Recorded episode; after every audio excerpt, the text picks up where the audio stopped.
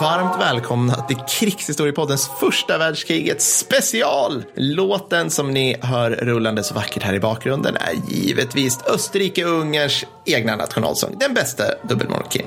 Det här har spelats in tack vare våra patrons. Ni har gjort att vi kom upp i vårt andra stretch goal fort som satan i 180 patrons. Om du tycker det här är värt och vill höra mer sånt här, bli hemskt gärna vår patron på patreon.com slash kickstorypodden. Då kan vi tillverka fler såna här sinnessjuka mästerverk. Avsnittet som du nu ska börja lyssna på är en av den herrejösses långa varianten där vi betar av krigsåren 1914 till 1918. År för år. Så det går alltså jättebra att lyssna igenom det här avsnittet i etapper, alltså hoppa till det året du vill. Eller så bara kör du på som Ernst Junger i Stålstormen, älskar kriget, sörplar i dig taggtråd och bara trycker igenom alltihopa. Återigen, ett stort tack till våra Patreons som har gjort det här möjligt. Nu återstår det bara för dig som lyssnare luta dig tillbaka och njuta. För Konrad, den bästa dubbelmonarkin och evig ära.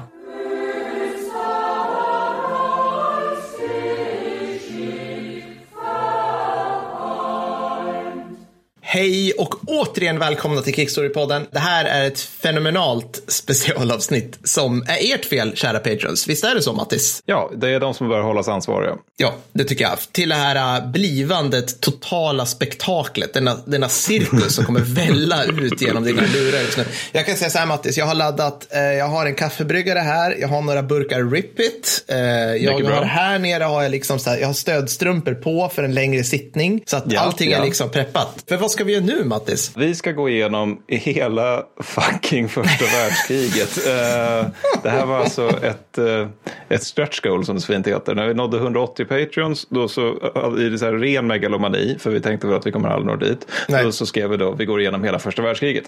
Och så nådde vi dit, så nu ska vi göra det. så, så kan det bli. Ja, precis. Det.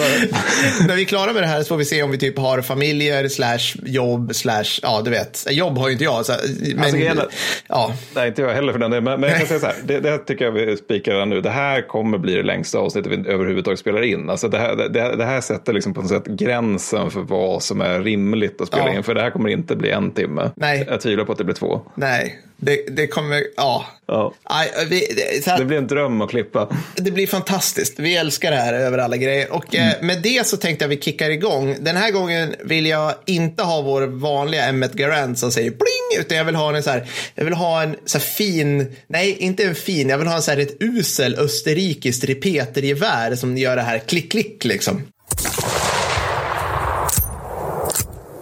Ja, perfekt. Det vill jag ha. Och med det, Mattis fucking Bergvall, take it away. Yes, tack. Ja, det, för jag kan också säga, orientera lyssnarna om två saker. Det ena är att det här avsnittet riskerar att inte bli så där jävla kul. Men jag tror det blir informativt. Och grejen är att det är ett jävla sorgligt krig det här. Så lägger till med det, sa han med stort leende. Och det andra det är att jag tänker att vi ska gå igenom vad vi fan inte kommer hinna med. För att alltså, första världskriget är mycket riktigt ett världskrig. Men det finns samtidigt en rimlighet att lik förbannat göra en liten avgränsning här. Va? Så vägen mot kriget bär. Ja, ja, menar du att vi inte ska ta upp det som är roligast med hela kriget? Där jag kan sitta och näsfnissa åt olika så här, sinnessjuka allianser, avtal från 1830. typ så här, någon, någon så här inavlad Nej. kunglighet som får feeling. Får jag inte jag sitta och fnissa åt det nu menar Nej. du? Nej, Nej. okej. Absolut inte. För är att alltså, det är för jävla råddigt. Ja, jag försökte gå igenom det där när vi jobbade på vårt gamla jobb. Ja. För, I textform då. Det ledde mig till typ 50 arga mejl från olika farbröder som hade tyckt att de visste hur det gick till det här när med uppmarschen Ja. kriget. Så det, det skiter vi. Det blev folk bara arga av. för som Christopher Clark uttryckte saken att man kan liksom via källorna bevisa att all, varje enskild aktör var, var att det var deras fel, fel att kriget bröt ut. Då. Så det ska vi inte ha. Mm. Nej. Därtill så ska vi också skita i Östafrika. Om någon vill lyssna på det så har, har vi en drap om det i avsnitt 14. Det har vi faktiskt. Ja, bra att du Ja, kollade upp. det, men, det, du- alltså, det skulle bli typ Ja. samma grej att jag sitter och liksom trackar ner på britterna och hyllar liksom pseudofascistoid gerillakrigare. Han sa fuck you till Hitler faktiskt. Det, det sa han, det sa han och det är Ja. Mm. all heder till honom. Och sen så, det är också lite småstrider i Asien, och de, men det är liksom så här, japanerna belägrar tyska Tsingtao, så Mm. ja, de är faktiskt krig med varandra i det här kriget och tar det efter så här ädelkamp eller något. Alltså, den som är, lyssnar på den här podden för att höra om belägring Tsingtao kommer bli grymt besviken, besviken, för det är inte så jävla viktigt. Och sen är det också lite sjöstrider där ute, men det struntar vi också i. Det blir dock en del Mellanöstern och en del Kaukasus och sådär, men fokus blir Europa. Mm. Ja. Och Jajamän. eh, med de små brasklapparna så tänker jag att vi sätter igång då. Bra. Är du redo för det här? Ja, alltså jag vet inte riktigt. Jo, jo jag det här kommer bli, det kommer bli fantastiskt. Jag kommer avbryta med sådana här, Uh, vart är vi nu någonstans i tid? Oh, vänta, vänta, backa. Vad sa du precis? Nej. det låter fullt in. Ja.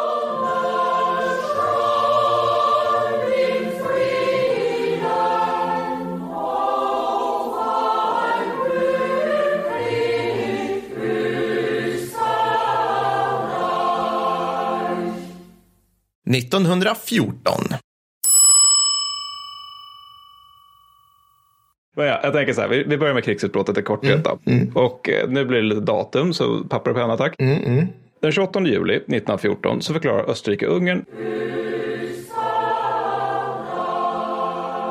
Serbien krig.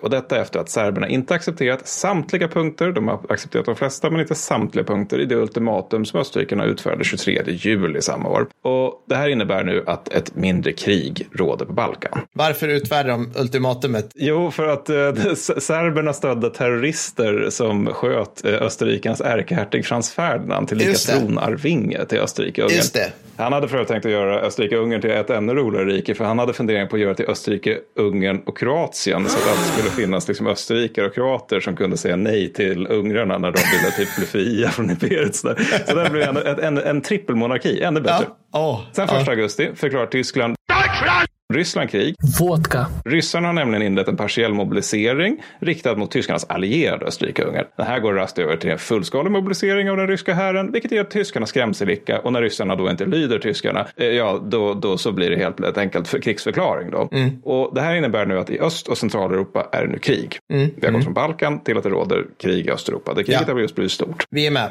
Mm. mm. Vi är med, bra. Mm. Ja. vi har förklarat det här för högstadieelever en gång i tiden, så jag tänker att alla borde vara med på det här. Förutom de, vi har faktiskt någon lyssnare som är 11, det tycker jag är väldigt fint. Oh. Vi har en som är 9 också. Jävlar, ja, jag får, vi får börja dra ner på svordomarna efter att jag sa jävlar. Nej, nej, nej, han, han är jättenöjd med att du säger rövhatt så han lär sig grejer. så då, sen kommer, men då, då är det här låter ganska logiskt ändå så här långt. Mm. Att vi håller oss i Östeuropa, det är pang-pang där. Mm. Men sen 3 augusti så kommer det här liksom lite, da, da, da, da, da, lite oväntat. Och det är att tyskarna förklarar Frankrike krig. Frankrike som står där och äter en baguette och är lite sådär. baguette och det här då för att fransmännen är allierade med ryssarna och har mobiliserat och då har liksom varit så att eh, de har mobiliserat ja. och eh, den tyska krigsplanläggningen den utgår helt enkelt från att de där två är allierade, då måste vi krossa fransmännen innan vi tar oss an ryssarna som är lite långsammare av sig. Liksom. Ja. Och det här innebär nu att det helt plötsligt är ett storkrig i Europa. Mm. Och sen 4 augusti förklarar Storbritannien We are the chosen few. Tyskland krig och det här sker eftersom, eftersom då tyskarna beslutat sig för att marschera genom Belgien.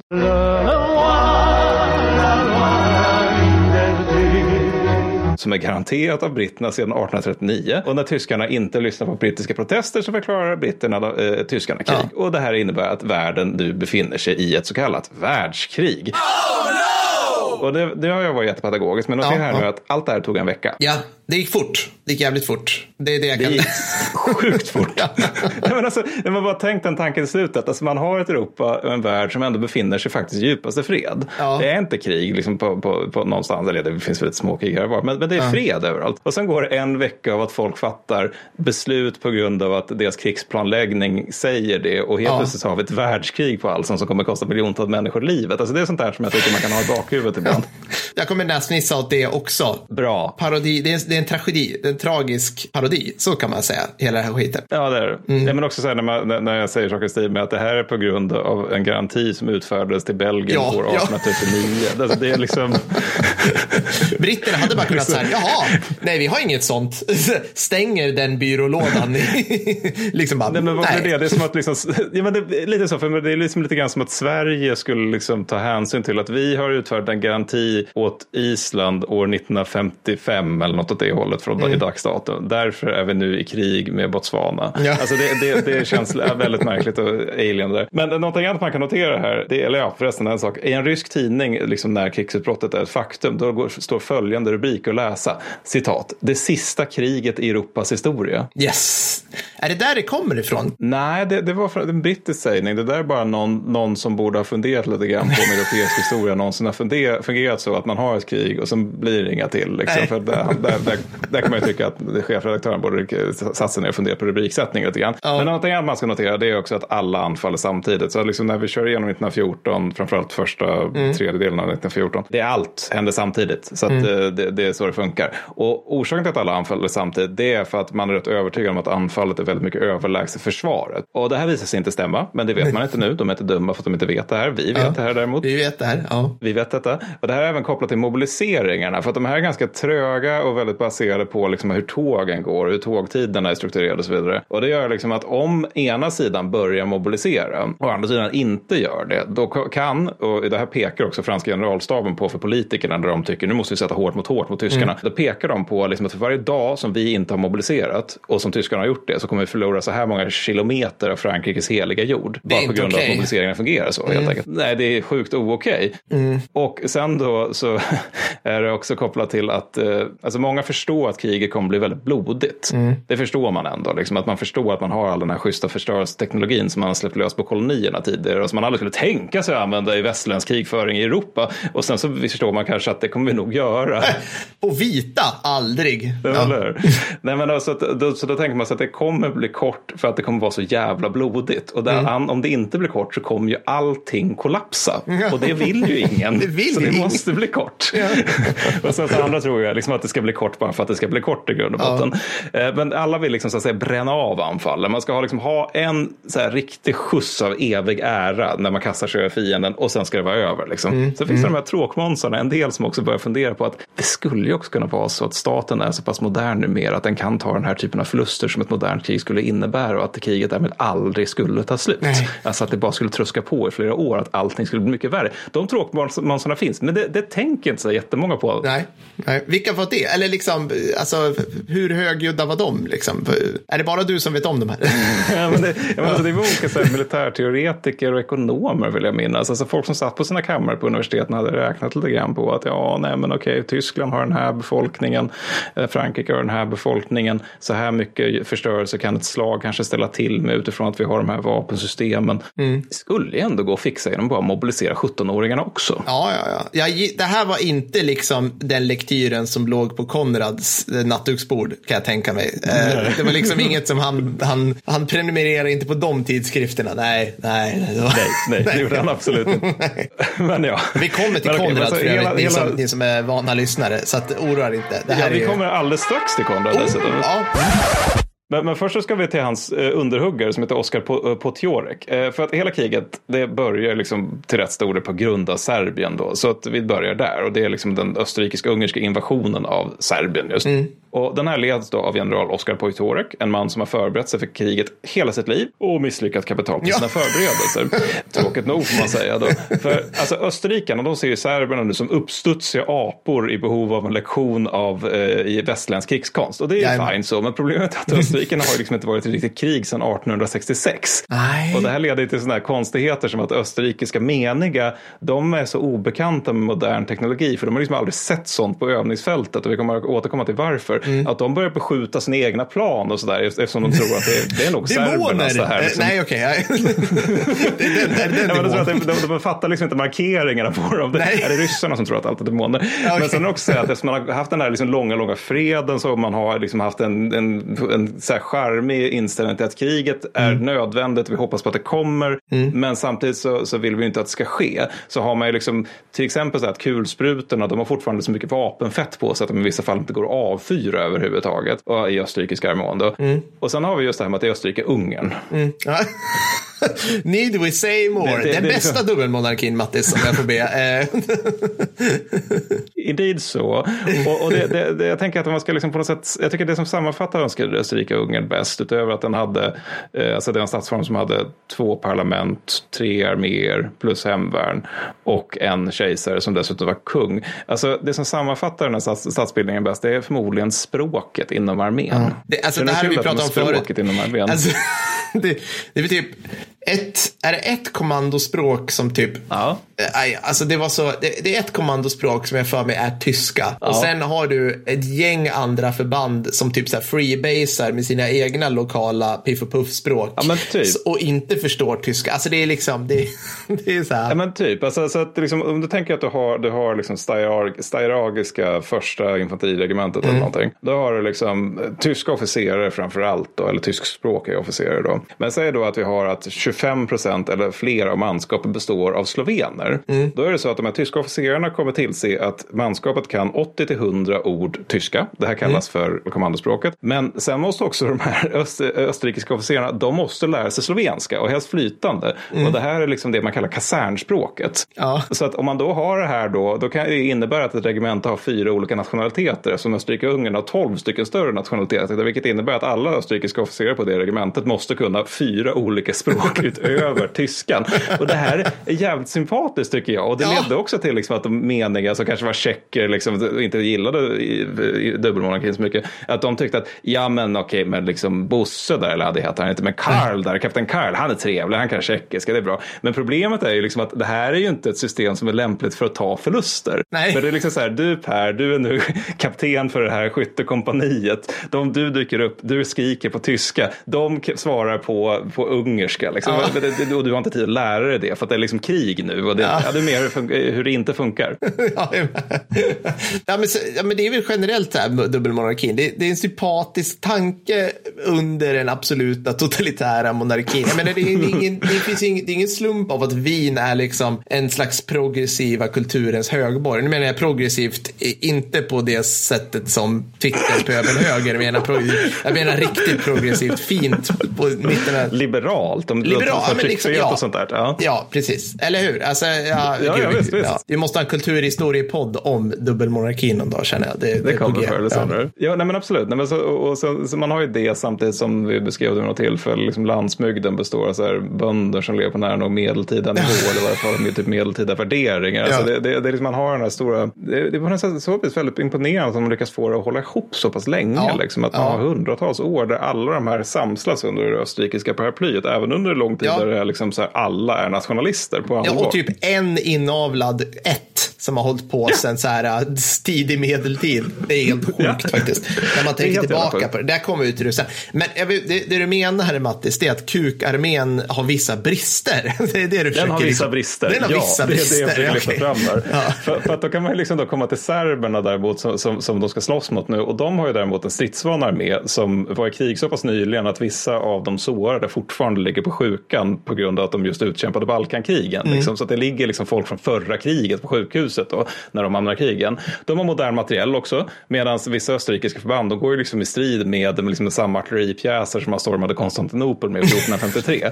och serberna vet också hur man använder det. Och sen så här, det, här, det som följer är naturligtvis en ren fars. Alltså det är så här förnedrande jävla fars för österrikarna som genomför tre misslyckade offensiver av Serbien 1914. Och ja, kommer ingen vart. De drabbas bara av jättestora förluster. Och blir liksom, det, det, var så, det anses vara en av de största skammarna i Österrikes historia och det kommer några fler nu under, under kommande podd. Men du utlovade Konrad så nu är det Ja. dags för Konrad. Nu är det dags för Konrad. Har vi, har vi någon Konrad-jingel?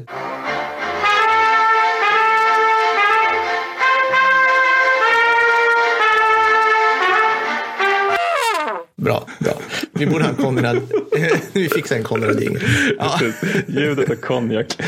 Och ifall vi har några nytillkomna lyssnare så kanske någon undrar vem är då denna Konrad? Jo, det är Konrad från Hötzendorf som är, eller är snarare var generalstabschef för Österrike-Ungern. Ja, nej men för medans, medan Poitorik håller på att liksom pissa bort sina styrkor i, i, i Serbien då så lyckas Konrad fucka upp Österrikes mobilisering och alla som har läst om det här tycker att det är jättejobbigt att allting heter A-staffel, B-staffel och dessutom minimalgrupper Balkan så vi skiter i de termerna och säger, konstaterar istället så här va, att Konrad, geniet, han tänker sig nu att serberna, det är de vi är i krig med. Så han skickar majoriteten av sin armé till Balkan och ignorerar det trista faktum att liksom, det är ganska tydligt att vi alldeles strax kommer hamna i krig med ryssarna. Mm. Och då har vi då alltså att serberna är ju inte egentligen ett hot mot österrikarna. Det är ju liksom en militär dvärgmakt så. Medan ryssarna är potentiellt liksom ex existentiellt hot mot Österrike-Ungern. Så majoritet skickas till Balkan. Sen när ryssarna då dyker upp då skickas en minoritet av fältarmén till, eh, för att möta dem då i Galicien. Ja. Och sen då de förband som var på väg ner mot Serbien, de får ju omdirigeras. Och först frågar Konrad, liksom, kan vi bara vända alla tågen?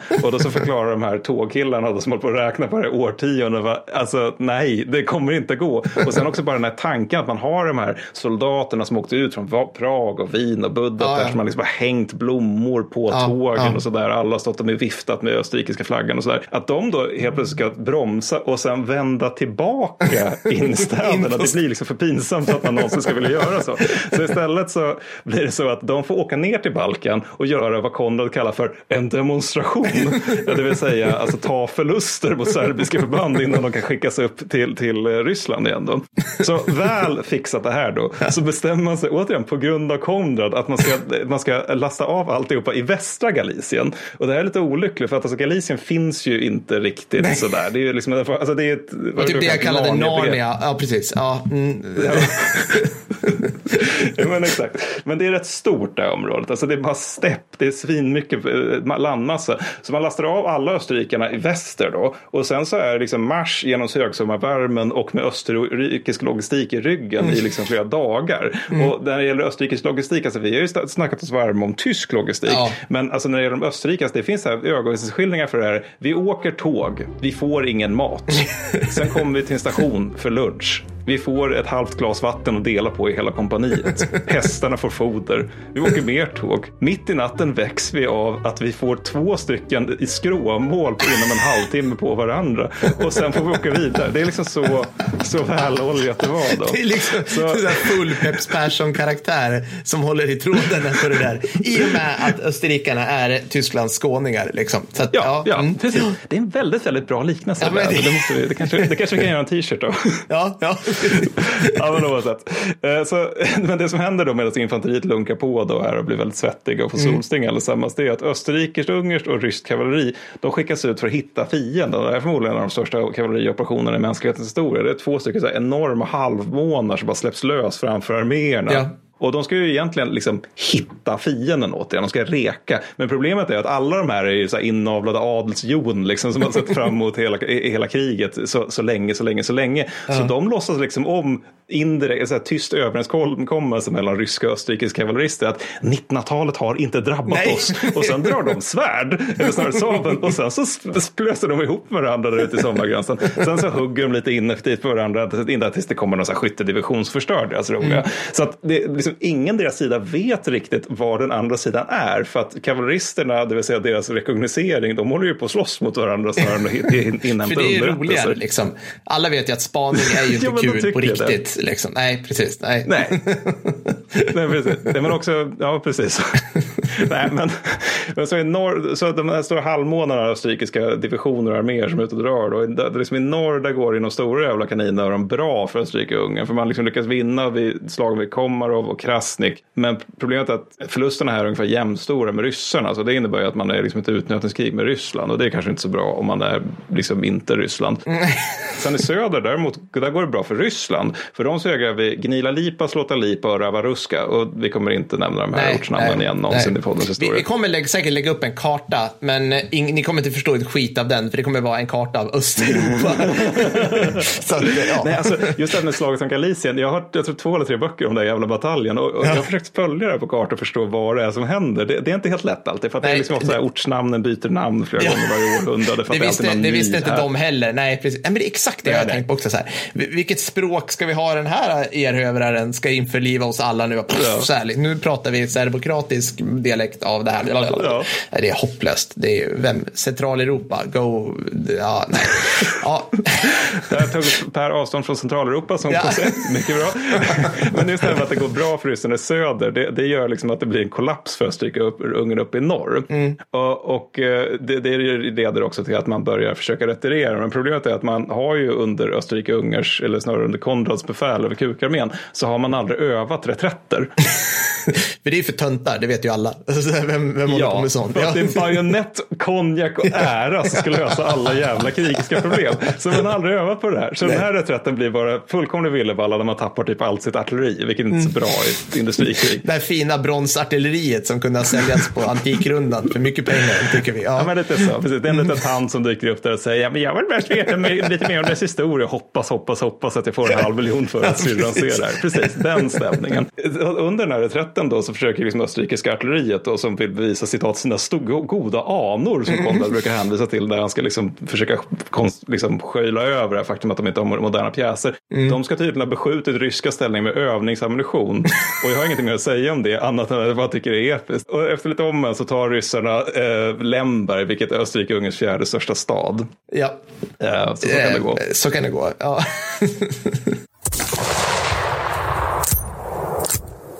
Under allt det här så dör folk, ska vi inte, inte glömma. också så. Ja, vi, Men vi kommer nu till det här. Alltså, ja, Ja. För att, det- alltså, det här är ju alltså tre veckor som man håller på med det här som man sedermera adlar till eh, slaget om Galicien. Och under den tiden så förlorar Österrike och Ungern 420 000 man. Ja, i, eh, inte stupade, utan nu pratar vi sårade, stupade. Nej, nej, nej. Dödade, sårade, tillfångatagna. Ja, Saknade ja. också. Ja. Det är rätt mycket Men det är människor. fortfarande 420 000 Det är fucking man. Alltså det, det, jag tror det stupade borde vara på ungefär 100 000 då. Alltså det är ganska är saftigt som först. Alltså det är tre Ja. veckor in i kriget. Man alltså, säger att man förlorat 100 000 stupade tre Mm. veckor in i kriget. Det är så här Södertäljes befolkning som bara splatt borta. Mm. Och det här är ju en tredjedel av deras jävla armé. Så efter tre veckor finns inte det längre. Det är liksom, man har regementen som är så här månghundra år gamla. Liksom, där alla kände varandra. I, Mm. och liksom, det, det var en liksom, del av statsgemenskaperna i Mm. där regementena upprättades. De är liksom utplånade. Det är liksom hela adelsätter som är förintade på det, på det här upptåget. Mm. Och att ryssarna de förlorar också så här, typ 2 till 300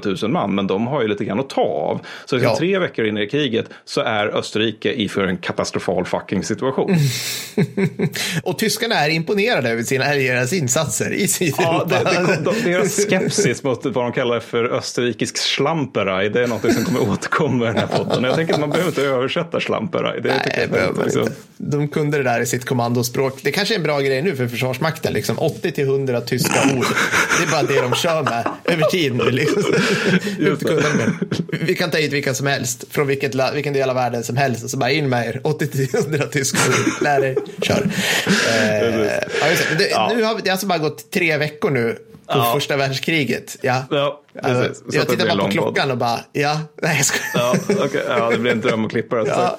Men orsaken då till den österrikiska katastrofen. Jag har skrivit mina anteck anteckningar som, som punkt ett här då. Konrad.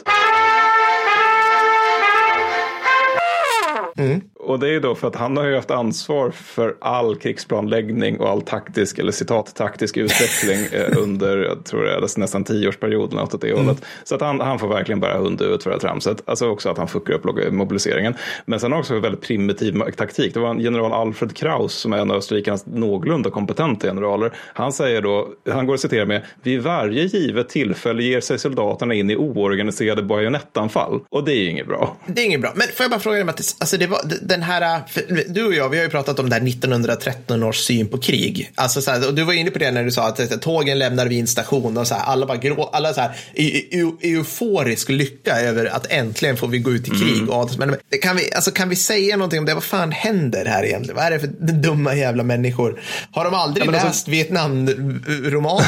liksom, eller, vad fan? Nej, det har man inte gjort. Nej, Oansvarigt. men alltså, det, det, det är ju så här, typ, typisk grej som man hatar när så här, sura historiker börjar kolla på. Men, men den där bilden av att alla var svin, svinglada, den stämmer inte. Nej. Utan det, så, på landsbygden var det mer så att kriget kom, man noterade det och sen så noterade man att sönerna skickades iväg till fronten. Och det var liksom, för de flesta så här, bondebefolkningen i Europa var det lite att, ja, då var det så här då. Men, men i- däremot i städerna och framförallt liksom i studentkårer och liksom den här typen av lite yngre rö- ungdomsrörelser och liknande. Där var man, där, det är därifrån man har den här idén om att liksom folk verkligen står upp och hurrar över att det är krig. Och orsaken till att det är så, det är i grund och botten att de alla har väl liksom en ganska romantiserad bild på kriget i grund och botten. Alltså det man tänker sig är ju målningar från Napoleonkriget och inte målningar från Krimkriget. Alltså man Nej. tänker sig de här liksom unga hus- kura- kürassiärerna som rider chock vid, vid Austerlitz eller något åt det hållet, eh, 1807. Och sen är det också mycket så här, bara en ren känsla av vag tristess sådär. Liksom, att man tycker att nu, nu sitter vi här, men som vi pratade om när det gäller spanska-amerikanska kriget i avsnitt 16. Alltså att man sitter här och blir rikare och fetare och ingenting händer. Och vore det inte nice med liksom, att det bara hände något.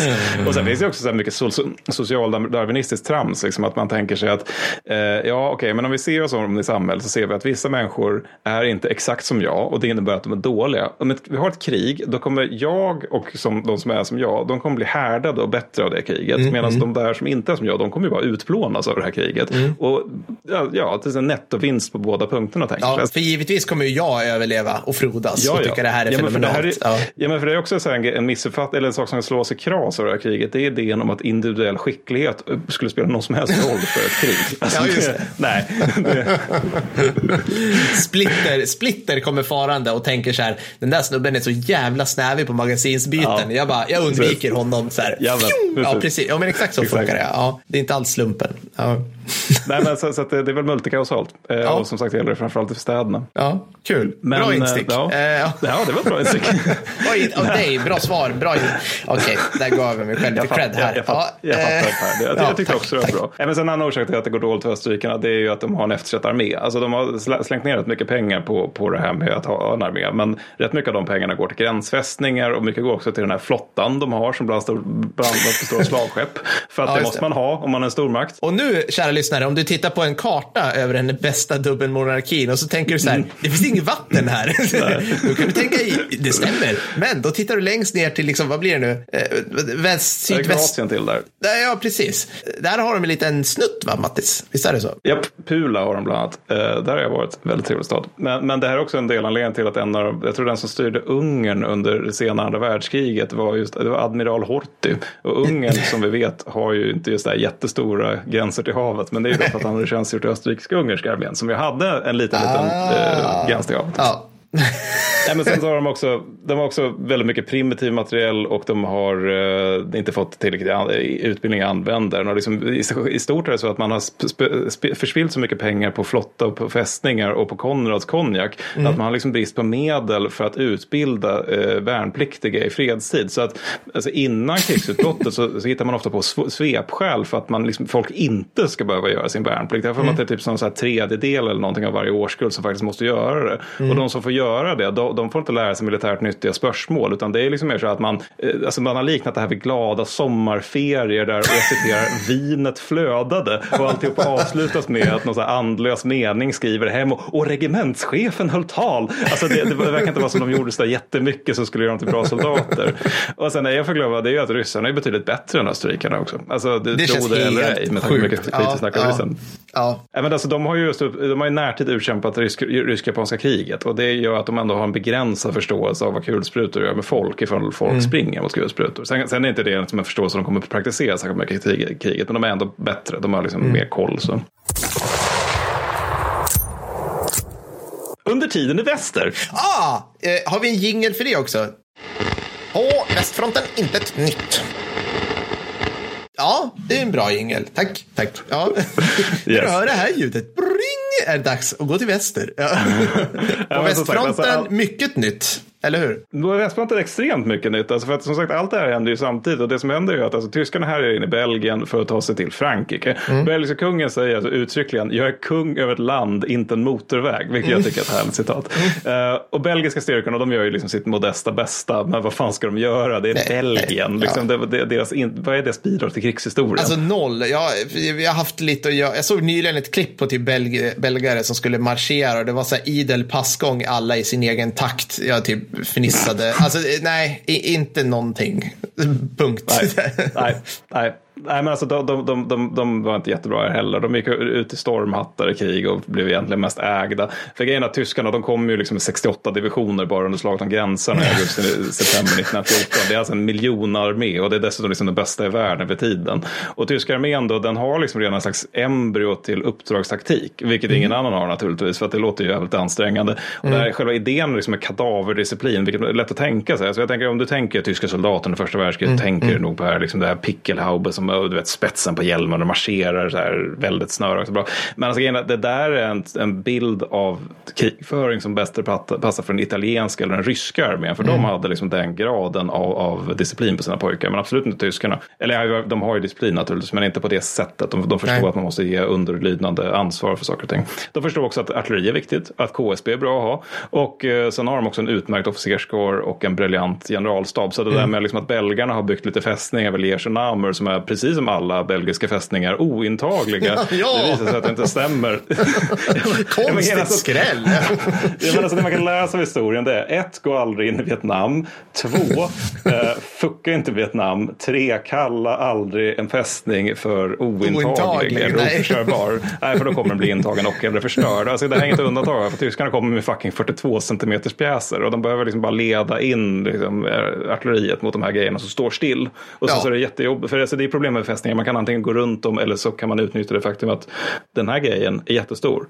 Den kan inte förflytta sig. Nej. Vi kan skjuta på den tills den inte står upp längre. Och Nej, det är precis vad som händer i Weirsenhammer.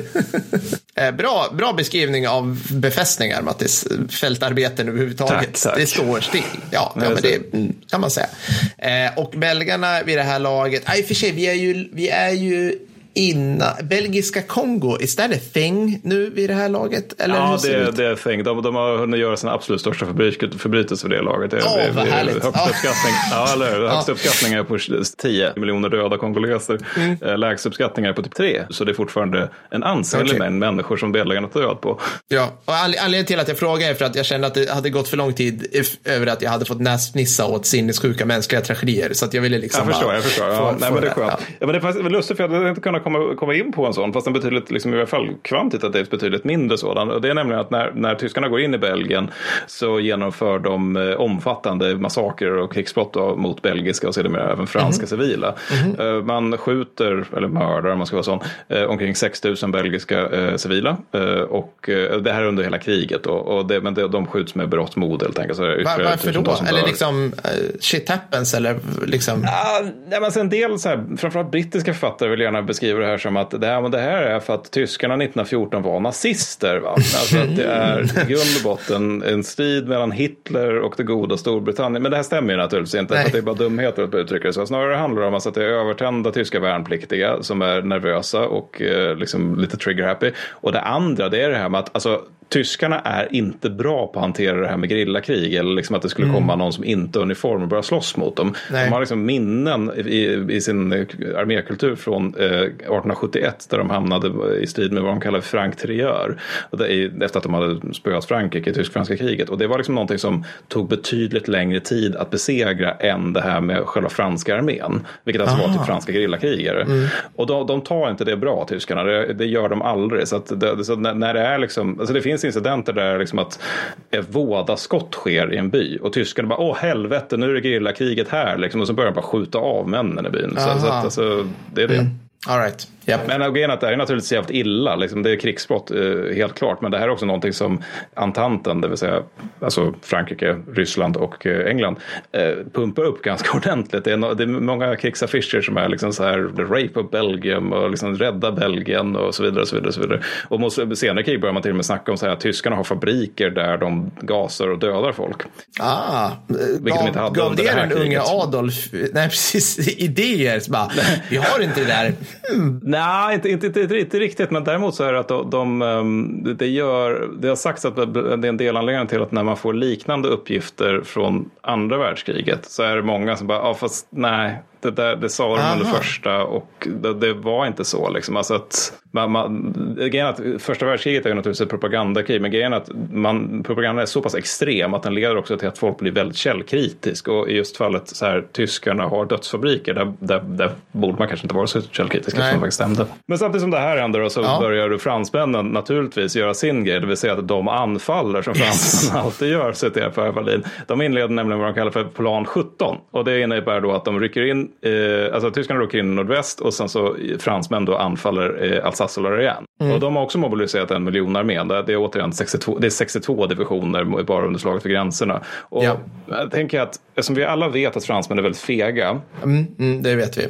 Mm, man har vitt i trikoloren för att man behöver vi- vit flagg ibland. Så jag tänker att det kan vara, liksom, det kan vara läge att ändå beskriva de här fega jonen lite grann. Alltså att den, man har då franska armén så består den av mycket motiverade, extremt modiga män, eh, varav inte minst stadsborna vill eh, citat, ta tillbaks Frankrikes heliga jord. Och med det avses då Alsace-Lorraine, eller Elsass-Lottringen som tyskarna kallar det. Och landsbygdsborna är mer så att de lunkar vidare. Och de har kanske krigets bästa medeltunga pjäser i form av de berömda 75orna, det vill säga 7,5 cm pjäser.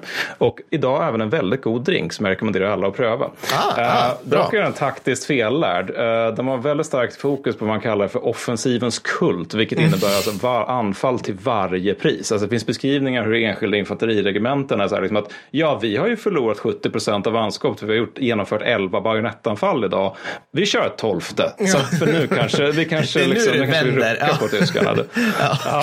precis. ja, men alltså, det, och det är alltså inte på en överdrift. Det, det, det, det är för mig om det är marockanska eller algeriska förband som gör det. Ah, skitsamma. Och det finns något annat exempel från, från just 1914 där det är en general, alltså en fucking general som står längst fram i en infanteridivision med dragen sabel och skriker Avan enfant, avan! Alltså framåt mina barn, framåt. Varpå hela divisionen bara skriker Bien mon general! Och det är ju fint och så, men återigen, han står längst fram. Hur fan ska han ens kunna anföra sitt manskap? Sen en annan grej också de har, det är ju så röda byxor och blå uniformsjackor. Pantalon rouge. Är det här Ja. bra camo? Ja, Ah. precis.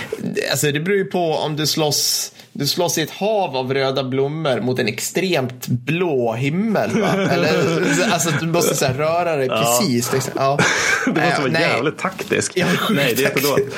Och grejen är att det fin- senare under kriget så får de horisont blö som det heter, som är liksom en vad ska man säga, blågrå nyans ungefär, Mm. och som är heltäckande. Så. Och de här finns redan färdiga till 1914, till krigsutbrottet. Men grejen är att det här med de här röda byxorna, eller pantalon rouge, det har man liksom, det har blivit en politisk grej, att det har blivit liksom en symbol för det ärorika Frankrike Ja. och liksom Furia Français. Så det var liksom en parlamentariker som när man tog upp den här frågan i parlamentet innan krigsbrottet, ska vi kanske ge skyttet någonting som inte gör att de sti- aktivt sticker ut i börsen liksom i en tid av kulsprutor? Då säger då den här parlamentarikern, La pantalon rouge, c'est la France! Ja, det vill säga de Bra. röda byxorna är Frankrike. Ja. Och sen bara så här härlig detalj som att kavalleristerna har alltså bokstavligt talat kuras. De ser Ja. ut precis som Napoleons killar. Som blänker liksom i, ja, i solskenet. Ja. Fånga Ja. solen, rikta den in i tyska kulspruteskyttarnas ögon. Så bara, ah, jag ser inget. Nej, Ja, nej, så. skriker och gråter. Ja, precis. Okej, det men du menar du, planen. Mattis, att franskt hjältemod inte rår på medeltunga bandmatade kulsprutor? Är det det du sitter här och säger Ja, det, i det, här är ju, nu, nu, det här låter ju som en helt hopplös ekvation. Två av våra Beams möter en jag vet. en estnisk tosk, trossgrupp får stå för liksom likhetstecknet. Ja, det, det är ungefär det jag menar. För att, grejen är att den här starka betoningen och att, och liksom att på bajonetter då framförallt och att anden kommer krossa alla, all materia. Det är ju någonting de verkligen tror på. Men det här är också en, en tes som test, testas kan man kunna säga under den franska offensiven i Lorient. Och nu tänker jag mig här, om vi ger dig, för nu vet jag att du har tittat lite på mina anteckningar, men om jag skulle fråga dig, vilken är en, utan det, liksom, vi tankar bort det. Om, vi, om jag skulle fråga dig, vilken tror du är den blodigaste dagen under första världskriget?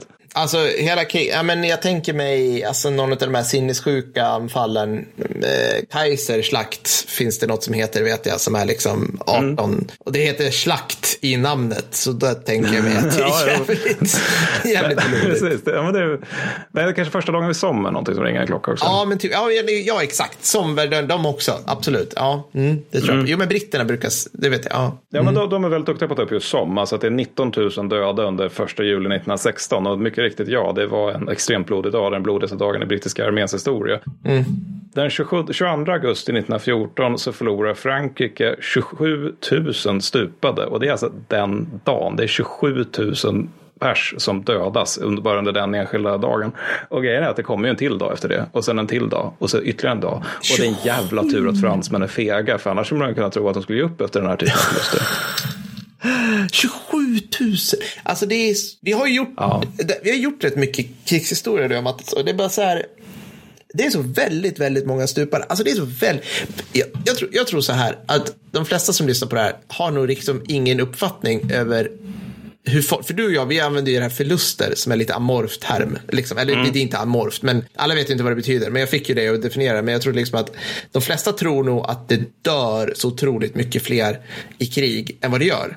Alltså, Ja, absolut. f- För att i, på film, då ser man att någon blir skjuten, då ramlar de ihop, då tänker man död. Alltså det blir liksom så här, och sen, sen är en, alltså så här, det, det är alltid omvänd grej. Det är liksom så här, 17 dör och två blir sårade och de här två sårade, de liksom kämpar sig vidare, eller du vet. Men så, det är tvärtom egentligen. Alltså så här att det är, det är färre som dör än man tror. Precis, för det är exakt så. För att just det här med om 27 000 nu dör, det innebär förmodligen totalförluster på 75 till 100 000 man. Alltså bara döda och sårade och sen tillkommer ju tillfångatagna. Alltså, och av de här, ja, vad man brukar säga, totalt antal sårade så är det ungefär en tredjedel som aldrig kommer kunna gå och använda krigstjänst igen. Och orsaken till att det är så, det är ju att de helt enkelt har blivit av med ben och armar och liksom hela ansiktet. Alltså de är irreversibelt skadade och, och räknas då som ja, en förlust. Det, det låter väldigt Men, men hemskt om hur, hur, kunde, hur, hur, kunde man bara gå vidare efter en sån dag? För jag menar 27 000 döda. Alltså, det, det måste ju ha varit liksom, det finns väl ingen dag i historien innan det där så, man kunde ha ihjäl så otroligt många människor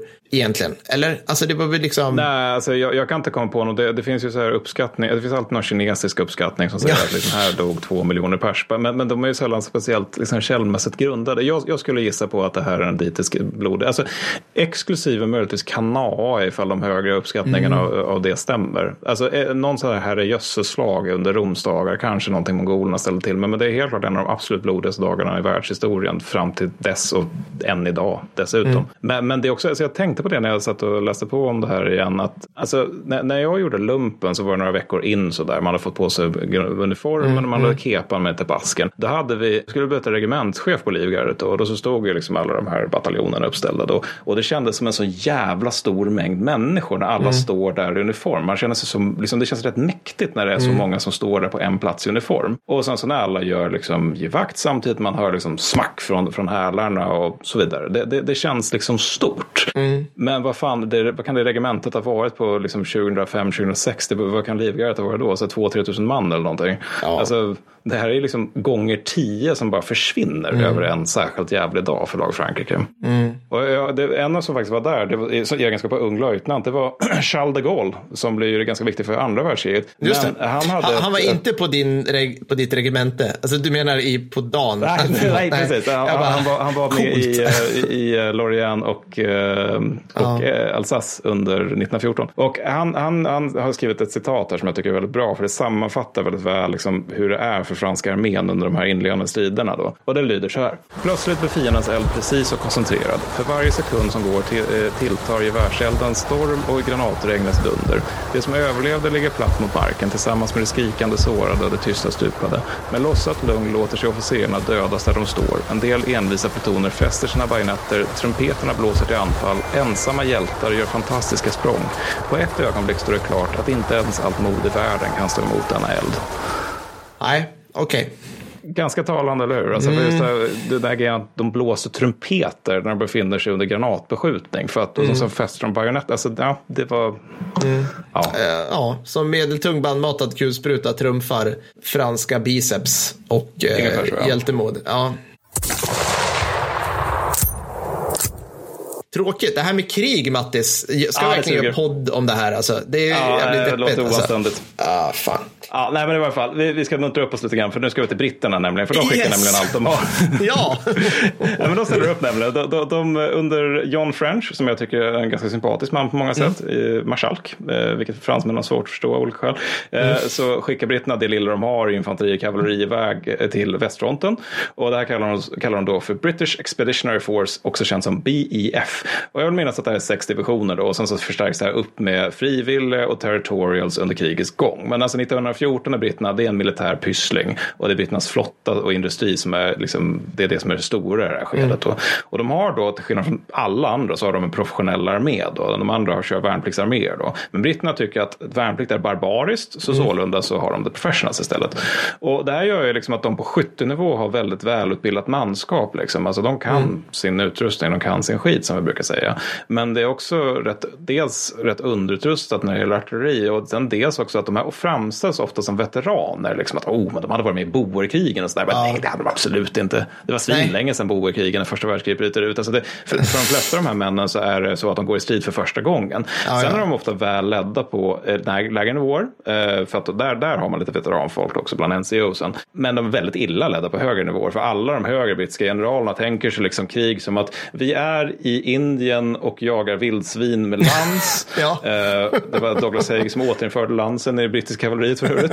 Eh, och sen så ibland så dyker det upp något sepoy-uppror som vi måste slå, slå ner med liksom bedövande materiellt överläge. Ja. ja. Det är så man tänker sig krig. Medan vi typ dricker gin.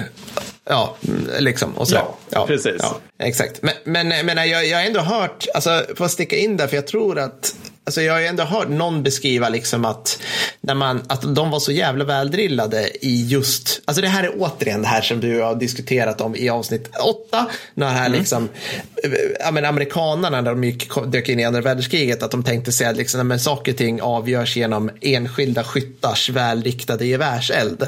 Men mm. då finns det också så här att britterna var det liksom mästare på det 1914 för att någon, någon, någon har beskrivit att liksom när de, de är så otroligt snabba och säkra på den här mekanismrörelsen och så väldrillade på sina Lee Enfield så att det låter som mm. kulsprutor. När liksom mm. en brittisk pluton ger liksom synkront eld. Då är det bara mm. pff, i liksom minuter. Så här, att det, ja. Mm. Skulle vara ja, nej, alltså det... en, en cool, eh, lite möpig eh, nugget. Där, liksom. ja. nej, nej, men alltså det, det, det, det har även jag läst många gånger och det stämmer säkert. Problemet är ju nu är att det här kriget är inte ett krig där Lee Enfield fäller avgörandet. Det är liksom nej, inte Zulekriget utan problemet är att fienden kommer ju med artilleri och ett grovt mm. sådant också. Men som tur är så är alla britterna, de är ju precis som många andra uppfyllda av glädje över kriget. Mm. Det är liksom en officer som skriver hem We fought a Prussian guard today, a good lot. Vilket jag tycker är väldigt fin omdöme om fienden, a good lot. Och när han springer ut i skogen för att hitta en, en tysk som han kan döda med svärd. Han hittar och dödar en tysk och sen skickar han hem det blodiga svärdet och konstaterar tysk, nöjt att tysken tog väl. Ja. Så att det är liksom den här typen av inställning till för man har 1914. Den går, den går över.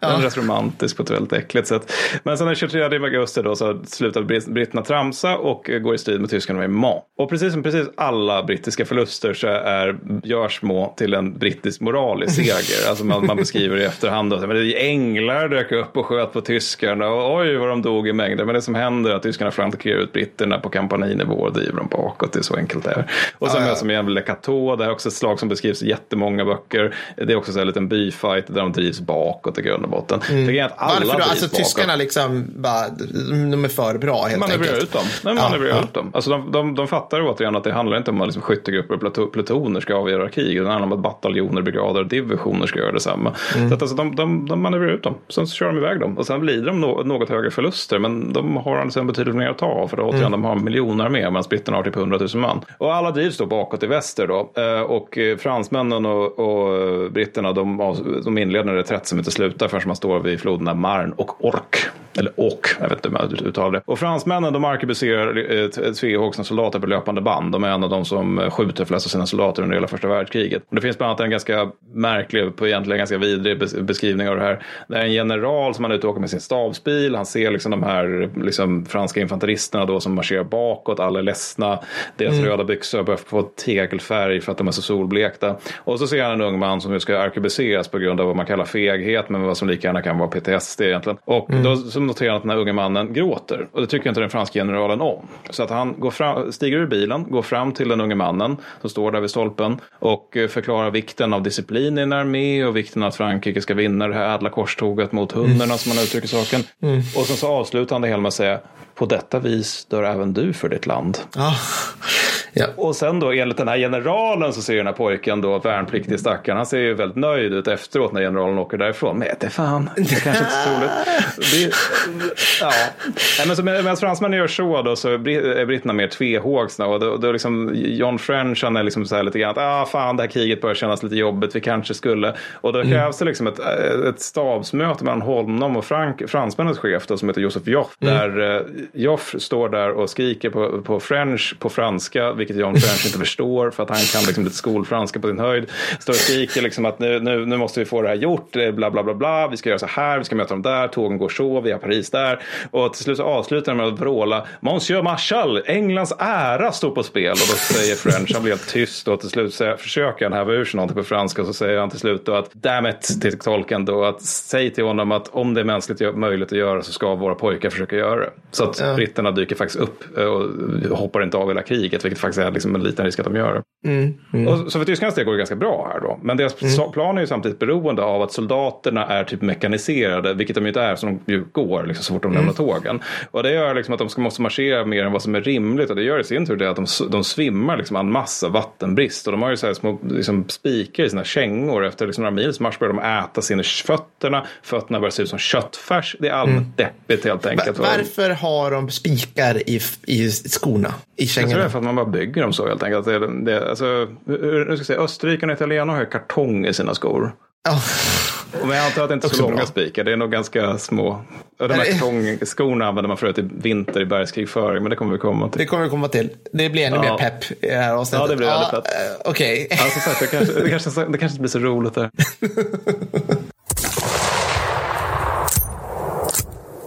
Men så, sålunda är tyskarna väldigt utmattade och allt mer oordning när de möter fransmännen eh, på den plats där fransmännen har grävt ner sig. Och det är där som fransmännen även in, inleder sin motoffensiv. Det är Marne. För varför ska man inte anfalla? Man borde ju anfalla hela tiden. Marn känner vi till. Ja, ja, precis. Det- Marne känner vi igen, ja. Men det är också något av det sjukaste som har hänt. Det är ett av de största slagen i världshistorien. Ingen vet någonting om det. Nej. Utöver att fransmän tog taxi. Eh, och det här gällde alltså för några tusen man den 7 september. Och taxametern var fortfarande igång kan jag säga. Ja. Eh, det- Har någon ja, betalat det- det? Fick, fick Ja, nej, men- betalt? Det får jag hoppas jag de fick. Ja, det fick Ja, de. Det fick bra, de. bra, bra. Ja, men alltså, de, och de lät den vara igång medan de här skyttesoldaterna gick ut och stred. Jävla as. Men, eh, ja. men det, det är också så, det är helt hopplöst att försöka beskriva det. Jag försökte göra det på 40 sidor i ett sammanhang och jag vet inte fan om jag lyckas. Men alltså totalt handlar det om, om ungefär 2 miljoner man. Varav ni- 980 000 är fransmän, 100 000 är britter och 750 000 tyskar. Ungefär 6 000 pjäser då, på en jättestor yta. Och problemet är att man har den här enorma mängden människor och materiell på en rätt stor yta som sagt. Men ingen förstår riktigt vilket krig det är de utkämpar. Utan det är Nej. fortfarande så att alla har sina färgglada uniformer, man har trumpeter, man har liksom smattrande fälttecken i vinden. Det hela det här liksom riddarkriget som man har tänkt sig då. Och det innebär i grund och botten att det är liksom infanteri och kavalleri som stormar fram och tillbaka under smattrande fälttecken genom formligt gran- granatregn. Och särskilt illa är det vid floden Ork, för där är det liksom inte så mycket slag utan snarare en slakt då, där liksom fransmän och tyskarna bara gör kollektiva självmordsrörelser lite grann, som bara stormar in i varandra om och om igen tills Okej. de har, har försökt vinna. Alltså, alltså spel. infanteriformationer som ruschar in i varandra. Liksom, i princip. Ja, i grund och botten. Ja. Ja, så det, det är det liksom blir bra. amerikansk fotboll plus bajonetter, kulsprutor, eh, granater. Ja, Ja. liksom.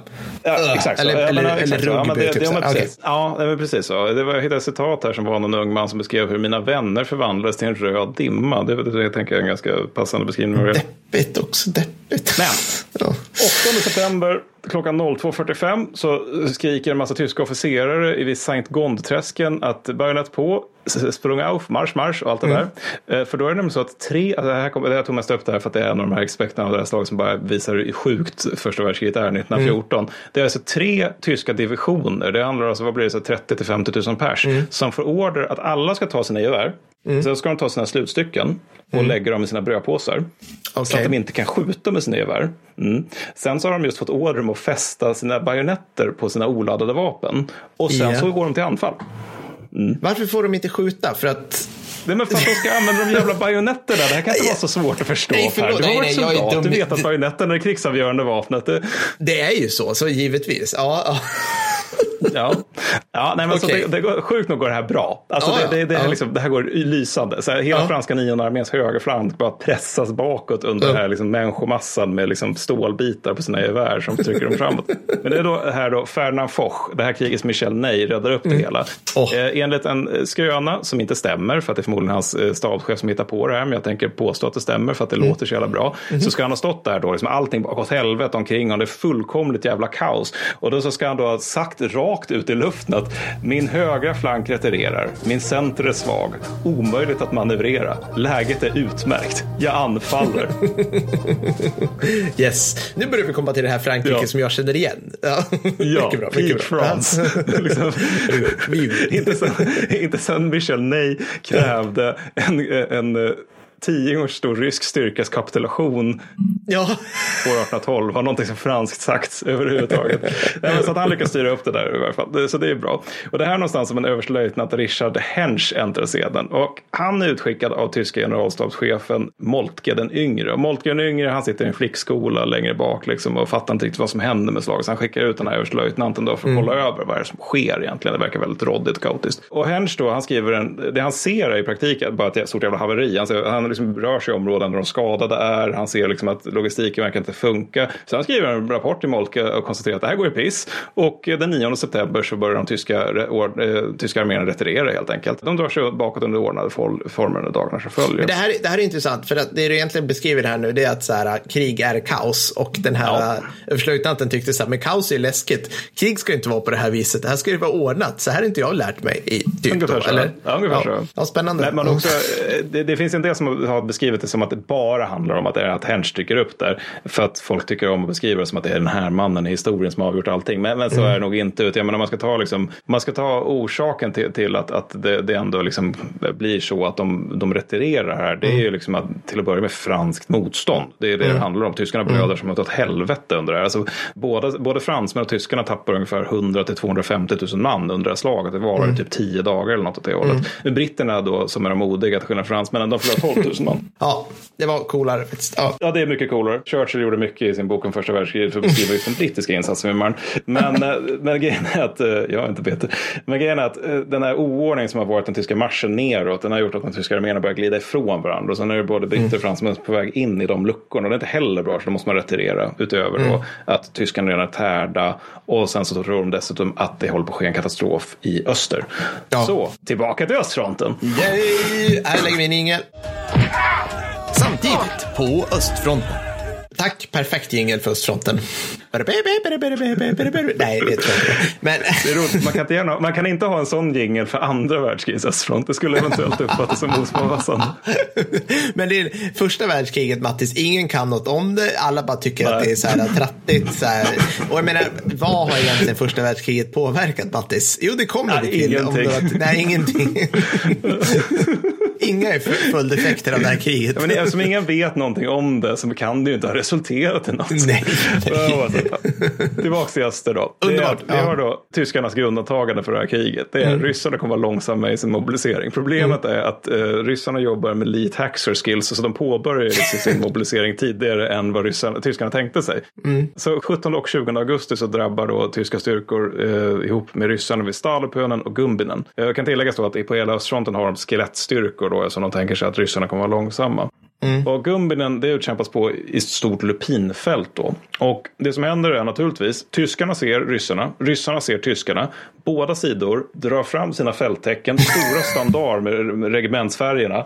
Alla regementsorkestrarna börjar spela. Tyskarna sjunger Deutschland, Deutschland über alles. Och ryssarna sjunger väl någonting om vodka. Och sen så drabbar de samma. Alltså det här är sin Napoleonslag verkligen. Det är ett slagsmål, alltså bokstav, bokstavligt talat knytnävsslagsslagsmål sant? mellan två hela jävla regementen som bara möts här bland lupinerna och börjar slåss som jävla skolpojkar. De glömmer till och med bort bajonetterna. Det är liksom en... Det blev ett hela den här vi- handlar ju då... Vad sa du? Det blev som ett live. Liksom så här. Vi slåss Ja, men det stod jävla live, precis. Ja. ja, men det de har kommit ihop som, utöver att de är liksom in Mortal Kombat, Ja. det är då att ryssarna har ett standard för sitt regemente. Det vill tyskarna ha. Så en rysk officer som själv är alltså dödligt sårad, han Ja. tar flaggan då, medan Ja. tyskarna får själva stången då, som rycker med sig. Han, så den ryska officeren han tar en, lindar in, sig omkring sig, in det omkring sig, sen krälar han iväg ett dike och dör hellre än att låta fienden få fanan. De körde Capture the flag alltså. Fan vad Ja, kul. men, gud, ja, det här var ju, det det var ju fantastiskt. nivån på, på liksom, vad man får förståelse av krig. Återigen, väl illustrerat av den här incidenten, om man får säga det själv. Men så ryssarna vinner här efter lite om och men. Ja. Och panik uppstår ju nu i Tyskland naturligtvis. Man har ju liksom räknat med, återigen, ryssarna kommer inte komma. Inte än i alla fall. Så man börjar slussa, divisioner från västfronten till öst. Då. Och kejsaren, Wilhelm II, han ser sig om bland sina generaler. Noterar att Moltke borta i väst när han håller på att kollapsa. Eh, vilka har vi som är bra? Ja, de är kår divisionschefer. Vi har någon som heter Paul von Hindenburg. Han är i pension. Mm. Mm. Men om jag, kejsaren, skickar ett väldigt långt och väldigt blommigt och väldigt vackert eh, telegram till honom då. Där jag börjar prata om liksom, det, det, liksom, det viktiga med tyska riket och liksom vad slida för landet och så vidare. Och försöka få honom att komma ur den här, den här pensionen. Då kanske han gör det. Så där, allt det här sker. Eh, Hin- Hin- eh, Hindenburgs svar är kort och gott bin bereit. Vilket jag, alltså, Hindenburg har många dåliga sidor, men just det svaret är ganska Clint Eastwood. Så här. In bereit, är redo. Så Hindenburg får i alla fall en, en eh, stabschef i form av Erich von Ludendorff. Och Hindenburg och Ludendorff är så pass mycket av ett begrepp att Churchill i sin, sina stora böcker om första världskriget bara kallar dem för HL. Helt enkelt för att det var liksom ingen poäng med att skriva ut det. Och när de väl anländer till östfronten då för att försöka få koll på det här med att ryssarna kommer. Då finns det en mycket god, duktig stabsofficer som heter Max Hoff, Hoffman där. Som har redan utarbetat en plan åt dem. Och efter kriget var Hoffman ganska sur över det här med att det som komma skall såg som Hindenburg och Ludendorffs seger. För att han tyckte att jag har ju redan gjort planen. Så det var någon grej på 20-talet när han gick runt med tyska kadetter då och skulle beskriva slagfältet då, där, där det skedde. Och eh, pekade på olika punkter och sa här sov Hindenburg innan slaget, här sov Hindenburg under slaget, här sov Hindenburg efter slaget. Han menade kort och gott att Hindenburg inte gjorde så mycket för att det var hans plan. Aha, nu fattar där? jag. Ja, nu, nu, ja, ja, nu fattar jag. Ja, sorry, det- Eh, Nej, det är lugnt. Det är lugnt. Okej, ja. Eh, HL dyker upp. Eh, ja, och tar åt sig äran. Mm. Det gör de. Eh, sen gjorde de grejer om dem också naturligtvis, men Hoffman var lite sur. Men så mot sig har då tyskarna två ryska arméer och det är lite störigt då. Men det man kommer fram till det är att man helt enkelt ska använda järnvägar för att göra vad som kallas för att jobba på de inre linjerna. Det vill säga att man tar järnvägarna, åker upp, slår den ena och sen åker man ner och slår den andra. Så att man liksom inte måste möta allihopa samtidigt. Och grejen är att de, det underlättas ju då av det här gamla klassiska och allmänt kända att ryssarna är så jävla dåliga på att kriga och man kan liksom inte förstå hur Estland inte bara erövrat dem än. För mm. grejen är att ryssarna lider av usel ledning. De, alltså, de två armécheferna vägrar kommunicera med varandra på annat sätt än via post och den här posten skickas till Warszawa innan den skickas ut till frontförband. Vilket gör att det går ganska långsamt, långsamt för arméerna att kommunicera. Av Postnord Eh, dessutom. Tidig 1900-talsinkarnation. Precis. Den svenska invasionen av Norge hänger Ja. på att Post, Postnord ska få fram saker, att de ska vara hela också. Ja, men sen är det också det här med att ryssarna har liksom inte övervägt det här med liksom vad, vad omfattningen av kommande förluster. Så man har totalt lagt undan 30 000 sjukhussängar, vilket låter jättemycket. Men det här, alltså för hela invasionen av Tyskland, men det här räcker nätt och jämnt för att täcka syfilisfallen. Så det var ju lite olyckligt. precis. För de här, från de här fältbordellerna som följer med liksom. Det är det. Ja, det är det, precis. liksom. Ja. Ja, jo, men vi kommer komma till det. Ja. Nej, men så ryska och första och andra arméerna de utplånas under ordnade former. Tyskarna förlorar kanske så här 13 000 man eller någonting. Ryssarna uppe i 110 till 170 000. Eh, ja, framförallt tillfångatagna. Men även De här och så. förlustsiffrorna känner jag igen från ett annat krig eh, också. Mm. Nu börjar, liksom, nu börjar proportionerna. Mm. Ja, ja, den ryska krigskonsten som kommer att spöka igen. Och det känt är det också att ryska andra arméns chef, Alexander Samsonov, han säger bara om och om igen efter att hela hans armé bara försvunnit ut i skogarna att kejsaren anförtrodde mig sin armé, kejsaren anförtrodde med sin, sin armé. Och sen skjuter han sig. Så så kan det vara. Sen har jag rubriken Höstdepp. Bra, nu börjar det. Äntligen. Ja. Ja, Obs, vi är fortfarande bara inne på 1914. Så att, eh, det har inte ens Ja, ja, blivit det här Grimdark på riktigt. det än. Nej. jag vet inte, vänta vart det kommer 1916, då, är Ja. på- då blir det åka. Nej, men under hösten så tog tyskar- tyskarna, ryssarna och österrikarna omkring i Polen i diverse liksom helt så här meningslösa operationer. Framgångar, motgångar avlöser varandra men det är liksom ingenting som är avgörande eller någonting man behöver lägga på minnet. Det man behöver lägga på minnet är att ryssarna försöker storma Premischel som är en stor fästning då i september. Men eh, man lyckas mest förlora 40 000 man på kuppen så att, eh, så att eh, det blir, men kom ihåg Premischel för det är viktigt. Och innan året är slut då, så har Österrike-Ungern förlorat 1,2 miljoner man. Det är mycket. Det tror jag är mycket. Jag tror det är mycket. Det är jag säger att det är mycket. Det är Storstockholms befolkning. Eh, De går kräftgång. De har kvar, jag för mig att de har kvar 75 000 av den, inledande, den inledande, inledningsvis mobiliserade styrkan. Så att, eh, go Konrad! High five alla ni som är kvar. Vi samlar er i en stor aula och sen dricker Ja, vi konjak. exakt. Vi Ja. har så här 95-procentiga förluster och sen så har vi redan börjat mo- mobilisera barn mer eller mindre. Men ja, så kan det vara. På västfronten, intet nytt. Ja, men I väster försöker man hela tiden hitta varandras flanker. Då. Och det som det leder till det är egentligen vad, det är vad man brukar kalla för en kapplöpning mot havet. Och det som händer i, i den vändan det är att soldaterna på liksom ganska låga nivåer börjar inse att artilleri är en grej.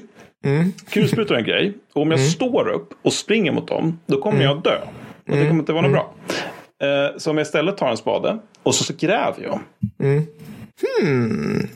Då blir det Ja, ett hål jag som jag kan vara i. Ja. Och du Mattis, du har Ja. ett hål två meter bort. Om vi gräver ihop de här Ja. hålen, då kan vi hänga här nere och prata krig.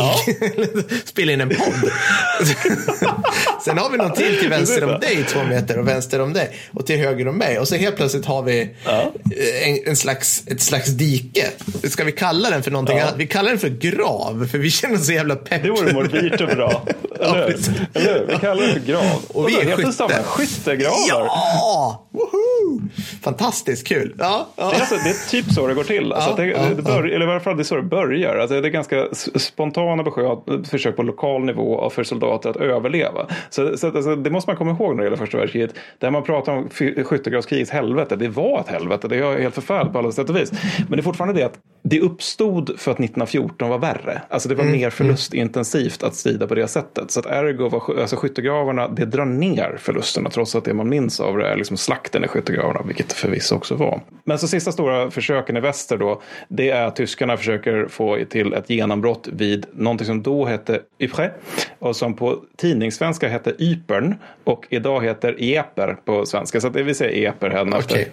Med E eller I? Eller hur? hur e, eper? I-E-P-E-R. Varför Eper. heter det det? Ligger, vart ligger det någonstans? Belgien. Ah, ja, såklart. Okej. Ja, vi ska, du och jag ska ut och åka resa någon gång i Belgien någon dag Per. Det är jättehärligt. Eh, det är alla skyltarna ser ut som att de är skrivna av en stroke-patient. Alltså det är så många on. Det är helt sjukt. Men det som händer är i alla fall vid EPR det är att tyskarna de har ju också lidit, alltså de har ju lidit uppemot 750 000 förluster under det här kriget under första krigsåret. Så att de, de tar liksom snabbutbildade skolungdomar som sjungandes Deutschlandlied skickas mot brittiska eh, veteraner i vad tyskarna själva sen kommer att kalla för Kindermord, Kindermord by Langemark, alltså barnamordet vid Langemark. För att de är unga och nätt och jämnt utbildade. När, allt, när det här eländet är över då så har Antanten förlorat typ 120 000 man och tyskarna kanske 130 000 man. Men det som händer är framförallt att fro- fro- fronten fryser fast. Och fransmännen de är uppe i alltså en fucking miljon förluster för 1914. Alltså det är inte ens ett halvår som har gått. De har för, alltså, det är så galet mycket folk. Och, men det är lugnt för fransmän är ju fega liksom. Så, Ja, ja. så hur kan det vara? Ja, strunt i det. De kommer ge sig vilken sekund som helst. Så är det ju. Liksom. Ja, ja när bara- som ja, helst ja, kommer de bara ja. kapitulera. Och BF då, alltså britterna, de är uppe på 90-procentiga förluster av sin ursprungligen mobiliserade styrka. Så det är ju inte heller så bra då. Och sen då, bara för att de har lite feeling, så bestämmer sig turkarna för att nu ska vi också gå med i kriget. På centralmakternas sida. Och tyskarna bara, champagne, Turkiet är med oss i det här kriget mot Allt England och räddat. Frankrike. det kommer nog gå bra. Det kommer bara bli bra. Så att, Ja. eh, det här resulterar då i ett ka- ett katastrofalt Kaukasusfälttåg där tur- ungefär 60 000 turkiska soldater går åt bara under vinterstriderna kring Sarikamish. Eh, Det finns ganska grötiga beskrivningar där, där eh, alltså det är så här, vargarna tar det som vintern inte tar i grund och botten bland. Ah, shit. Ja. Jag har en punkt som heter djurfreden, men den känner alla till så att vi skiter i den. Ja, ja. Nu ska vi till mer mys nämligen här, för nu ska vi, till, nu ska vi återigen eh, via omvägar komma till vår älskade Konrad.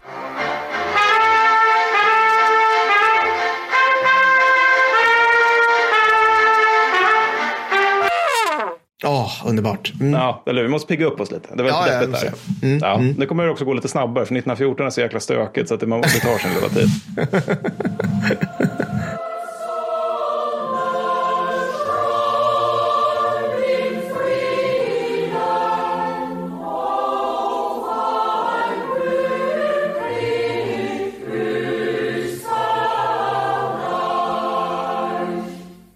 Mm. 1915.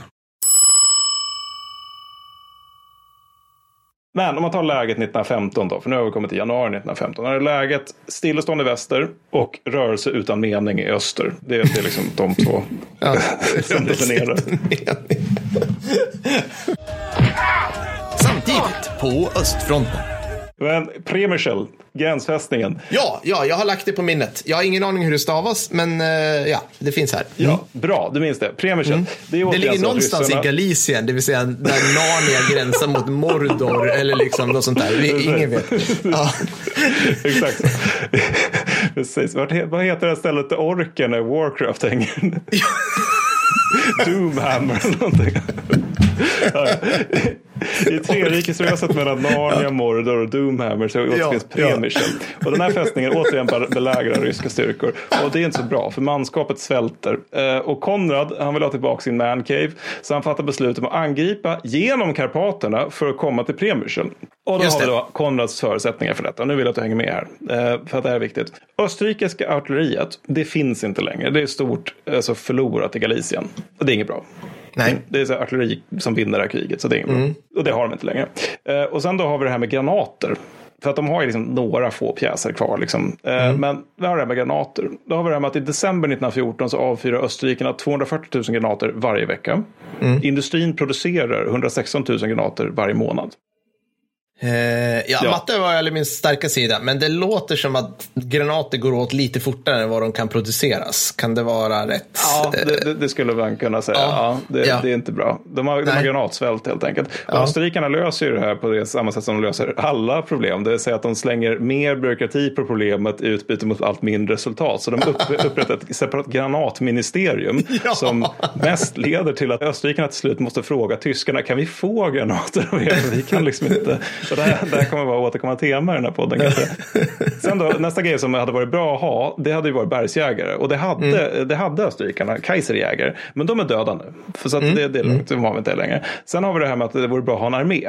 Men den har ju Konrad supit bort liksom, eh, Ja, under ja. 1914. Så att eh, de ersättare som dyker upp, de får inte öva med gevär. De får öva med pinnar. Alltså det här är inte på skoj, utan bokstavligt talat så de får käppar och så får de skrika pang. För man, Ja. fronten behöver gevären.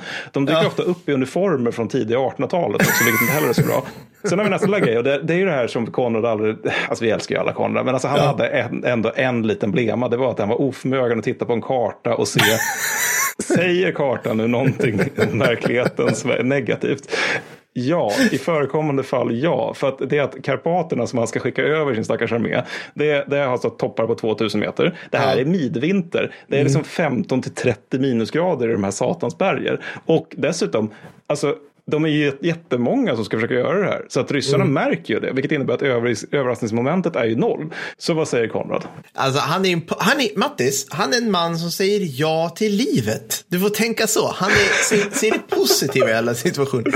Han blir givetvis, mellan han skriver kärleksbrevet till sin älskarinna och dricker konjaken, säga bara, kör grabbar, det här fixar ni. Ja. Det är pannben Ja, och ära. Ja, precis. Vi vet det här. Ja.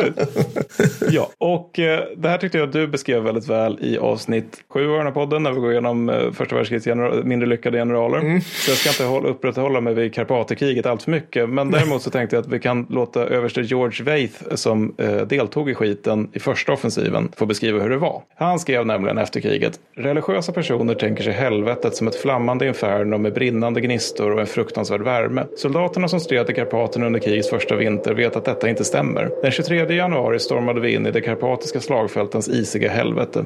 Rapporterna från dessa dagar är chockerande. Varje dag frös hundratals ihjäl. De sårade som inte kunde släpa sig framåt lämnades kvar att dö. Mm. Med detta i bakhuvudet behöver vi alltså då konstatera att eh, vi, det bordades totalt tre offensiver. Alltså den Ja. första var under de här förhållandena. Alltså att vi har det här kompaniet där borta. Det finns inte längre för att de har, alltså de, deras bivacksnöd igen, de är döda. Det är liksom, de har frusit ihjäl hela ögat. Så blir Konrad skön som han är då skickar in ytterligare två offensiver där när den första inte riktigt biter. Österrike-Ungern förlorar fram till mars 1915 800 000 man. Oj jävlar. Det är många. Alltså Ja, jag börjar tänka typ så här. In, alltså de, så här jag, jag sitter och tänker typ så här. Hur många bor egentligen i typ Kroatien idag? Alltså så här, liksom. Alltså, så här, Ja, vi det är en bra fråga, det. Ja men, ja, men liksom typ så här. Hur många människor bodde i Wien då? Det måste vara sån Ja, enorm visst. procent av alla män bara. Punkt. I hela jävla kuk. Liksom. Ja, visst. Och just också en demografisk grupp mer eller mindre. Så att det är folk mellan vad blir det, 19 och typ 30 där någonstans som, som, eh, som bara försvinner. Förlorad generation, bokstavligt talat. Men Konrad han är också sjuk, precis som sina soldater. Ja, Eh, så han, inför andra offensiven så säger han då, jag ligger vid dödens portar. Men han gör ju det då lite lätt förkyld som han är alltså, i ett slott med en, vid en eld snarare än i en skyttegrav. Så jag vet inte om han får alla sympatipoängen där. Nej, nej, precis. Inte alla, inte alla sympatipoängen. Nej. Nej, och när allting är det här är fixat då, så när de har liksom haft de här tre naturkatastroferna som man adlar till namnet offensiv, då faller Premierschel i alla fall. Då. Och ryssarna konstaterar att okej, alltså de som höll Premierschel, de är ju Alltså de är mer välnärda än folket vi möter i bergen. Så, att, Ja. ja, så kan det vara. Okej. Men efter den här skiten då så fattar ju liksom tyskarna att nu, nu, nu måste vi göra någonting. Vi hade hoppats Mm. på att ni Österrike skulle fixa det här. Ni gjorde inte det. Vi skickade hela divisioner för att hjälpa er. Vi kallar dem inofficiellt för korsettstänger för att det ska hålla upp er jävla front. Ni gjorde inte, ni, ni söp bort den här jävla chansen också. Ni gjorde ytterligare tre offensiver trots att vi tyckte att det kunde vara lugnt med ingen. Och sen har vi den här lilla detaljen som tyskarna inser då under sin förut nya generalstabschef Erich von Falkenhayn. För Moltke, eh, han har fått sparken redan under hösten eh, 1914. För att Moltke han var en sån här generalstabschef som man har när det är fred. Det vill säga han är fet, han är förmodligen ganska trevlig. Jag har för mig att han skrev opera på sin fritid och sånt där. Ja. Eh, Falkenhayn, han är inte trevlig, men han är jävligt kompetent. Skulle Ja. jag i alla fall överläda. Och han tittar liksom på kartan och konstaterar att vi Österrike-Ungern, vi Österrike-Ungern, vi har en till allierad. Det är Italien. De är inte med oss. Däremot så vet vi att de ligger i förhandlingar med Frankrike och britterna. Det innebär De att vi när kan bli in angripna av vår fucking allierade Italien. Och det vore jättejobbigt. Så vi måste stabilisera östfronten innan våra satans allierade österrikarna, det här vi kallar för att vara fastkedjade vid ett lik, blir angripna av återigen vår allierade i söder. Så vi måste fixa östfronten, måste vi göra. Så Falkenhayn, han går till kejsaren och förklarar att han vill citat göra den, Karpat, eller göra den ryska Karpatefronten väster om Lukovpasset ohållbar den 13 april. Okej. Mm. Kejsaren säger ja, jo, nej, men visst, jag körde Falkenhayn, det blev väl bra. Så Falkenhayn bara säger åt västfronten att ni där, eh, varje division får avvara sitt fjärde regemente och en hel del av sitt artilleri. Och eh, sen ska allt det över till öst. Vilket är ganska imponerande, bara slänga ihop den grejen egentligen. Spjutspett för den här anfallet av, av, anförs av August von Mackensen och anfallet inleds 2 maj 1915 mellan Gorlish och Tarnov. Ja, det här känner jag igen. Avsnitt två pratade vi om det här i. Det här Ja, blev ju jajamensan. som en repeat men lite komprimerad form. ja. Jag gillar för övrigt alla de här, alla de här slag, slagplatserna som de har. Låter ju som så här, äh, det som går på tv samtidigt som vi spelar in nu. Liksom typ Vinterstudion. Här har vi liksom herrarnas sprint ifrån Gorolich Tarnov. Alltså det är liksom, ja men all, det låter bara så, så, sådana här, så här härliga, så här, obskyra centraleuropeiska skidorter. Så här, Ja, ja, nej, men precis. De har lite den ären. Så det, Ja. det är verkligen. Men det är också lite lustigt med den här typen av ortsnamn som ingen någonsin skulle ha hört talas om om det inte vore för att det var någon jävel som bestämde sig för att man skulle klämma in liksom 180 000 soldater i en offensiv där. Nej, Det nej. finns det ganska många i Östeuropa som är sådana. Ja, faktiskt. Ja, eh, jag har gjort lite karaktärsmord på den österrikiska, tyska, franska och brittiska armén och det är liksom läge att snacka om den ryska armén. nu här, För att Vodka. det är liksom, det kommer, att det går som det går. Det finns sina förklaringar. Mycket av det stavas dels tysk kompetens men också rysk bottenlös och mardrömslik inkompetens. Grejen är att med ryska armén då, det, vid den här tiden, det är att skyttet består av härdiga bondesoldater som ser tsaren som Guds utsände eller i värsta fall Gud själv. Många officerare på lägre är ganska duktiga. Liksom flera överstelöjtnanter har gått i moderna stabsskolor och sådär. De vet vad de sysslar med. Och potentiellt så är det en väldigt stor armé, men de begränsas bland annat i sin, eh, i sin storlek av dels statsfinansiella tillkortakommanden och världens längsta gräns som måste bemannas. Alltså, de har ju fortfarande Kina liksom, på sin mm. sydgräns och det måste ju finnas någon som står där och tittar på kineserna så att de inte gör något mörtigt. Liksom. Inte så troligt, men de måste bemanna gränsen. Mm. Och sen så är det liksom också det här med att generalerna, de är inte fullt så bra som stabsofficerarna. De är ofta så här halvdementa och tjänstgör som typ Fänrik under Peter den stores tid. Nästa grej också, det är en liten lustighet, det är att österrikarna, de identifierar sig, alltså de österrikiska soldaterna identifierar sig vilket regemente de tillhör. Mm. Och tyskarna vilken division de tillför. Mm. Kan du gissa vad ryssarna tänker? Liksom, när, vilka är vi? Liksom, på... eh, oh, bataljon då? Eller något sånt där? Ja, uh, något sånt. Han tänkt större. Jaha, armé? Det, det sjuka är att det faktiskt är ännu större. Eh, vad är större än armékår? Ar, alltså, nej, liksom... Nej, nej. Uh, truppslag. Oj, jaha. Ja, okay. Så de tar med sig liksom typ ståndssamhället ut i fält. Alltså de flesta infanterister är bönder, de flesta kavallerister är adel. Så det innebär liksom att adeln ses som kavallerister. Alltså kavalleristerna ses som kavallerister, inte som en del av en större helhet. Nej, nej. Vi, alltså, här, vi är kavallerister, vi råkar tillhöra den ryska armén. Alltså, så här, ja, men, men liksom, det, vi skulle lika gärna kunna ha kavallerister åt, ja, typ, Kassaka, ja, men också liksom, liksom. hur samarbetar man under dessa förhållanden? Man gör ju inte det. Alltså, artillerister som också ofta var liksom lite från lite bättre bemedlade klasser för att man behöver liksom viss teknisk kunskap för att hålla på med artilleri.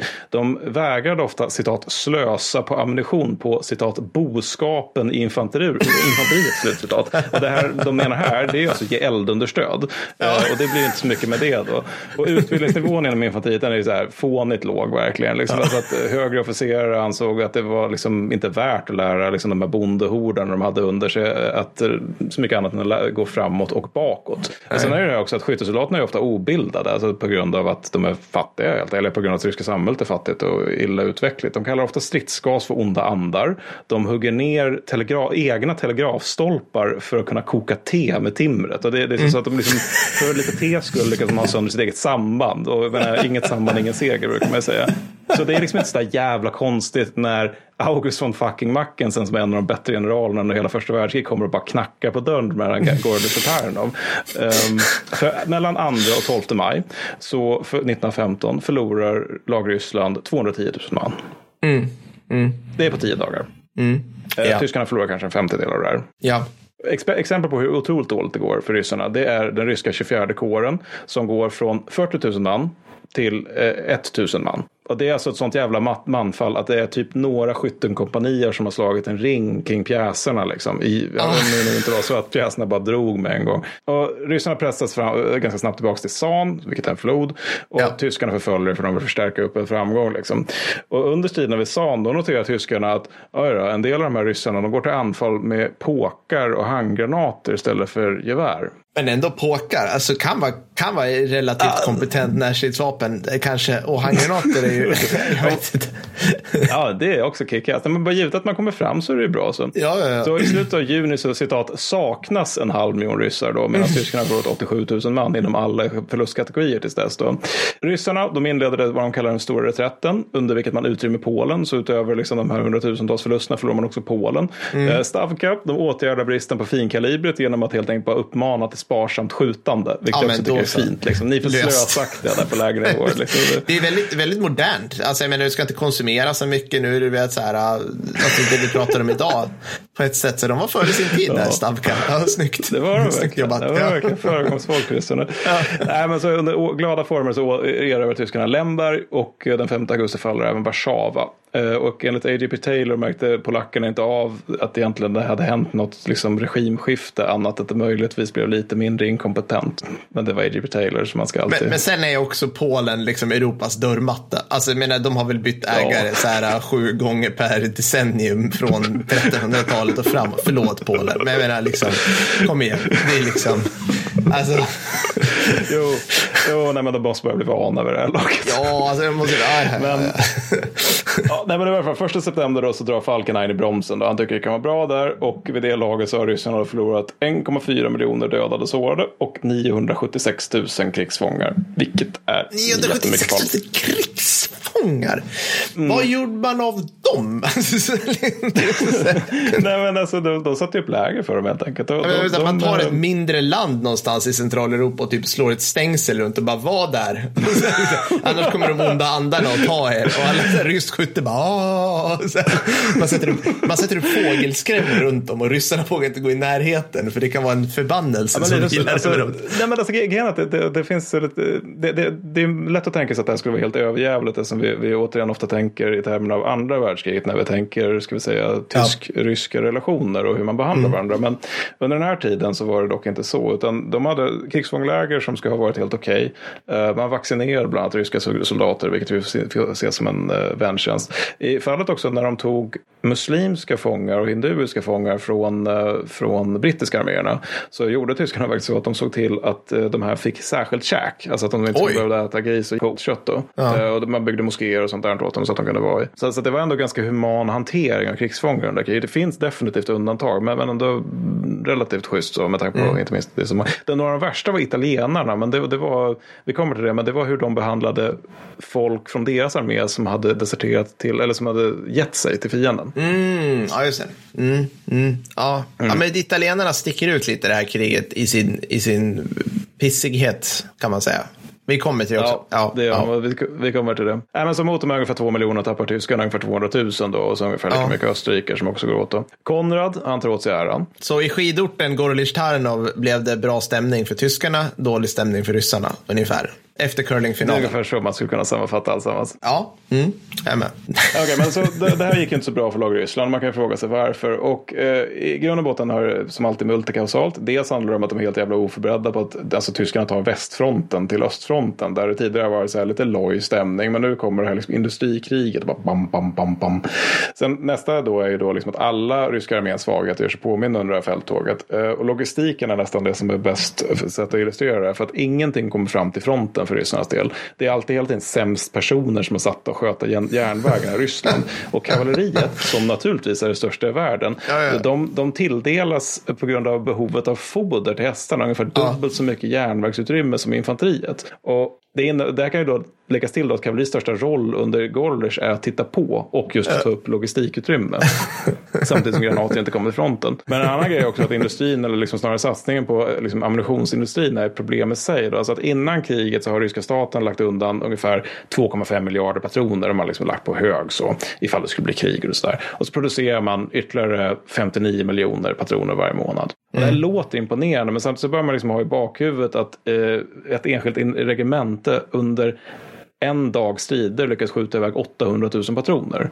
Och om man då lägger till liksom att ryska armén har 236 regementen så alltså, det är mycket siffror men det är ute efter att man helt enkelt producerar för lite ammunition. Framförallt tidigt i tidigt då. Men ja, under tiden i väster. På västfronten, intet nytt. Där, gingen igen. Bra, tack. Mm. Ja. ja, men det som händer i väster det är att Frankrike anfaller jä- järnet då. Ja, Yes. igen. De bara, det här gick inte bra 1914, men det borde kanske av någon outgrundlig anledning gå jävligt mycket bättre nu. Så är det, helt Ja, men- Ja. Precis, om vi bara petar på dem så kommer de förr eller senare sluta vara jobbiga.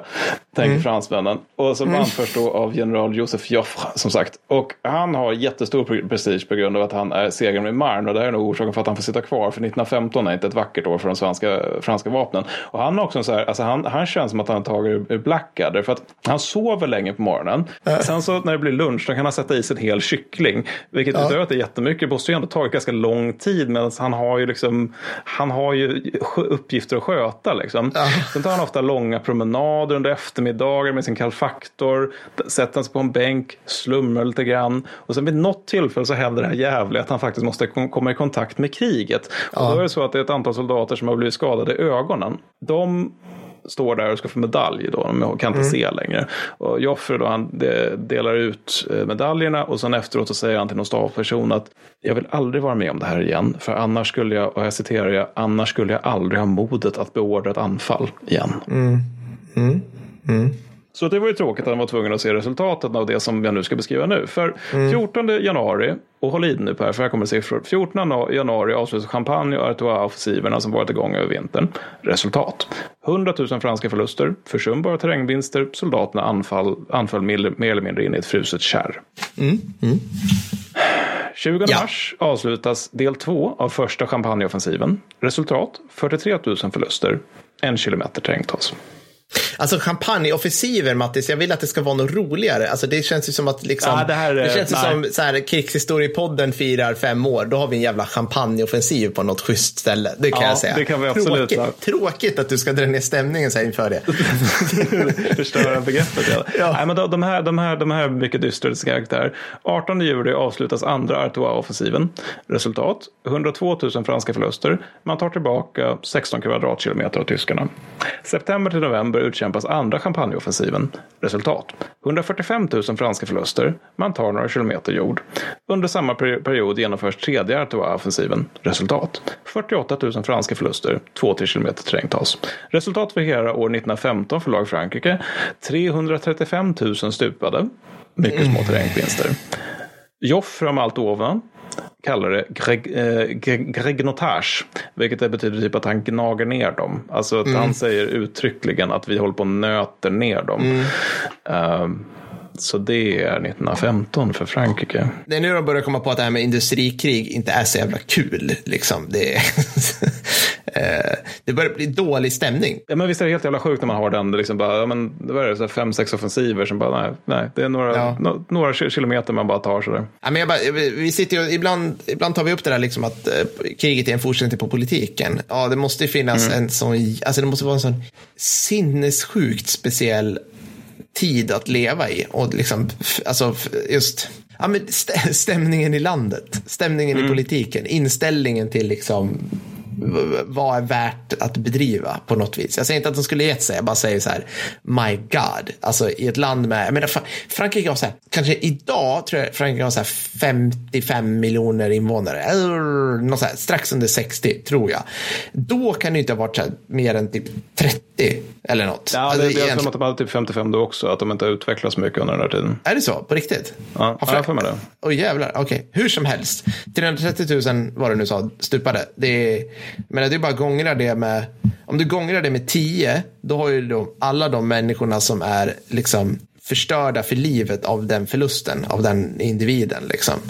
Och sen kan du, så att jag menar, det, det är sådana enorma det måste kännas så jävla tungt för hela samhället. Inte bara så här, vi har förlorat, en, vi har förlorat individer som kan bärga skörden och göra det här och det här och det här i ett fortfarande jord, jordbrukssamhälle, utan hela Ja, jag... Mm. ja men absolut. Nej men också att man, nej men verkligen så. För att alltså det är, bakom varje förlust så är det liksom en tom stol vid något middagsbord mm. hemma som mm. förblir tom under resten av de människornas liv.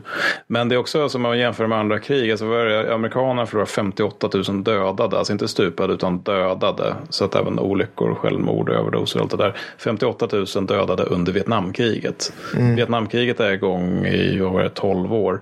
Det här är ett jävla år mm. där fransmännen förlorar alltså sex gånger så mycket som under ja. hela Vietnamkriget. Och vad fan gjorde inte Vietnamkriget med USA? Ja, exakt. Exakt.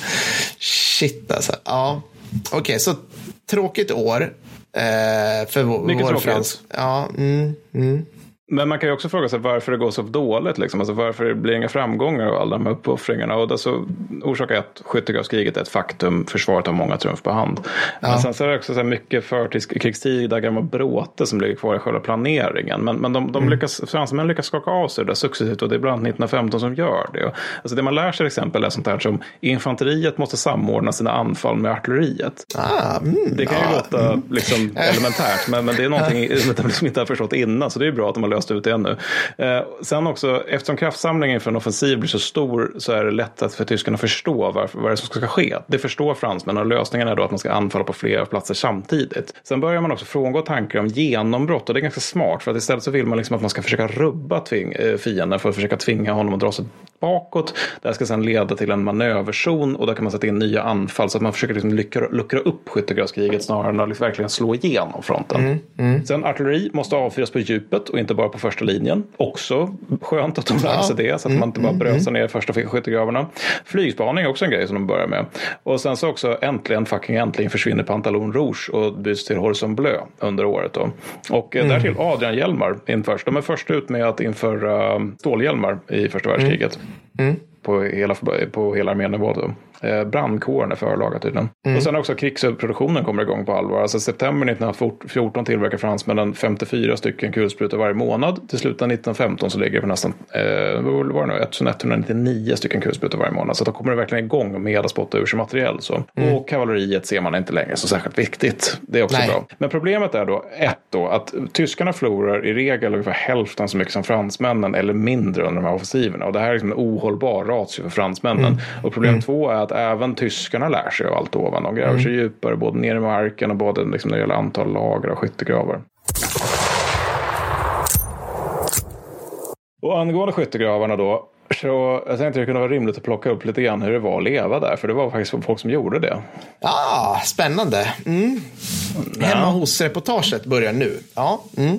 Precis, nu jävlar. Nej men så här va. Som sagt, alltså man upprättade de här då för att man skulle komma undan det här med 1914 års form av krigföring. Mm. Uh, och det är bättre när det gäller antalet förluster. Men det är fortfarande så att det verkligen suger att vara i en skyttegrav under första världskriget och inte minst ja. i de främre linjerna. Och det som man ska komma ihåg är också att soldaterna liksom, de spenderar ju faktiskt åratal med den här skiten. Alltså. Och det, det är ju att det är bokstavligt talat ett liv. Alltså, en del har till och med sagt lite av en egen kultur i de här skyttegravarna. Mm. Livet där präglas av tajta levnadsförhållanden. Alltså man bor väldigt tätt in på varandra.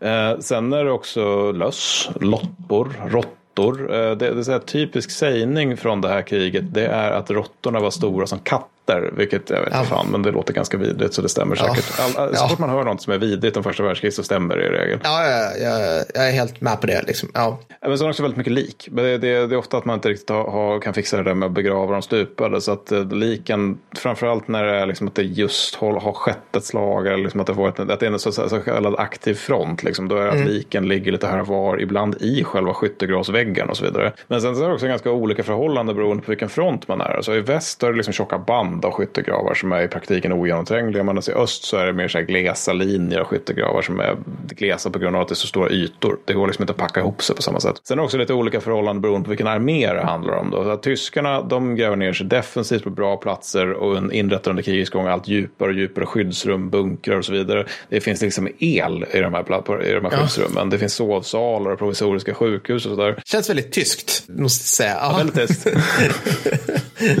Men Österrike-Ungern Ja. Inte så. Nej, Nej. skräll. Jag ramlar av stolen. Berätta ja. hur Konrad vill inreda sina skyttegravar. ja, alltså enligt äcklade tyska observatörer ska det ha funnits glasfönster i de tyska österrikiska skyddsrummen. Och jag vet inte, det kan väl inte, men ja. Jag ser framför mig så här, och så har de liksom så här små gardiner, du vet, så här pittes, ja. liksom, och så blommor och så, så här, är det någon wienervall som låter i bakgrunden. Det är mycket, mycket liksom vit, vita dukar och porslinssilver, tänker jag. Ja, Eller säga, ja. Eh, besticksilver. Ja, ja bra. Nej, men, exakt så. Nej, men så, så, britterna och fransmännen, de har ofta mer provisoriska historier. För att man anser på högre nivå i de arméerna att bekvämligheter motverkar citat, truppernas anfallslusta. Uh, Rövhattar säger jag till det. Ja, precis. Men alltså, fatta att det står i planeringsdokument någonstans. Alltså, fatta om det skulle stå i så här, där du skulle till Afghanistan. Liksom, att truppernas anfallslusta motverkas av att de får någon som helst grund basal bekvämlighet. Ja, oh, gud. Ja, det var fransmännen har jämförts med diken och uh, både fransmännen och britterna, britterna är ofta mycket lerigare än vad de tyska är för att de är provisoriska. Uh, vilket innebär att man inte pumpar ut vatten i lika stor omfattning helt enkelt. Nej. Och sen är det också det att alltså, de tyska ställningarna i Flandern de ligger på liksom high ground medan de brittiska då som möter tyskarna i Flandern de, de gör inte det. Så de, de, de, när de gräver sina skyttegravar så gräver de så ganska snabbt rakt ner till grundvattnet. Mm, mm. Så det blir Dålig stämning. Det mm. också. Men så i de bakre områdena så finns det däremot fler bekvämligheter, inte minst fler bekvämligheter ju längre kriget går. Till exempel så finns det stora duschar som man sätter upp för liksom att hela plutoner och kompanier ska kunna duscha. Det finns också bordeller. Eh, det sistnämnda gör ju naturligtvis tyskarna till ren byråkrati där liksom mm. damerna i fråga de får testa sig för veneriska sjukdomar med jämna mellanrum och så får de liksom en liten stämpel så där som de har en viss liten bok som de får visa för soldaten innan. Det, jag har för mig att det var någonting i stil med också att de måste typ lämna ett kvitto eller något. Alltså de, han måste kunna visa bevisa att jag låg med en prostituerad men hon hade den här stämpeln. Och det kan hon visa. Alltså det är något sånt där också. Liksom, Men så att de det- gör byråkrati av det hela naturligtvis. Ja. ja. Det är fantastiskt på något Ja. vis. Du blir tårögd av glädje. Över att det är lite ordning. Även när det är snuskigheter. Ja, Ja, ja. Mm. exakt.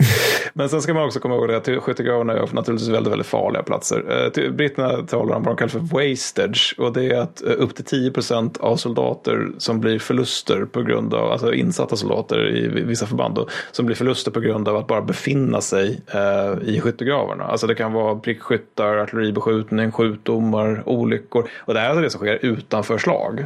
Så att det är några tusen varje vecka som bara försvinner på det, bara i brittiska armén. Och sen till, till cirka 1917 där någonstans så har det utvecklats vad man har beskrivit som en medeltida verklighet eller en medeltida mentalitet. Och det, den beror på att soldaterna i gravarna de är övertygade om att tidningar och generaler och politiker de ljuger. Och det innebär att man egentligen bara kan, och det kan man ju förstå för att alltså, Ja, ja. tidningarna ljög verkligen. Och, eh, och det, det innebär ju då att man, man liksom man kan bara lita på andra soldater. Och det innebär att liksom sanningen med stort S finns inom kompaniet. Och det här gör liksom att det blir en ganska märklig plats med en ganska märklig liksom verklighetsuppfattning där det finns, och det här är orsaken till att man kallar det medeltida just, alltså att den här medeltiden var strukturerad så att det är inom byn vi har sanning, sanningen med stort S. Och det är utanför Ah, ja, man lika, lita på. Men utanför byn slash kompaniet, där, därifrån kommer det folk, alltså även i skyttegravarna, till exempel gycklare och vandrande köpmän Nej. och så här och allmänt lattjo folk som bara vandrar igenom skyttegravssystemen. På och så är det riktigt? lite oklart om de fortfarande är del av, ja, de, de är lite oklart om de är en del av militärhierarkin fortfarande. Ja.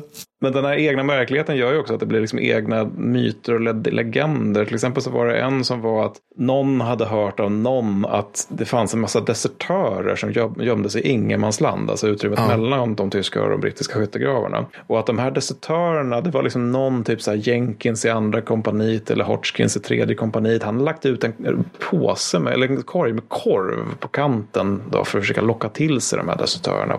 Han somnade till snabbt där och då, på morgonen var korgen tom, liksom korven var borta. Och sen så efter kriget, det vet du ju mycket väl, efter kriget var de tvungna att gasa hela ingenmansland bara för att få död på en hel brigad desertörer där ute. Ja, ja, ja. Alltså det här var någonting som man verkligen som man berättar för varandra, så här saga för vuxna i grund och botten. Det var mycket sånt där också, att det fanns en, man, man hade sett en tysk officer som vandrade runt så där, han var blek och hade lite blod på, på uniformsjackan och när man försökte döda honom försvann han bara. Alltså det är mycket den typen av just sagor som de berättade för varandra. Men det hade man väl, det, det låter ju rimligt på alla sätt. Ja, eller hur? Nej, men också, också, Ja, men det måste väl vara det här med just att man har den här väldigt begränsade informationen utifrån. Alltså man inte litar på någon information utifrån. Så istället så blir det att man skapar sin egen information och egna berättelser. Men i varje fall, om vi ska återgå till liksom det här myset med folklore tillbaka till själva krig, kriget då. Så kan vi då konstatera att tyskarna är ganska nöjda med att bara hålla i väst och vinna i öst. För det är typ det de gör 1915. Men undantag är andra slaget vid Eper. Och uh, det här är det slaget då de sätter in klorgas för första gången i väst. Eh, viktigt att komma ihåg här, för de hade faktiskt satt in det eh, tidigare öst kring Bolimov. Men det var för kallt för att det skulle få effekt då. Och Frans, alltså det är inte heller första gången man sätter in gas. Nej, nej, jag tänkte snarare säga så här att ingen bryr sig om det man gör mot ryssar. Eh, för att även ryssarna själva Nej. anser att de är boskap, typ. Eller något sånt där. Eh, vidrig... Alltså det ligger nog lite i det. Alltså, för, för att, alltså, det är ganska vanligt att man ser det här i böcker. Så här, ja, men det var första gången på andra slaget vid Ypres-. Det var första gången stridsgas användes. Nej, nej, stämmer inte. Det är, det är också helt felaktigt att, det skulle vara första gången, att de här två incidenterna skulle vara första gången man använde gas överhuvudtaget under det här kriget. Fransmännen sätter in tårgas mot tysk trupp redan 1914 på hösten där. Mm. Men det som är skillnaden är att klorgas är dödligt och det gör att tyskarna, som de alltid gör i det här kriget, just har tagit det här extra lilla steget för att göra det lite extra jävligt. Så. Ja, Och ja. Den här tiden, senare under kriget så skickar man ut gasen ur gasgranater. Men nu är det så liksom mycket hantver- hantverksstadie över det här. Så att man istället har behållare som man liksom sätter på skyttegaskanten framför sig. Sen så skruvar man av behållaren. Och sen så hoppas man som fan att meteorologerna sa rätt när man sa att Ja. vinden blåser åt väster. För att annars kan det Vad kan uppstå... gå fel? Ja, precis. Lite så ja. Nej, men så att man släpper lös den här skiten mot eh, framförallt indisk trupp då kring Eper. Och eh, panik uppstår ju naturligtvis, för att de har ju inte gasmasker. För att ingen har ju använt liksom, dödlig stridsgas. Och Nej. tyskarna, de blir så här lite, va? Det här, och de, de flyr, det, varför är det kaos? Att de, de gör liksom inte så mycket med det här, för att de är ju rätt oförberedda på att fienden helt plötsligt bara kollapsar framför dem. De trodde inte att det skulle fungera så bra. Och resultatet är så här 60 000 brittiska förluster, 35 000 tyska förluster. Men det är ganska, liksom, det är ett rätt litet slag i sammanhanget. Och i det här sammanhanget kan man också fråga sig, vad fan gör britterna? De bygger en ny armé. Det var Ah, de ja. gör. ja. De har, deras gamla är ju borta nu. Just det, så är det. Kan behövas något nytt. Mm. Ja, så att eh, Lord Kitchener, Herald, Horatio Kitchener, han håller på att sätta ihop en eh, frivilligstyrka. Och då är- finns det beskrivningar hur fri, de frivilliga springer till rekryteringskontoren för de är så livrädda. De är så livrädda för att kriget ska ta slut. Fel fick de. Eh, och de, den här armén, då, frivilligstyrkan, kallas för Kitcheners Army och de utbildas 1915 framförallt. Och de som är i Frankrike, de är för få för att göra så mycket. Så det, så det är alltså, man har fortfarande lite kvar gamla BF och som sagt lite territorier som har dykt upp. Och sådär. Uh, men så det de gör är framförallt att understödja franska anfall. Eh, Exempelvis då vid Neuve Chapelle, vilket jag vill minnas är under våren 1915. Eh, där bland annat ett av de bättre citaten därifrån, att, för att sammanfatta hela skiten, det var att en bataljon Gurkas fann sitt Valhall enligt ett ögonvittne.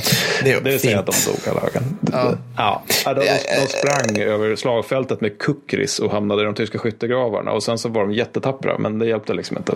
Nej, nej. Ja, Snyggt ändå att de liksom lyckades blanda ihop en- tro som absolut inte Gurkas ifrån Nepal har. Det vill säga alltså tron av en brittisk, liksom. Okej. Spännande. Ja, ja, men- Multikulturellt måste jag ge det. Ja. Ja, men det är fint så. Ja, men I allmänhet så är det mycket folk just vid den här tiden i den eh, brittiska armén som är som från Sydasien. Då. Så att, eh, precis när det gäller tyska fångläger då, så har man det här lite lattjo problemet att muslimerna i brittiska armén de vill inte äta gris och hinduerna de vill inte äta ko. Så det här leder till fullkomlig katastrof för Västeuropas jätter som får sätta livet till ända ner till Korsika. Men sen däremot om något de faktiskt gör det är den stora brittiska offensiven vid Loos eh, med start 25 september 1915. Det här är, och det här kommer bli åt, det här behöver vi nästan jingel för, för att nu kommer jag att förklara vad det här är för någonting. Det här är ett fullkomligt clusterfuck. Ytterligare ett fullkomligt clusterfuck. Kanske är lite ha jingel för, för det är ganska sorgligt där. För det som händer här då, det är att britterna bara, de, de har liksom varit så här, men usch, tyskarna använder klorgas vid Ypres mot oss, det är jättefult, det får man absolut inte göra. Vet ni vad grabbar, nu är det dags att sätta, ut, sätta in klorgas mot tyskarna här vid Los. Så att eh, metro, de bör, ska göra det här då vid Los 25 Ja. september. Meteorologerna, de säger att vinden kommer jobba för Tyskland och eh, får då svaret att planeringen är för långt gången för att kunna ta hänsyn till detta. Mycket bra. Ja, Så kan det ja. vara. Verkligheten får anpassa sig efter kartan. Mm, jag gillar det. Mm, mm. Ja, perfekt så. Nej, men det är så här klassiskt. Det, det, det, det, det, det, jag snackar om det här nu. Jag mer tycker att det känns lite obscent att det finns de som tycker, liksom vill beskriva första världskriget liksom någon form av rationellt krig. Men skit i det. Resultatet av det här med att man struntar i att lyssna på de här elaka PK-meteorologerna som håller på och skriker om hur vinden beter sig. Det är ju naturligtvis att gasen, den blåser ju rakt ner i den brittiska vänsterflackens skyttegravar. Medan de väntar på att det egna artilleriet ska lyfta. Vilket i sin tur leder till 2600 så kallade friendly gassings. Så kan det vara. Vilken, vilken härlig eufemism det var. Friendly gassings. There's Ja, nothing men- friendly about... Nej, fan Nej, alltså. nog första gången de använde den termen också. Men också ganska, eh, lite trist för dem för de var tvungna att vänta, jag tror det var någon timme eller två innan de kunde. Alltså det var ju som att springa upp ur skyttegravarna var ju en befrielse för man slapp för hänga i gasen. Då. Sen förbekämpningen då, st- nästa steg i det här klasterfacket som kallas för slaget vid Los. Det består till stor del av splitter snarare än, eh, än high explosives, alltså mm, spränggranater helt enkelt. Eh, och det leder till att taggtråden är intakt när britterna kommer fram till stor del, vilket leder till en massaker vid taggtråden.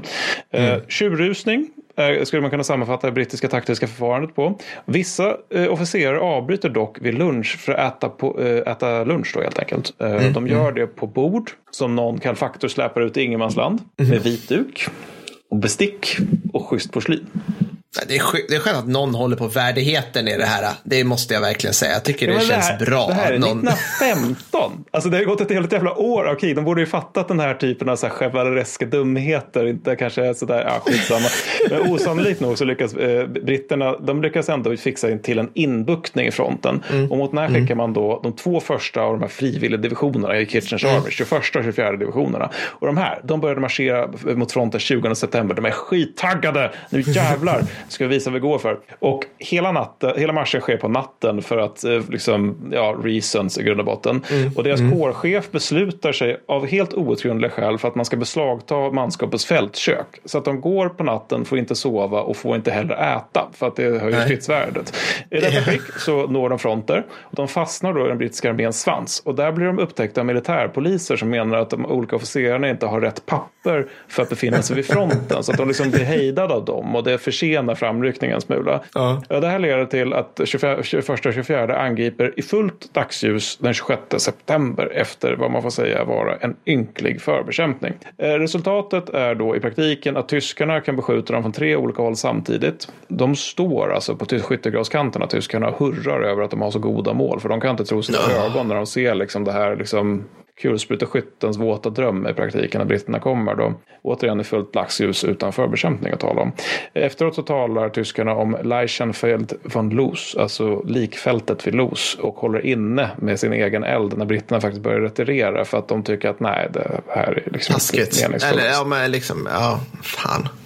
Ja, ja. Ja. well put. Eh, nej, men så, det, alltså, det, det, det här anfallet den 26 september det kostar britterna 385 officerare och 7861 meningar under tre och en halv timmars strid. Det är oklart om tyskarna förlorade en enda soldat i just det anfallet. Det, det är inte säkert att de gjorde det. Sen så totalt förlust då så tappar britterna 60 000 man. Och tyskarna kanske en tredjedel för de ger sig in på en massa riktigt korkade motanfall. Som det, det Ja. vill också visa att de kan vara dumma. Och deras chef då, britternas chef John French, han drabbas av en mer eller mindre total kollaps. Som sagt, han är ganska, alltså jag har lite sympati för honom till skillnad från många andra första världsgeneraler. För att han har liksom, han tillbringar los med att göra någonting som på sätt och vis är ett tjänstefel. För han ska ju leda trupp liksom. Men samtidigt är det väldigt mänskligt också. För han går personligen runt på sjukhusen och försöker trösta sina sönderskjutna soldater som ligger där utan armar, ben och ögon. Och försöker liksom ge dem någon form av hopp om att nej men vi håller ändå på med något rimligt här. Det kommer att gå bra och så vidare. Men han får nu kicken. Och ersätts av en person som inte riktigt beter sig så utan får väl betraktas som en lite hårdare figur och det är Douglas Haig. Honom kommer vi Vill ni återkomma lyssna, höra mer om honom så har Mattis pratat eh, upp honom hårt då i avsnitt, er, vad var det nu Mattis, fyra? Jag tror är sex eller sju. Fyran är Hiroshima. Eh, Ja, sexan eller sjuan där. Sexan eller sjuan? Sjuan, ja. Ja. Så, ja. Och där höjer du honom till skyarna, eller? Ja, gud ja. Förklarar honom att vara ett geni. Men något annat britterna gör det är att de blir ägda av turkarna. Eh, De här två de har redan nämligen möts nere vid Suez och där har britterna vunnit. Och det här samt ett antal idéer om den vite mannens överlägsenhet gör att britterna underskattar turkarna ganska drastiskt. Nu tänker de sig nämligen att de ska angripa eh, vid Gallipoli. Eh, Dels för att det är så jävla deppigt på västfronten och man vill liksom ha ett nytt projekt. Dels för att eh, man ska kunna avleda turkiska förband då, som annars skulle kunna sättas in på Kaukasus. Och sen vill man dessutom kunna skicka lite gear till Ryssland genom att få ett upprust Dardanellen. Det finns jätte- jättemånga goda skäl och det är ytterligare ett fullkomligt clusterfuck. Säg det i kör. Ytterligare ett fullkomligt clusterfuck. Britterna blir alltså fem veckor försenade på att de har packat sin materiell fel. Och det här är ju faktiskt, jag måste sticka in, det här är ju det de ska kunna, det vill säga saker med båtar. För det är det britterna ska vara bra på, typ åk båt Ja. dit, gör det, skjut på det där, ja, allt det där, Gör avsittning. flott saker, Nej, men ja så, precis. Mm. Nej, men så ett, det är förmodligen världshistoriens största bagageslarv då, som leder till att turkarna dessutom får tid på att förstärka sitt försvar. Då, liksom, och det är ju sett på nivån att de har lagt, dragit taggtråd i vattnet liksom, när britterna väl kommer. General Ian Hamilton, som anför de brittiska ansträngningarna, han har Alltså när han ska planera den här skiten så har han en turistkarta som har några år på nacken till sitt förfogande. Så det står typ så här, här har ett bra dörnerställe, här kan du äta shish kebab. Men det står liksom inte så här, hur hög är den här kullen, hur djup är den här floden, den där typen av små detaljer. Och vi kommer inte snacka så jättemycket om turkiska armén i den här podden ifall det var någon sån här turkiska arméhead som satt och väntade på det. Men det som kan konstateras är att de har materiell svält. Den är i regel illa ledd. Men de har Liman von, Sanders som är vid just Gallipoli som är en skicklig tysk general då, som är där på ett slags militärt utbyte kan man säga. Skyttet består av den här typen av bondhårda anatoliska jordbrukare som härdar ut, typ precis allting. Och de är därmed väldigt lämpade för försvarsstrid. Britterna de skickar å sin sida vad de tycker är bondhårda människor det vill säga Anzac, det vill säga australiensare och nyzeeländare. Och nyzeeländare de bedömer man innan kriget vara världens bästa soldater, men det är typ så här för att de är fåraherdar och vita.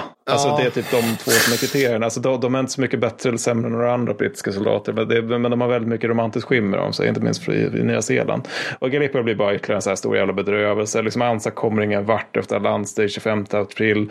Eh, en ung Kemal Atatürk som inte hette så då. Han står på stränderna och vrålar till sitt manskap. Jag beordrar inte att strida för ett land, jag beordrar att dö för ett land. Och det gör de också. De turkiska förlusterna är helt sanslösa. Men innan man, men så man är där mest på stränderna liksom och hänger runt lite grann. Och innan eh, man liksom evakuerar skiten så har, eh, vilket man gör vintern 1915-1916, så har britterna och fransmännen eh, förlorat 300 000 man.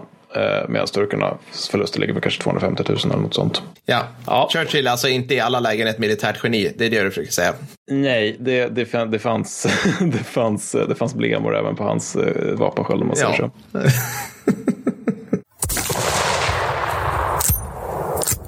Men vi måste pigga upp oss lite grann nu Per, så nu så ska Ja. vi prata lite grann om Italien. Yes! Äntligen! Och, åh, mm, japp. Nu måste det bli roligt. Nu, nu kan, det kan inte bli annat än roligt. Får vi höra en bra Italien-jingel?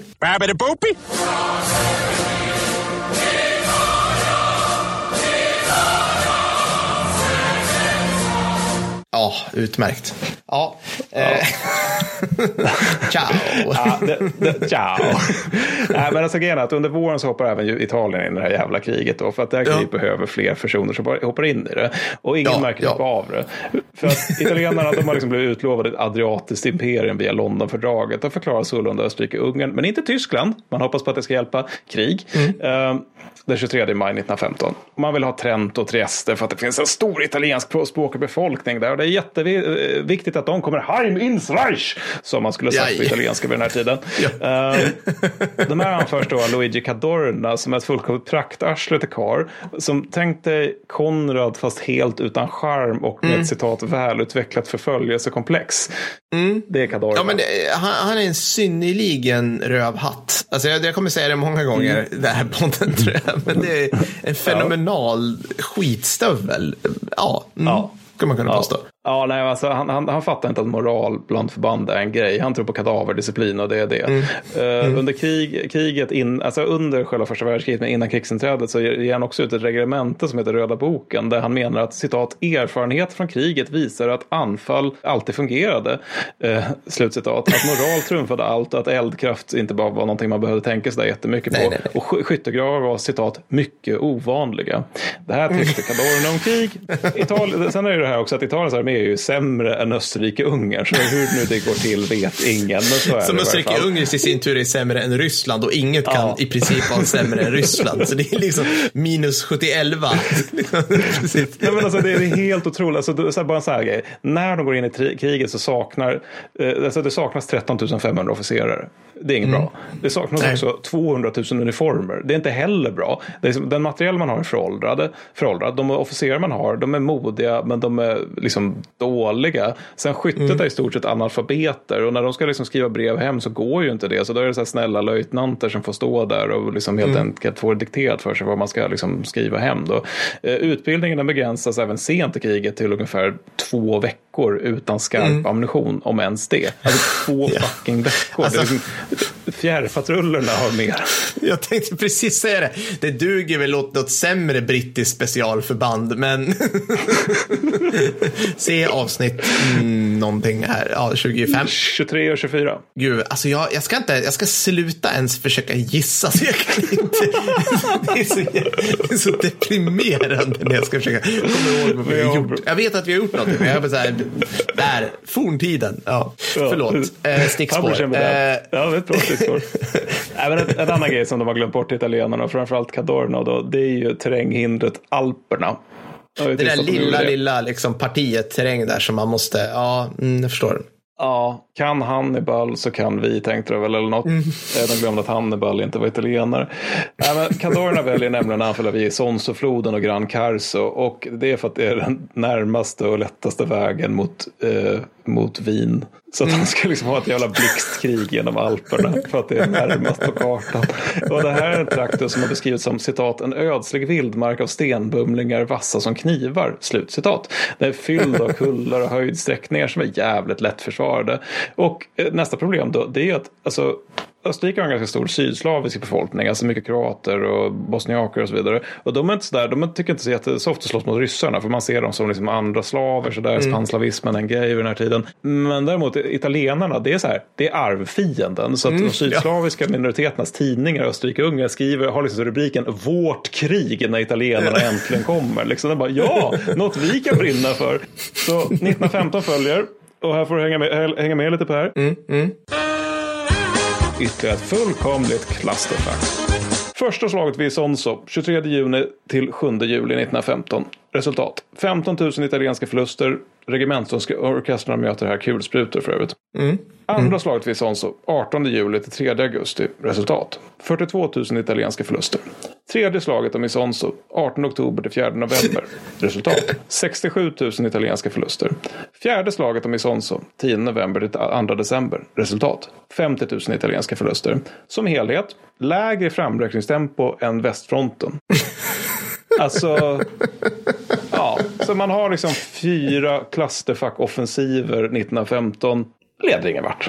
Alltså, det, det, är liksom man tar, man, man tar Alltså, om man, när jag snackar om fransmännen på det här sättet då beskriver jag ändå att man tog liksom kvadratkilometer hit eller dit. Mm, alltså mm. det gäller inte riktigt där. Man tar hundratals meter för sen är det ett jävla berg som man måste ha bergsjägare för att ta sig upp på. Och det sitter folk och kastar ner handgranater från det berget. Så att uh, orsaken är ju då naturligtvis terrängen till att det går så jävla trögt för italienarna. Men sen också ja. vädret. Helt plötsligt, det är ju Alperna. Helt plötsligt kommer en jävla snöstorm. sen italienska ledningen är ju också en grej. Österrikiskt jävla namma är också en grej. Och det här liksom det står jag skrivit inom parentes faktiskt tre utropstecken. Alltså ja. österrikarna, ja. de, de slåss lejon på den här fronten. Alltså de mm. är, det här är liksom mm. det som är deras, verkligen, deras hårda insats under det här kriget. Där de verkligen bara är självuppoffrande men, men jag hade ju en, när vi pratar om första världskrigets bästa generaler. Då hade mm. jag ju mm. faktiskt en österrikisk-ungare som jag minns inte om jag hann prata om. Men han var ju... Nej. Borevich. Borevich, tack. Och han, han var ju liksom en kompetent österrikisk ja. general som bara, kan det vara så att vi tar de här som älskar att slåss mot italienarna och låter dem slåss mot italienarna på sin egen mark, ish. Liksom, så här. Och mm. gick jävligt bra. Eh, mm. Slovener är bra på att slåss för Slovenien när de känner att de blir attackerade av italienare och ingen gillar ju italienare. Så det är liksom, ja. Nej, men det var också så just eh, bosniakerna var också fruktade bland italienarna. De, de, de mm. var som chocktrupper på italienska fronten för att de, de fick särskilda feser och ja, stora knivar och sånt där. Men också liksom, det, som det här är Österrike-Ungern så får man liksom inte glömma bort hur tattigt allting ändå är. Nej, nej. Liksom nej, nej, nej. De, är, nej, alltså, de är oförberedda på att det här skulle kunna ske. Och det kan vi för sig ge dem. Det är deras allierade som hugger dem i ryggen. Men så de första striderna, där är liksom, det förekommer det att eh, reguljära österrikiska förband, de är nätt och på plats. Och istället för mm. lokala skytteklubbar som består av pensionärer får slå tillbaka italienska infanterianfall. Då. Och det här sker bland annat med att de, som om det vore Asterix och Obelix, puttar stenbumlingar ner för bergen. Så jobbade de. Så jobbade de. Ja. Kadorna, som, som sagt ett fraktarsle som är liksom Konrad utan skärm. Hans förklaring till allt ovan. Skyttet är bortskämt, låt oss öka på disciplinen. Ja, ja men där, det var en korrekt analys av läget. Det är jag helt övertygad om. Ja. ja. Nej, men sen så då, eh, för tyskarnas del så fortsätter 1915 att vara ett jävla jubelår. För att de har ju just liksom lyckats mer eller mindre förinta ryska armén. Liksom, så att de, mm. passar på då när de har gjort det att avdela August von Mackensen till Serbien då. Så han får fixa serberna. För de kanske minns det att de är med i det här kriget. Och mm. Bulgarerna hakar också med på, på det här. Jag kommer inte nämna bulgarerna så mycket mer än det här i hela det här avsnittet. Men bulgarerna är också med i det här fälttåget. Och det är där mm. till Österrike-Ungern då som nu är inne på sin fjärde invasion av Serbien. Men grejen är ju liksom att serberna de har ju lyckats slå tillbaka tre jävla offensiver. Så att alltså de, de har tagit ordentliga förluster. Och de möter där till liksom stridsvana tyska förband. Så att de, de besegras ganska lätt. De inleder en reträtt i november via Albanien som går till ön Korfu. Och under den här så bär de sin kung på sina axlar då på ett väldigt stolt och häftigt sätt. Sådär. Mackensen han blir däremot ganska, han är så här, liksom, han kallas ofta den sista husaren. Han, tycker, han tror ju på sån här ridderlighet och så vidare i krigföring. Mm. Känns mm. ganska knäppt att han gjorde det på 1900-talet, men det gör han i varje fall. så att han blir väldigt upplivad av serbernas liksom, pigga motstånd och då inte minst då när de ska försvara Belgrad. Så han låter upprätta en sten då på, i Belgrad där det står Her rue serbischen helden, det vill säga här vilar serbiska hjältar. Ja. Men vad snällt. Eller ja, precis. Ja, men, ja, det kan man kosta på som man har vunnit. Men det är väl ändå ganska ovanligt så här, att man liksom. De här killarna försökte döda mina killar. De mm. behöver ett monument. Mm. Då gjorde man förmodligen rätt bra ifrån sig som serb, tycker jag. Det måste man ge dem. Ja. Nej, men och sen då, det som hände efter det här, nu ska, vi, nu ska det bli riktigt jävla mörkt igen. här, För att det som händer är att Österrike och Ungern får stå för själva ockupationen och eh, det de gör då är att de upprättar rena koncentrationsläger för serberna. Okej. Ja, Ja. Eh, Ja, nej, men alltså så här, det är lite otippat med tanke på hur ofta vi brukar hylla och prisa den bästa dubbelmonarkin. Men eh, de gör det och eh, det för oss osökt in på det här med krigsbrott under första världskriget. För återigen, det är inte andra världskriget, men de förekommer och det känns rimligt att ta upp dem helt enkelt.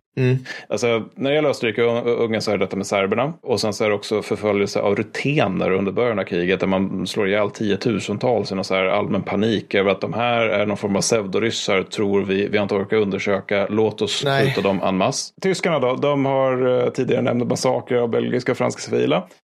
Och De har även pseudoslavarbete och ockuperade befolkningar senare under kriget. Eh, Det är dock från typ hösten 1916 och framåt. Senare även terrorbombning av Storbritannien under det tidiga kriget. Men, men det är ju mer så här liksom patetiska försök att hälla liksom Kina-puffa. Alltså det, det är inte speciellt effektivt är det jag försöker säga. Nej. Ryssarna de håller på med så här jättekonstiga grejer. De här deporterar folk när de invaderar Östpreussen 1914 till Sibirien. Och det typ 13 000 personer som bara ni ska iväg. Och de Jaha. överlever ungefär hälften. Sen så, ja, jag minns faktiskt inte varför man gjorde det. Sen så 13 000 pers, det är inte så mycket heller i sammanhanget. Liksom. Nej, det, men man, man bara kände för det antar jag. Liksom, nu, nu, jag för att det kanske, men så kanske det var att det var folk som man bedömde kunde var, bli soldater, att man kunde bli rekryterad eller något åt det hållet. Att man, ja. Ah. Nej, men sen använde man även krigsfångar i Ryssland då för att bygga järnvägar. Ofta liksom rakt ut på steppen i midvinter utan vinterutrustning. Så de här dog ju tusentals naturligtvis. Och sen också flera massakrer av civila under 1914. Inte minst väldigt många pogromer riktade mot judar. Det är så ganska alltså, vidrigt vanlig grej. Det är liksom så här, man läser någon skillnad. Ryskt infanterianfall går lite sådär. Ryssarna går bakom linjerna. Hittar liksom så lokal ket- kättel eller någonting åt det hållet. Slår ihjäl de judar de hittar för att de är antisemitiska, antimi- antisemitiska as och lite frustrerade just nu. Sen britterna har också, eh, får man väl nog säga, någon form av krigsbrott när de sätter blockad, alltså Centraleuropa under blockad. Alltså de gör ju det mer eller mindre från början av kriget. Alltså att de ser just till det. att ingenting får komma in i Centraleuropa. Och det kostar Nej. alltså en halv miljon tyska civila livet. Mm. Mm. Det är ganska mycket folk. Och ganska förmodligen mycket folk. betydligt fler österrikare också. Mm. Och sen slutligen den största, det är armeniska folkmordet. Det är Turkiet som ligger bakom den. Alltså vi har ju sagt att vi inte ska prata folkmord, men med tanke på att vi ändå går igenom första världskriget och jag nu hamnade på det här eländet så känns det då som att det vore lite sent att inte ta upp det. Ja. Men eh, orsaker fanns och anförs ofta, men vi kan skita i dem för jag tycker det är ganska ovidkommande vilka som kan vara orsakerna när det gäller, handlar om folkmord. Men för att göra en väldigt lång historia kort, 800 000 till 1,2 miljoner armenier mördas via olika dödsmarscher och massakrer. Det är olagligt att tala om detta i dagens Turkiet, vilket är helt sjukt. Eh, och eh, det råder fullkomlig sam- samstämmighet om att detta skedde och att det skedde på turkiska ledningsorder. Eh, denna samstämmighet råder i västvärlden då, kan tilläggas, inte i Turkiet. Men nu har jag hört något roligt. Konrad har Ja. nya planer.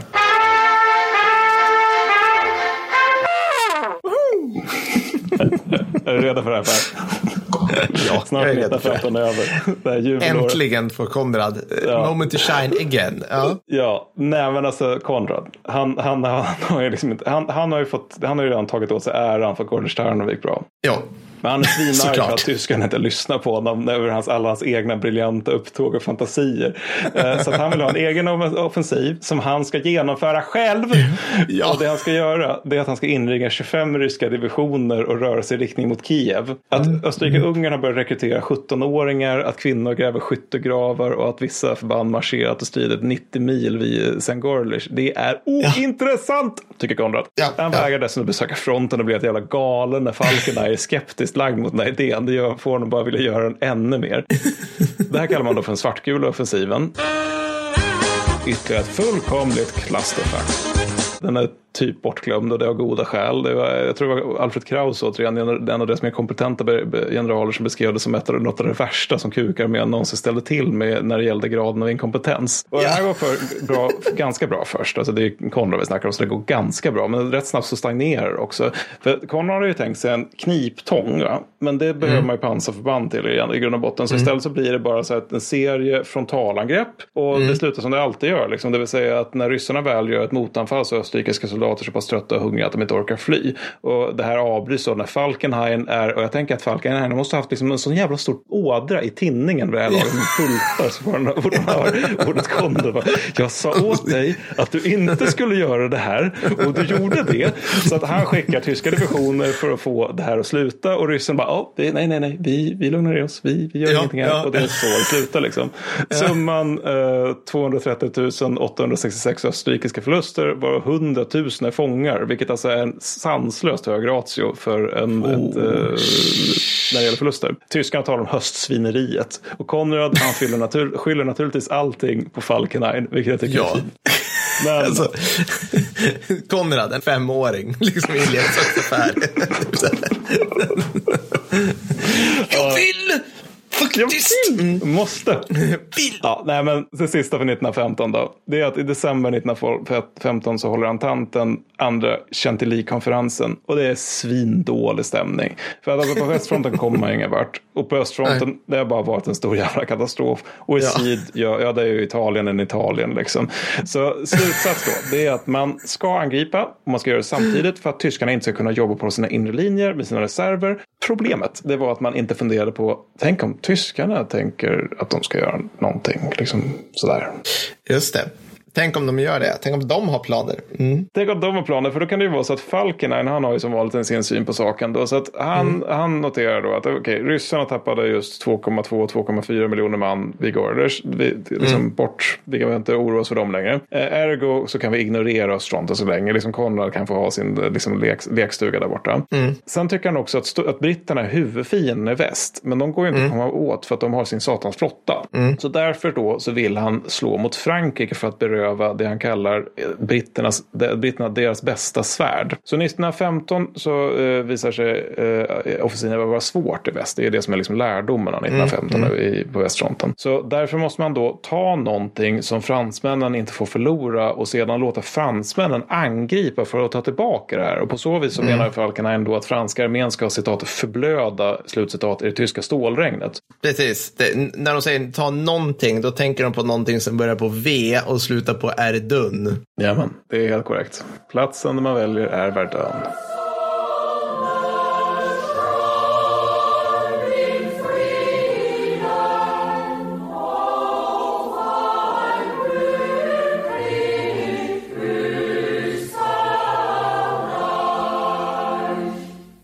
— 1916. Nu är vi alltså inne i 1916. Nu är vi inne i Det 1916. Helt rätt uppfattat. Ja. Ja. Fantastiskt. Yes.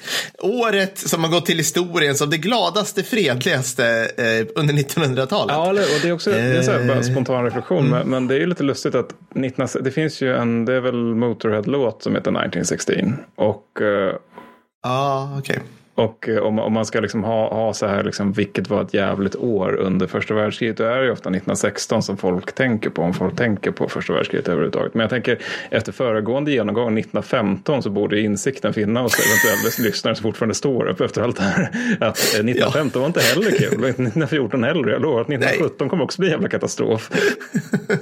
Jag får, det enda jag kan komma på, ja, men 1917 kändes som ett ännu mer så här, tragiskt, det här maler bara på år.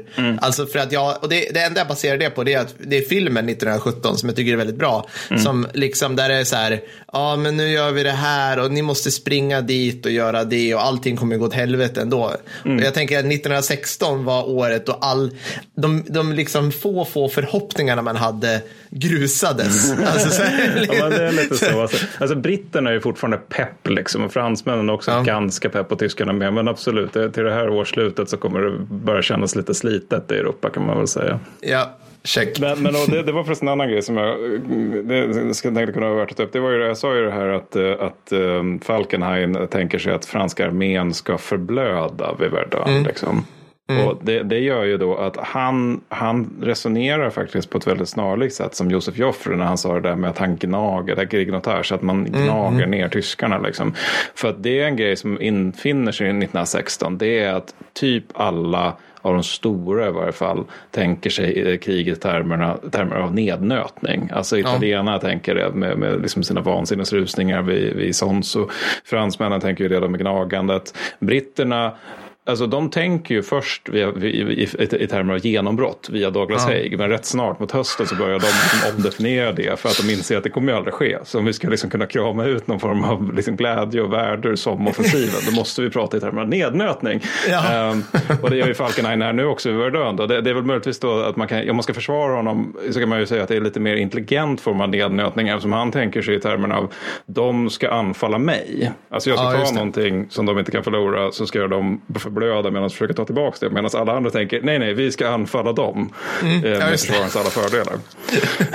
men är det, ja. alltså, vad, gick de runt med någon tanke på så här, ja, ja, men efter de här äh, artilleribombardemangen och allt det här, då har vi ändå, de har, de har lidit eh, lika många förluster åtminstone som vi. Fanns det någon sån där liksom, fantasi som de gick och tänk, hade, britterna då framförallt? Ja, jo, det, det, kommer vi komma till lite grann, men, men det gjorde det absolut. Alltså för, för att, um, nej, men alltså man, man utgick ju från uppskattningar, man, man visste ju liksom aldrig vad tyskarna hade förlorat. Så man utgick ju från egna uppskattningar och det har vi ju varit och tassat lite grann på tidigare. Men den typen av uppskattningar är typ alltid glädjekalkyler mm. kalkyler mm. i alla krig. För att, alltså, om du frågar en skyttesoldat, liksom, ja, men hur många sköt du under den här striden?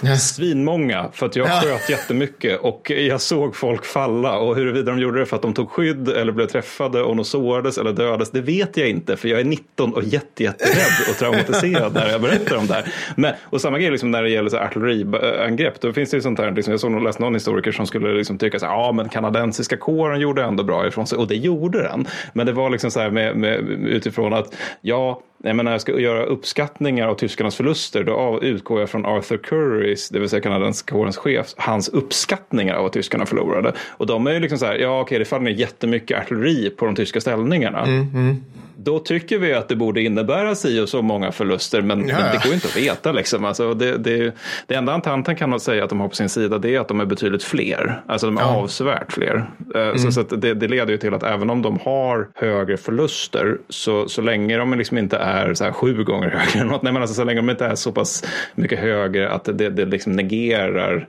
eh, deras numerära överläge, mm. då kan de ju liksom alltid gå ifrån ett slag med det i bakhuvudet. Att ja, men ja, de är färre så att de kan inte tåla lika mycket förluster och vi kanske förlorar fler men vi kan liksom mäta upp de här förlusterna. På. Är det mer jag tänker? Ja, visst. Ja, men det är väl industrikrigets realitet på något vis när det, när det kommer ja. till, till det där som visar sig vara jobbigt för alla inblandade ändå. Ja. för the breaking point är rätt så mycket längre bort än vad vi förutsätter oss. Liksom. Ja, men så the breaking point är i praktiken liksom döda tillräckligt många fiender eller fler av fienden än det föds 18-åringar eller, eller, eller än folk blir 18 varje år. Liksom. Det, det ja. är det som är the breaking point. Då, då vet man att man har en positiv body count. Ja. Det vill säga det uppnår man aldrig. Alltså det, ja, det är så jävla mörkt där. Men okej, okay. ja. right. genom näsfnissningarna, låt oss nu börja med eh, Verdun då. Så, ja det, här, det här har Peter Englund beskrivit som det vidrigaste av första världskrigets alla vidriga slag. I. Och då får man ju liksom komma ihåg vad man gjorde mot varandra under första världskriget. Så det, det, det, var inte nice. Men eh, vi kommer till några utmanare senare också. Men, mm. men beskjutningarna inleds den 21 februari 1916. Och då mm. är det liksom att tyskarna har bullat upp som fan inför det här. För det de tänker sig är att de ska ha ganska clean breakthrough och sen så ska de liksom snabbt kunna ta de saker de vill ha från fransmännen. Mm. Då, så att de har en hel del pjäser pjäser på plats. Liksom. Mm. Eh, och då, det finns liksom beskrivningar från de fr franska linjerna där de här liksom poilåsen som ligger där och, och, och skakar under artilleriangreppet och hur, de, hur liksom skogar slits upp med, rätt, med, med, med rötterna. Alltså ja. det, det, är någon fransk soldat som ser liksom hur ett träd dansar runt på krevaderna innan det liksom bara försvinner iväg i sågspån. Ja. Så det är ganska mycket skrot. Så. Mm. Och sen när man har liksom hållit på med det då, då så följer tyska infanteriet. Då. Och eh, fun fact, det är också första gången de anfaller i stor skala i varje fall när det är med, Stahlhelm på huvudet. Alltså ja. det mm. som är ja, alltså typ ikonen för tyskt infanteri under hela 1900-talet. Det, det... Jag tänkte säga, nu, nu, liksom, nu, börjar, nu börjar gingen som följer under hela 1900-talet. Liksom, nu kom, nu kom den, liksom. eller vad man ska säga. Ja, Ja, shit. Ja, nej, men, nej, men då, det, det märks också att det är stormförband det handlar om. För att det, det, alltså, så sent som vid SOM så går det, samma år så går det liksom att se fotografier där de fortfarande springer omkring de här pickelhubbe som är i läder istället. Då. Mm. Och i österrikiska ungerska armén, där förstås, där Förstås, liksom ja. så sent som 1917-18 så är det liksom så att alla infanterister kan inte räkna med stålhjälmar förutom de Nej. som är i stormförbanden just. Alltså att de, de, de som är i österrikiska ståstruppen, som vi ska återkomma till faktiskt, Mm. eh, de, de får alltid stålhjälmar. De andra är liksom ja men låt det gå några månader om du fortfarande står upp då. Absolut, du kan få en. Den är rostig, det är hål igenom den. Men varsågod. Här den. ja. Nej, men så, så, shit. så all denna skiten som tyskarna kommer med, då, den, den slås ut mot eh, de större fä- fästningar som finns i Verdönområdet. Då. Då, Mm. liksom, som det alltid är, de här fästningarna är förstås på pappret ointagliga och därför intas de. Det, det är liksom alltid Ja. så det är med en ointaglig fästning. Men, men då, då, då är det först och främst Fort Douaumont som fa- faller på ett dessutom väldigt löjligt vis. Liksom det är sånt här som jag inte fattar hur fransmännen någonsin kunde liksom förlika sig med att det här hände oss. För det som händer det är att det är en sergeant Kuntze som han springer fram genom, genom artilleriangreppen och kravatmolnen och gasen och sådär. Och sen så ser han Fort Douaumont och så märker han jag blir inte beskjuten, det är bra för jag vill gärna leva. Sen så kommenderar han då sin Ja, men det är, jag tror det vad man kallade för en, alltså, jag tror det är en tropp han anför då. Jag tror inte det är en hel pluton, men alltså det är en, en ganska liten styrka så. Han, han ser, kommer liksom till fortets murar och sen så säger han åt soldaterna, formera mänsklig pyramid. så gör han det. Det här, den här väl inövade orden, såklart. Liksom. ja, precis. Tyska armén det här var vardagsmat. Ja, ja, ja, visst. Ja, mänsklig pyramid. Hopp, hopp, hopp, hopp. Ja. Och sen så då klättrar han upp på sitt manskap då och lyckas, lyckas liksom kräla in genom typ någon, någon skottglugg eller någonting i fortet. Sen Mm. så då när han skriker liksom farväts till manskapet då, då händer ingenting utan han tittar ner vad helvete de har stuckit sig iväg för att de tyckte att det här var helt galet. Men Kuntze han låter sig liksom inte förfäras Nej. utan han börjar gå runt i Douaumont. Han, han eh, hittar liksom Själv några inne i ett soldater. franskt fort, liksom. Han, han är själv nu. Ja. Ja, men där hålls typ av, av, av liksom hemvärn eller liknande. Alltså det, det, det är inte liksom första femman som håller Douaumont. Så att Nej. han, han hittar ett helt gäng som är på typ sina lo- logement och då öppnar han dörren och sen, oh helvete, så låser han dörren. och sen så går han runt och gör sådär på liksom ett helt gäng ställen. Låser in fransmännen successivt. Och sen efter ett tag så hittar han ett skafferi. Så då går han in i skafferiet och börjar käka. Ja, såklart. Ja. Ja, men sen lite senare då så kommer en annan person som är liksom lite mer uppstyrd som heter löjtnant Radke. Han är också, alltså också en tysk löjtnant.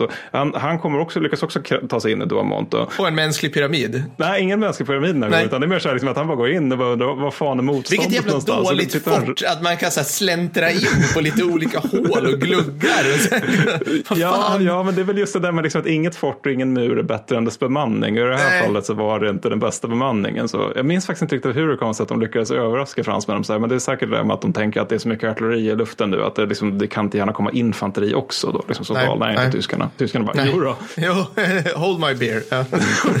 Nej, men Radke han, drar runt då, och sen så eh, hittar han massa låsta dörrar och hör liksom mad och så vidare från andra sidan dörren och tänker att de öppnar inte.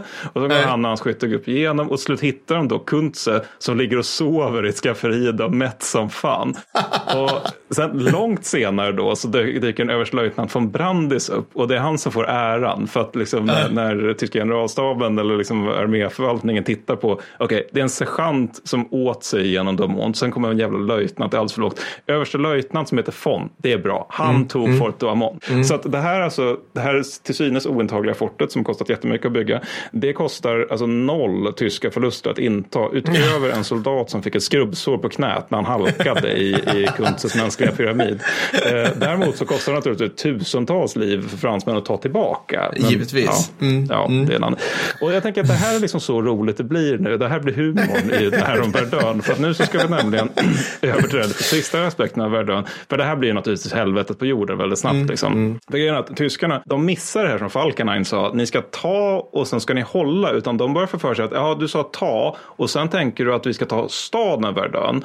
Och eh, fransmännen bara, okej, fast då, kan ju, då blir det vi som försvarar igen. Det är ju bra. Och snart så börjar man slåss slåss liksom så här massakerliknande strider på kullarna Mort Om och eh, Cut 304 då. Får jag bara fråga, så du har först har du, först har du Damon-fortet, så att säga. Det har tyskarna mm. tagit. Sen har du kullar-ish och sen kommer staden mm. Verdun. Mm. Men man säger ja, ändå att typ hela, hela, offensiven var Verdun, eller hela slaget var Verdun, liksom, så att säga. Mm, precis. Så att precis. Bara, okay. Mm. Skulle de bara ta det fortet? That's it, liksom? Nej, nej, de skulle ta Fort 2 också. Och där var det betydligt hårdare motstånd. För där, där var liksom fransmännen med i matchen på ett helt annat sätt. Okay. Så att de höll ut mm. i, tror de höll ut i nästan en månad. Och liksom soldaterna där inne drack sitt eget piss innan de gav upp. Ja. Eh, men det är lugnt, för fransmän är ju fega. Och ja. Det tyckte dock inte tyskarna. För när, när de där till, till slut då ger upp då, alltså river av de här två bitarna av trikoloren som inte är vita och går ut med ja. vit flagg. Då är tyskarna så jävla imponerade av liksom hur hårt de har hållit att alla officerarna får behålla sina svärd. För det är, liksom, det, det är bara rimligt. Efter ja. att man har ställt upp till dans på det sättet. Jesus Christ. Man slåss om här kullarna och där är det liksom så satans mycket artillerield att båda mm. tappar några meter höjd på grund av yeah. alla sprängningarna ja. där då. Och jag hittade ett citat från en som var med här då. Det är en sista dagboksanteckning av en menige Alfred eh, nu ska jag säga, Chabert som går att citera med. De måste vara galna för att göra det de gör nu. Vilket blodbad, vilka fruktansvärda syner, vilken slakt. Jag kan inte hitta orden för att uttrycka mina känslor. Helvetet kan inte vara så här ohyggligt. Människan är galen. Och det var det sista han skrev. Och jag vet inte, det just när man läser om Verdun är det många beskrivningar av den typen. Att det går liksom inte riktigt att beskriva vad som hände där. Och jag tror det handlar liksom lite grann om hur tokigt det här var. För att alltså det man har när tyskarna väl bestämmer sig för att de ska ta Verdun. Och samtidigt som fransmännen bestämmer sig för att ja, men vi ska ta de här forten och all, all terräng vi förlorat. Ja. Då blir det liksom att båda sidor angriper samtidigt in mm. i en köttkvarn. Och alltså det är några mm. av de här månaderna som är liksom, där liksom hela arméer tillbringar eh, konstant och oavbruten tid i närstrid. Det är liksom mm. några månader av det. Och allt det här på en yta som är en gånger två mil stor. Ja. Det, det, är liksom inte så där jättemycket utrymme att slänga in hundratusentals soldater på. Och på den här lilla ytan så under, under 1916 så hivar man in, nu ska vi se här, 40 till 60 miljoner granater. Ja, dåligt ställe att vara på. Ja, men liksom, ja. Det, ja, det, det ligger nog på topp fem platser som man liksom ja. inte vill befinna sig på om man ska låna Dan Carlin. Har vi tagit upp det något avsnitt vi har gjort med att just det här två arméer som möter varandra? Alltså, du, alltså det, det, det vi pratar om egentligen, det är en slags, det är en duellsituation. Ja, fast ja, med precis. två miljoner, alltså fast med liksom x antal armékårer ja, som bara oj, vad gör vi nu? Just det, det är inte det där liksom en snubbe ser en annan snubbe i Fallujah, utan, utan det liksom är precis, det är divisioner som gör så. Nej, det har vi nog inte tagit upp. Fast de vet att de är där, men båda har fått order om att anfalla, att, att ta terräng djup intill. Det måste mm. ju vara det, och det måste ju vara därför det är så sjuka förluster. För att ingen är i skydd. Alla liksom så här, du måste springa mot kulsprutorna. Men han, mm. kulsprutan springer mot mig också. Så det ja. var ju liksom... ja, men också alltså att det, det, all den här artillerielden dödar ju för, för, förstås många också. Men, ja. men alltså, man ser fotografier från Verdun, alltså, eller från själva slaget. Då är det också påfallande hur det verkar som att de inte riktigt hade tid att göra ordentliga skyttegravar. Alltså att man, det är nästan Nej. som att de kom in i den här 1914-slakten igen. För att mm. skyttegravarna ser ofta ut som små diken nästan på de få fotografier mm. som finns. Och det, här. Alltså, det är inte de här djupa, liksom, eh, alltså tyskarna hade sådana som de utgick ifrån när de skulle börja anfalla. Men när man väl kom in i själva slaget då, då är det liksom just det här att det är grunt som fan och folk som liksom står sådär att de, de, de på något sätt är lite på knä och halvligger. Mm. Och, och det var ganska vanligt också att man bara använde lik helt enkelt som skyddsvallar. Mm. Um, ja, mm. för att citera det, det Elon Nilsson som var... Ja, ja citera Evert. ja, Elon Nilssons främlingslegionär som var där. Jag för mig att han skrev någonting i stil med om, om, om den upplevelsen att liksom på så vis så, så tjänstgör man även, även på så vis tjänst, tjänst man, gör man för sitt land. Alltså man utgör ja. en del av eh, Försvarsverket. Men i all det här eländet då så ska jag också tillägga att fransmän taggar till som fan kring det här. De har ju mm. haft det här lite deppiga liksom att hela 1915 bara varit en enda stor stålstorm där de inte kommer någon vart. Men här blir liksom Verdun blir liksom en symbol. Alltså det blir liksom hela den här grejen att man ska, man ska hålla. Och det, det finns en mm. bok som är väldigt bra som, som handlar typ bara om det ordet. Hålla liksom vad det mm. innebär för olika. det innebär dock olika saker vid fronten och olika saker bak i, i, i, I bakre områdena. Liksom. ja. ja. men liksom då, ja, men det var någon, det någon någon så här fransk 19-åring som, som skrev i sin dagbok någonting i stil med att där hemma så läser de i tidningarna och tänker så bra, de höll. Om de bara visste vad det innebär att hålla. Vilket är typ något av det bästa som har skrivits och något av de mest drabbande också för den delen. Men det de gör då, fransmännen, det är att de, de slussar in division efter division efter division efter division. Men till skillnad från tyskarna då, så gör de inte så att de låter de här divisionerna vara där tills de antingen är utplånade eller slaget är vunnet. Utan de roterar ut divisionerna. Så de får, kör, de, får, kör- de får tjänstgöra en viss tid och tills de har drabbats av en viss mängd förluster. Då. Och sen roteras de ut så att de kan vila upp sig. Så det innebär att liksom efter ett tag så har snart sagt hela franska armén tjänstgjort i, vid Verdun. För att det här slaget håller på liksom till det, december 1916. Medan de tyska förbanden de är mer eller mindre obrukbara efter att slaget är färdigt. För de har malts ner så jävla mycket. Och det blir väldigt många så här slagord och så vidare från lag Frankrike kring just Verdun. Till exempel Philippe Pétain som är den första då som, som får föra kommandot över de franska styrkorna där. Eller den första liksom på hög nivå som vi gör det. Han, han, eh, han skapar slagord aura som betyder typ, eh, ja, jag uttalar nog det fel, som betyder typ vi ska ta dem. Alltså nu jävlar i grund och botten. Okej, ja. Och sen, sen så är det också Robert Nivelle som är den som brukar kallas för Verdunslagets segrare. Då. Han, eh, han har, avslutar en dagorder med orden Il ne son passeront pas, det vill säga och de ska icke ta sig förbi, vilket är fan hardcore. Det, det är hardcore. Det, ja. Ja, och det här blir någonting som står på alla propagandaaffischer i hela jävla Frankrike naturligtvis. Och innan det här eländet är slut då i december 1916 så har båda sidor förlorat ungefär 350 000 man. Men, men tyskarna kom aldrig på så här, okej, vänta, vi drar oss tillbaka till det här fortet så att den ursprungliga planen som Falkenhayn hade, att den liksom får lösas ut, att fransmännen blöder mer Alltså- än oss. Det, de kom aldrig på det på ett år. Typ. Nej, och mycket är det också att fransmännen är ju duktiga på att vara reaktiva under det här slaget. Så att de börjar liksom dra upp artilleri på, alltså, pla- placera det på, på vad det, Mös ena, ena eh, sida. Som, som då gör att de kan liksom skjuta rakt in i de tyska grupperingsområdena och sånt där. Alltså, så att det, är liksom plan, jag tror inte planen går att genomföra när den, man väl har misslyckats med att genomföra den. Så att säga. Alltså, jag tror inte det finns en, och efter ett tag så, alltså alla första världskrigsslag bildar alltid någon egen pervers logik efter ett tag också. Att man, man, man liksom börjar med en plan men sen efter ett tag så degenererar den planen till att okej vi sa att vi skulle ta hela jävla Frankrike men nu blev det istället så att det är den här kullen vi ska ta. för att den här kullen är jätteviktig. Ja. Och nu, nu jävlar. Men sen också en annan liten intressant aspekt över det här, och det tror jag också handlar just om att det, det är en så liten yta och att det är så jävla gräsligt, det är att det här förslaget av alla saker har kallats för eh, kärleksslaget faktiskt. Okej, ja. Eh, why? Nej, men och det är, ja, why? Nej, men det är väl det att alltså, det man menar då är på något sätt då att tyska och franska soldater var så oerhört nära varandra under hela, hela det här slaget och utstod i grund och botten typ samma elände. Så de, de ligger ju på den här lilla, lilla ytan och får 40 till 60 miljoner granater över, vräkta över sig. Och liksom det här med huruvida det är egna eller fiendens artilleri som beskjuter den.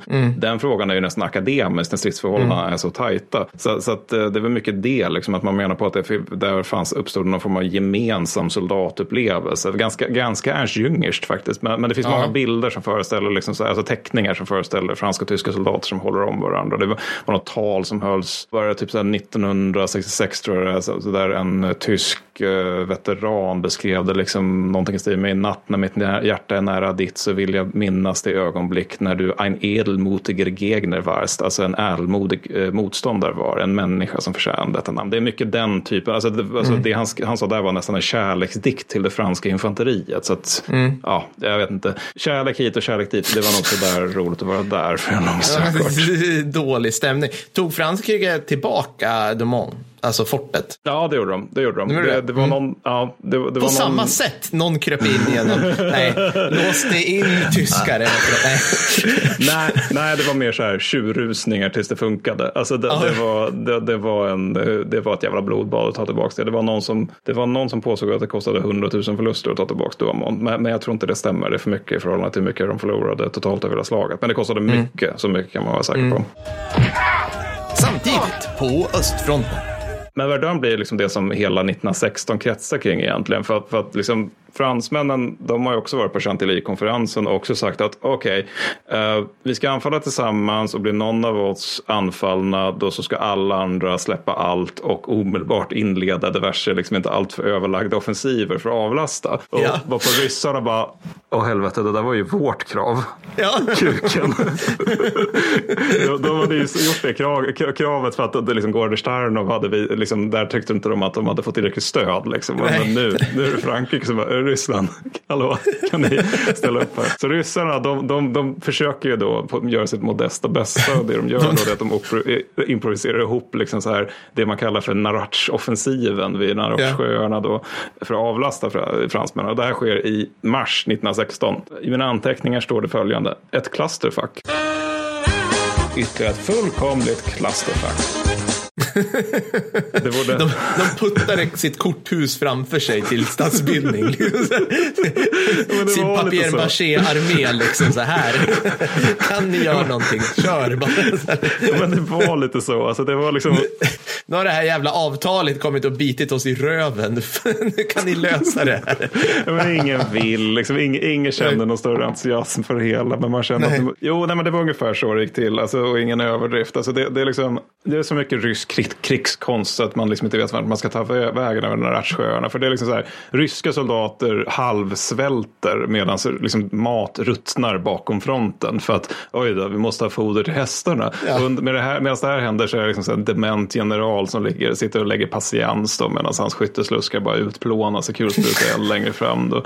Det är så kavallerister som driver runt och bara tar upp en massa logistikutrymme. Marschkolonner av infanteri som bara liksom vallas mot fronten av dels en officer som går längst fram med draget svärd och sen så avslutas det med en sergeant längst bak som har en dragen revolver för att nacka alla som försöker fly. Då. Ja, så att, ja. alltså, tyskarna räknar ju liksom 8000 lik i den egna taggtråden. Ja, så att eh, det är liksom... Ja. Ja. Ja. Hej, high five liksom- Ryssland. LOL som vanligt. Ja, Nej, men, men, nej, men liksom, hur gör de med sånt här? Alltså, amerikaner förlorar Irakkriget, alltså hela Irakkriget som varar liksom så här 2003 till 2011 eller 20, nej, 2000, ja, skitsamma, flera år. i 2000 alla fall. fortsättning. 2000 Ja, men- fortfarande, Ja, nästan men det är till. så, de Ja, förlorade ja. typ så här 4 000 stupade eller någonting i det kriget. Mm. Ryssland förlorade dubbla bara vid Narach och det är bara i taggtråden. För totalförlusterna landar ju naturligtvis på 100 000 man. Så, Ja, att, ja, så såklart, kan det ju liksom. vara. Man kan ju inte gå under 100 000, då har man ju inte försökt. alltså det, det måste ju vara något sånt. Liksom. Precis. Nej, men, Då då, platsar man inte. Nej men precis, Med- medan tyskarnas förluster är på 20 000. Så det, är liksom, det är ju inte ett rimligt förlustutbyte någonstans alls. Nej, nej, varav hälften är veneriska sjukdomar från, från fältbordellerna. nej, nej det, det är de inte. De är testade, eh, de tjejerna. Så det där var tas, just det, taskigt av mig. Just det, Mm, just det. de har sitt lilla, sin lilla stämpel där. Ja, Nej, men ja. det, det finns en, en väldigt bra bok som heter The Kinsmen Know How To Die. eh, Som är skriven av, eh, eller skrevs av en sjuksköterska som heter Sofie Bocharski. Hon, hon Mm. finns med i Peter Englunds Stridens skönhet och sorg också för den som är intresserad.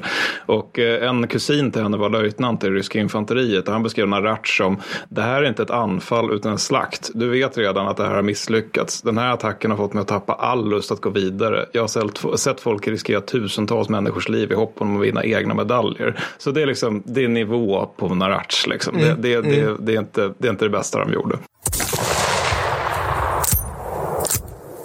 Men om vi ska pigga upp oss lite grann här, för jag har en rubrik här som heter Nya vapen. Joho! Ja, ja, men precis. Mm. Ja, men jag visste inte riktigt var man skulle få in det någonstans. Men jag menar, Nej, men jag nu blir det tänker... killmys tror jag här. Ja, Faktiskt, det är lite mer teknik. killmys. Mm. Mm. Nej, men alltså, jag tänker, om du, har sett, du har ju sett bilder från 1914 hur soldater såg ut då. Ja, ja. Och så har du sett bil- bilder från 1918 då hur soldater såg ut då. Och om, Mm. du kanske kan beskriva skillnaden. Ja, eh, 1914, det är typ som en sån Napoleon-infanterist med lite mörkare klädsel, aningen kortare gevär. Eh, Det är väl typ det. ja. Och 1918, det är typ så här, uh, insert bild på så här random pansargrenadjär tysk 1944. Det är så här, kamouflage, 300 handgranater, ett typ fucking automatgevär, jetpack, missil. Nej men liksom, det, det är så här, ja. Det är Master Chief eh, typ, 19, Ja, i jämförelse. Ja. Ja, men alltså det händer ju det händer ju en hel del under de här Det fyra händer åren. en hel det, del. Det, i, I och för sig, en del äldre skildringar första världskriget får man nästan intrycket av att folk tror på allvar att det liksom var så att man gjorde 1914 om och om igen tills det blev Mm. 1918 och sen var det typ så här 39 som man utvecklade infiltrationstaktik eller någonting. Ja. Men, men det är ju liksom naturligtvis en fullkomlig Får jag sticka in en grej där förresten, Ja. som jag kom på nu, en liten faktoid. Eh, någon har så sagt att britterna uppfann alltså chestriggen.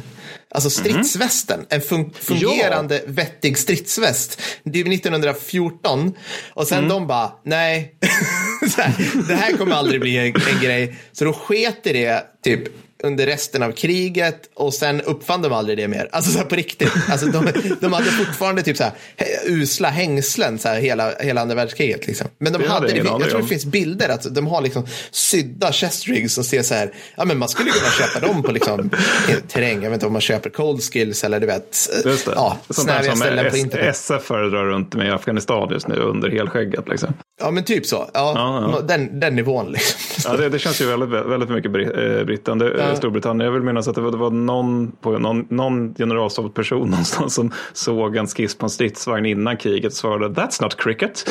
Vilket är väldigt, väldigt bra. Men jag, jag kan, då, kan jag också, var så. Ja. då kan jag också lägga in liksom att det måste ha varit, eh, alltså han som uppfann stridsvästen måste ha varit en excentrisk brittisk officer, registered trademark. Ja, alltså, ja. Så, Ja, av den typen som vi, har, som vi har lagt ut texten om här tidigare i den här podden. Exakt. Han- Han heter Nigel och var typ äventyrare slash officer slash safirer i konstsamlare. Botswana. Eh, Hade en jättestor frimärkssamling. Ja, Och, och så här tre indier som han hade bara liksom tagit upp utan att de förstod varför. Från, nej, nej, nej, de, eh, de var bara med. Ja, precis. Ja, men ungefär så var det. Okej. Men oavsett, eh, det är ju en vapenteknisk revolution, eh, Ja. första världskriget. Och, och det, är liksom, det, det är liksom mycket som antingen um, uppfinns eller blir så att säga det det blir. Eh, som, som sen leder till 1900-talets vapenteknologi i grund och botten. Alltså till exempel är det sånt där som eldkastare. Det sätter man in redan 1915. Det, kom, det används i stor skala över Verdun av tyskarna eh, 1916. Då. Sen också granatkastare. Eh, De, de, det är både britter, och tyskar och fransmän använder det. Och där är ju också det här sköna att man i början av kriget, alltså rätt tidigt fattar man när man liksom börjar gräva ner sig att okej, om, vi, om vi skulle ha någonting som går i en båge så som kan få iväg granater, alltså på truppnivå, snarare än att man måste fråga art- artilleriet om allting, då, då, då skulle det vara jättebra. Så man har så här tidiga grejer som är typ armborst som man skickar iväg hand- handgranater med. Ah, okej, det var kul. Ja, eh, går använde Battlefield 1. men, Nej, är det sant? Har man- ja, ja, självklart. Det, det är eh, support som har det. Eh, jag har spelat jävligt mycket Battlefield 1 för att komma i stämning till den här podden för övrigt. Det är en Bra. perfekt dokumentär skildring av hur första världskriget utkämpas. Nej, men så granatkastare är en sån grej som, som, som mer eller mindre alla arméer har. Ja, förutom jag tror ryssarna. Eh, men, men rest, ja, förstås. Men, men, men resten, ja. kanske inte turkarna heller, men resten har det. Sen så pansarvärnsgevär också. Eh, vi kommer komma till det, men stridsvagnen kommer ju liksom. Pansarbössor om jag får be Mattis. Det är väldigt viktigt. Börse, tyska där. Mycket Ja, roligare att säga bössa. Jag älskar bössa. Var liksom, det hette bössa. ja, ja. Jo, men, men det är typ det. Alltså för, för att när, när, när de, eh, britterna och fransmän kommer med pansar då, då, då är de först ut med stridsvagnar. Men det innebär ju å andra sidan att tyskarna måste av rena överlevnadsskäl vara först ut med pansarvärn. Så de har någonting som heter T-gevär 1918. Som är, om du tänker ett Mauser-gevär. Fast Ja. istället för att du har vad är det, 7, 762 eller vad det nu kan vara på den. Ja. Så har det liksom, sk- skickar iväg en jävla 12-7.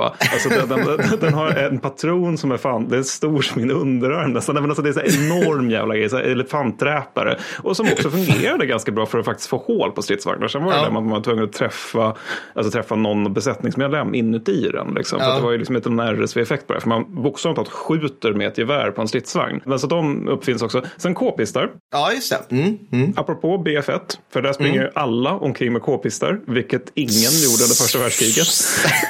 Men, Jag spelar, eh, jag spelar B, B, när jag spelar BF1, då, då tar jag alltid, eh, vad heter det, eh, vad heter det, single shot rifle, vad fan heter det på svenska? Rep- eh, Repetgevär. Mm. Ja. Eh, jag förlorar ju alltid, för jag träffar ju inte ett skit. Men jag bara, nu jävlar autentiskt, tjack, tjack, pang. Tjack, tjack. Ja, men vet. Nej, men alltså, de, de, de, de, har, de har ett gäng olika varianter. Då. Det, just i BE så är den mest populära är Standschütze- Standschütze Hellriegel 1915. Och det vi vet om det vapnet det är att det finns totalt tre fotografier av det. Totalis tre. Eh, och det, alltså, det är allt vi vet om det. Vi vet inte vilka som skulle ha det, varför man inte hade det. För det ser ut som liksom en vattenkyld k-pist i grund och botten. Det är som en hybrid mellan k-pist och lätt kulspruta. Eh, Det verkar ha haft trum- trummagasin. Det verkar också kunna ha använt vanligt, liksom, vanligt hederligt magasin. Och utöver det så vet vi att det designades kring 1915 och att det var österrikisk-ungerska armén som var de som kunde ha fått det. Så Ja. precis som när det gäller stridsvagnar så var det så att österrikarna var nära på att vara först i världen med en k-pist. Men av oklara skäl bestämde sig, nej, vi ska inte ha det här, det här är inte en häst. Konrad, Nej, men- Konrad Fixeren bara, det här är inte en humidor. nine, nine konjak, skrek, skrek Konrad och återgick till sitt kärleksbrevskrivande och dagssupande. Ja. måste det ha varit.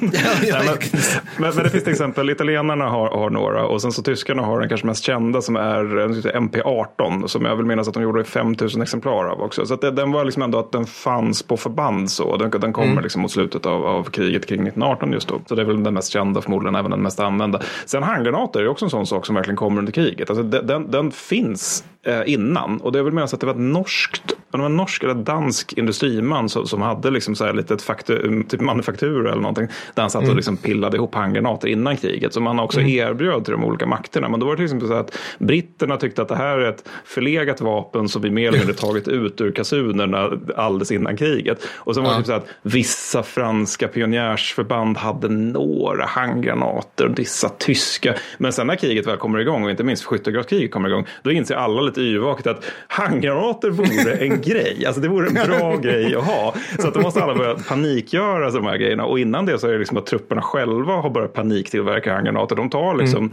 mm. eh, den klassiska den brittiska varianten som är att man tog en konservburk, fyllde den med spik och trotyl och sen så liksom hade man liksom en stubin som man tände på och sen kastade man den. Och den var ju helt livsfarlig för användaren också naturligtvis. Men efter ett tag så började man få... Med bomb liksom. Ja men alltså verkligen det.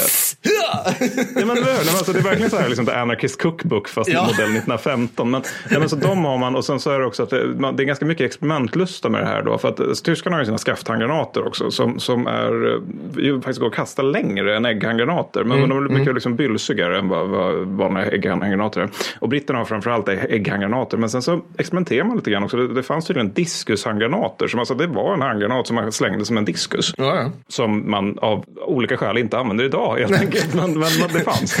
Först måste man träna diskus i x antal år för att det är en så jävla konstig kaströrelse. Skumt.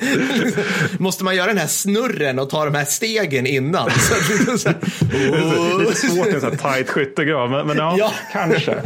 Ja, okay. men, och sen så stridsvagnen är ju en annan då. Ja. Mm. Britterna sätter in den här i september vid Somme eh, och eh, den sätts in i stor skala 1918 också. Och det är britterna som är först ut då. De har ju de här liksom 40K-vagnarna med som är liksom en stor låda med band mm. och sen så har man, har man liksom inte torn utan man har liksom sponsorer, lådor på sidan ja. som man har kanoner eller kulsprutor i. Och givetvis är ju som allting för att göra en stridsvagn finns ju innan kriget. Det är bara det att ingen har orkat. Liksom, för att det, nej, det nej, men varför? Det, det, det, är ingen ära i det. Det är, liksom. det är inte bajonett. Det är liksom, ja, men, vad ska vi ha det här? Alltså, liksom? Det är typ det som är skälet. Det är, problemet att alla som styr arméerna innan kriget mm. är ärkekonservativa farbröder som är ofta mm. adliga som tycker att nej, nej, nej, nej, nej, vi ska inte göra någonting som gör att kriget inte blir den här ärorika kampen mellan liksom två personer som bryter lands. För är det då har ju vi som adel inte längre ett existensberättigande eftersom det är vår skill i krig som är ja. orsaken till att vi finns sedan liksom 700-talet. nej, men så britterna är först ut med vagnen och sen så är fransmännen först ut med den riktiga vagnen, det vill säga en vagn mm. som faktiskt har torn, FT17-vagnen då. Eh, och sen så är, som även amerikanerna får licens tillverka, de där bygger de i tusentals. Liksom, så att hade kriget fortsatt i 1919, det hade det förmodligen varit, alltså, inte som det är 1918 med att pansar liksom, med infanteriet, utan då hade det förmodligen varit verkligen ett blitzkrig, alltså på allvar mm. stora mm. pansarformationer. Så. Sen tyskarna bygger också vagnar, de har så här enorma, det ser ut som ett litet tåg mer eller mindre. De, de kallas för A7V-vagnar, de väger typ så här en halv miljard ton, man bygger inte mer än 20 stycken, de har alla Nej. mekaniska problem med världen. Så det är en ganska typisk tysk stridsvagn med andra ord. Eh, sen har vi då det här som vi nämnde i extra avsnittet eh, om vansinniga vapenprojekt och det är Österrike-Ungerns Bürstin Motorgeschütz oh, där de, oh. de faktiskt tar fram en skiss av en stridsvagn eh, men inte bygger den på grund av Österrike-Ungern. Och sen ryssarna försöker ju då med sin SAR-stridsvagn som är det mest steampunk som någonsin gjorts men den, ja, den bygger man en av och sen så. Folk måste ju googla de här grejerna nu när ni hör det här för det här är så här, alltså både uh, Motorgeschütz är ju en stridsvagn. Alltså jag, man ser ja. bild på den här och bara, what now? When was this? 1910 you say? What, de what devilry is this? För det ser typ ut som att någon har skickat en ritning på en stridsvagn bakåt i tiden och bara här, här du österrikisk-ungersk ingenjör. liksom. no, och han bara, är du medveten om att jag är Österrike-Ungern? Liksom.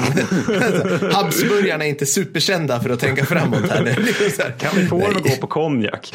Ja, precis. Och evig ära. ja, men sen någonting annat som också som finns innan kriget men som liksom kommer sin, till sin rätta under kriget, det är ju flyg. Alltså vi kommer inte prata så mycket flygkrig under den här podden, men, men det finns definitivt. Det, det, finns ju som sagt då, men i början så har man det, eh, alltså man, det är lite svårt att beskriva den här utvecklingen, eller det är inte alls det, men alltså man har, man har det innan kriget och eh, man förstår att flyg nog kan vara bra liksom, för, för mm. spaning och liknande. Och alldeles i början av kriget så har man det mycket för att beskjuta observationsballonger. Liksom att artilleri, artilleristerna skickar upp ballonger för att kolla ner på fiendens skyttegravar och så för att då liksom kunna spränga dem mer eller mindre. Och då inser man liksom att om vi skjuter ner dem med flygplan så är det bra. Och då börjar liksom andra flygplan gå upp också. Men okej, men vi skjuter ner dem som skjuter ner observationsballongerna. Då är det också bra för då kan vi ha kvar våra ballonger. Och efter ett tag så blir det att man faktiskt har liksom regelrätta luftslag uppe i luften. Då. Och det här blir liksom en väldigt stor kapprustning, framförallt på västfronten. Där liksom så här att okej, okay, men nu fick tyskarna en ny modell, jag tror det är mars 1917. Eh, och det innebär att liksom det finns inte längre något brittiskt flyg på västfronten. Nej. För att de är just nu de är obsoleta på grund av att de liksom typ förändrade propellen lite grann. För flyget är verkligen sin barndom här.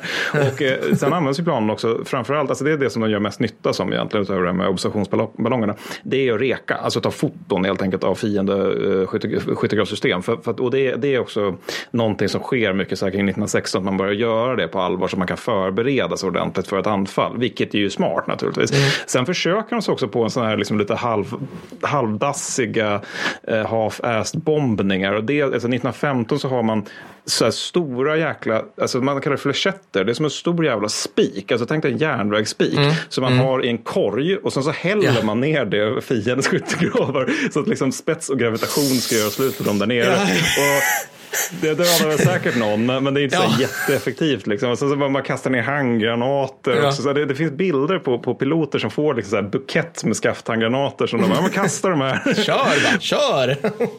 ja, men, och sen så har man också Gotta-bombare från, från Tyskland som får bomba södra, södra Storbritannien. Men det, det, är liksom, det, det är ju terrorvapen som nätt och jämt är terror. Liksom att britterna blir naturligtvis rädda och oroliga för att det kommer flygplan som bombar deras städer. Men det, det är liksom inte blitzen. Utan, utan det är mer så här liksom, det faller ner någonting, det sprängs, mm. det har inte så stor verkan, vi går vidare med vårt liv. Alltså det, mm. det är väldigt mycket resurser på gotta bombar som bara är rakt ner i sjön i grund och botten. Och sen en ganska kul grej också att de är så jävla långsamma de här planen i början. Mm. Alltså, framförallt sen kring 1914-1915 då är det liksom att flygarna de, de ska ju upp i luften, det är kallt där så de sätter på sig liksom en, en lite kraftigare övre rock och sen halsduk, gärna vit sådär lite snyggt. Och sen så har de på sig en, en keps gärna eller en hatt av något slag. Liksom. Och den kommer liksom vara kvar på deras huvud för att hastigheten är så jävla låg att de, den kommer liksom inte svepas av.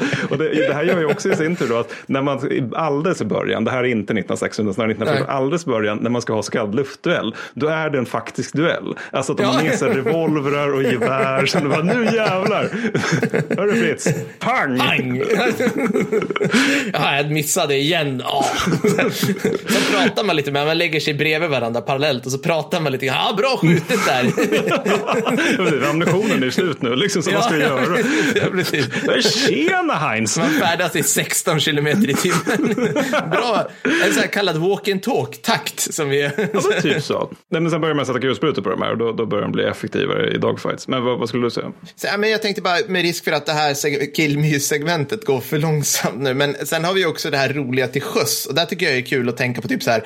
Man tittar på Das båt och så tänker mm. man fy fan vad pissigt det var att vara en ubåt under andra världskriget. Så primitivt, så pissigt. Mm. Och sen kommer man på att de var ubåtar under första världskriget. liksom så här, alltså, så här, alltså om man, bara, man typ suckar lite matt för att det är verkligen en järnkamin under ja. vatten som ja. typ, du trycker ner stackars människor i. Alltså jag kan bli så här, alltså jag får typ så här sympatisk bubblande klaustrofobi över bara det liksom. Men alltså det fanns rätt mycket så här krigspropaganda från Tyskland just från 1917-1918 som var karaktären liksom just uppmärksamma ubåtsmännen. För det var liksom underförstått att det är ingen som kommer hem från den där likkistan. Liksom. Det, det bara så. Men vi ska faktiskt återkomma till sjökriget. Ja, vad kul, vad kul. Ja, men då ska jag inte ta upp eh, tiden där. Nej, men vi kan fortsätta med ubåtar där. Bara en sista grej angående flyget också. Den är lite deppigare. För det är att när man väl, alltså man, trots att man har kulsprutor så har man ofta revolver och sånt där med sig upp i luften. Men det är ju för det här att om man väl blir nedskjuten och planet börjar brinna då ska man ha det där skott slottet så att man kan liksom, ja, avsluta det hela. Vadå, man får inte bli tillfångatagen? Eller för, eller för att man Nej, vill inte alltså- krascha liksom? Alltså man inte dör. Man vill inte brinna upp. Ah, okej. Man, Ja. Och sen är det också att de, de jag har för mig att de alltså, fortfarande 1918 inte har fallskärmar. Ja, och de är ja. ju uppe på ganska höga höjder. Liksom, så att det är väl ganska många som Ja. väljer helt enkelt skjuta sig. Då. Men över till några roligare. Hjälmar dyker också upp. ja, men det är väl trevligt. Ja. Ja, Mm. ja men alltså fransmännen är ju först ut där och sen så tar alla andra efter. Och då, då är det liksom också det här med att alla har ju de här hjälmarna som man har under andra världskriget. Så att det, det är liksom, det, alltså, del, se, sena delar av första världskriget påminner väldigt mycket om de tidiga delarna av andra världskriget. Ja, av, av lätt insedda skäl. Ja, men alltså skallskadorna har blivit så jävla många under, under skyttegravskriget för att helt plötsligt kommer allting uppifrån. Liksom, så att då, då, då... Och britterna bara, tallrik. Vi kör på tallrikar. tallrikar tror vi är bra. Jag fattar aldrig, ja, det måste ju vara för att de är enkla att tillverka. Liksom. Alltså att då man bara Ja. behöver slå, slå, slå lite grann på metallen så blir det en inbuktning. Ja. Men det är också, det, det, just när det gäller hjälmar och handgranater, en liten, en liten intressant grej. Och det gäller ju även liksom alla närkampsvapen man hade i skyttegravarna, alltså klubbor och knivar och dolkar och sånt där. Det är ju att alltså, hjälmar och handgranater, det är ju någonting som finns på typ 16-1700-tal. Alltså i fallet hjälmar finns det ju mycket, mycket tidigare. Det finns det ju under antiken. Så på många sätt är att den här stora belägringen som är västfronten gör att man liksom går, man går naturligtvis framåt med form av flyg och stridsvagnar och sånt där. Men samtidigt går man ju också bakåt. Alltså det blir en, prim, en primitivisering nästan.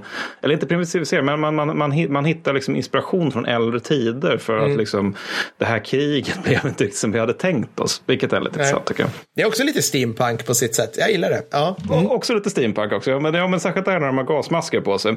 Eh, och det, det föreslår osökt in på det här med stridsgas. Eh, för det är också Ja. någonting som kommer under det här kriget på allvar. Näsfniss upphör. Ja. Mm. Jag vet inte om jag, jag kommer inte om jag kommer lyckas med det, men, men det är ju deppigt. Ja, nej men just det här är väldigt deppigt. För att alltså, det först ut så är det ju eh, klorgas naturligtvis. Eh, första dödliga återigen. Eh, och sen så är det bland annat fosgengas som är extremt jävla dö- dödligt. Och luk- det luktar tydligen som ruttna päron. Eh, och sen så är det, eller hö och har det också beskrivits som. Och sen så senapsgas då som är dödligt. Men det är inte lika dödligt som, som fosgengas. Utan framförallt så är det väldigt, väldigt skadligt. Eh, vilket alltså, det är den här ganska vidriga logiken som ändå är väldigt sann. Alltså att en skadad soldat tär betydligt mer på resurser än en dödad soldat. Eftersom en skadad soldat måste man ta hand om medan en dödad soldat kan man bara liksom kasta bort över skyttegravskanten och så är det färdigt. Liksom.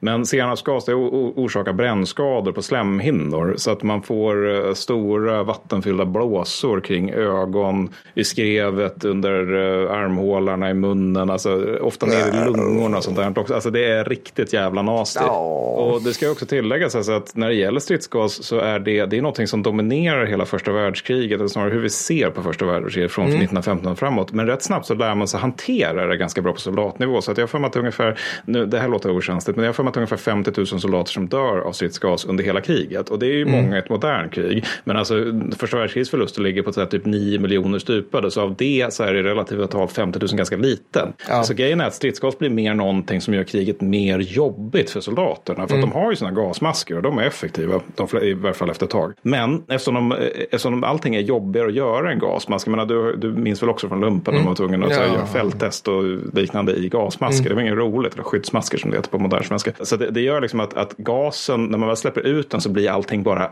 ännu störigare att göra som soldat. Liksom. Så att det blir bara ytterligare liksom, bör, sten på börda för skyttet.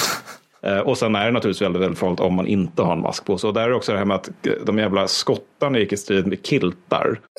Då kanske man skulle fundera lite grann, alltså på heltäckande klädsel. Alltså det kan jag känna. Ja, ja, det är inte jättesmart när just det här senapsgas som liksom gärna, ja, åt, nej, det blev inget Nej.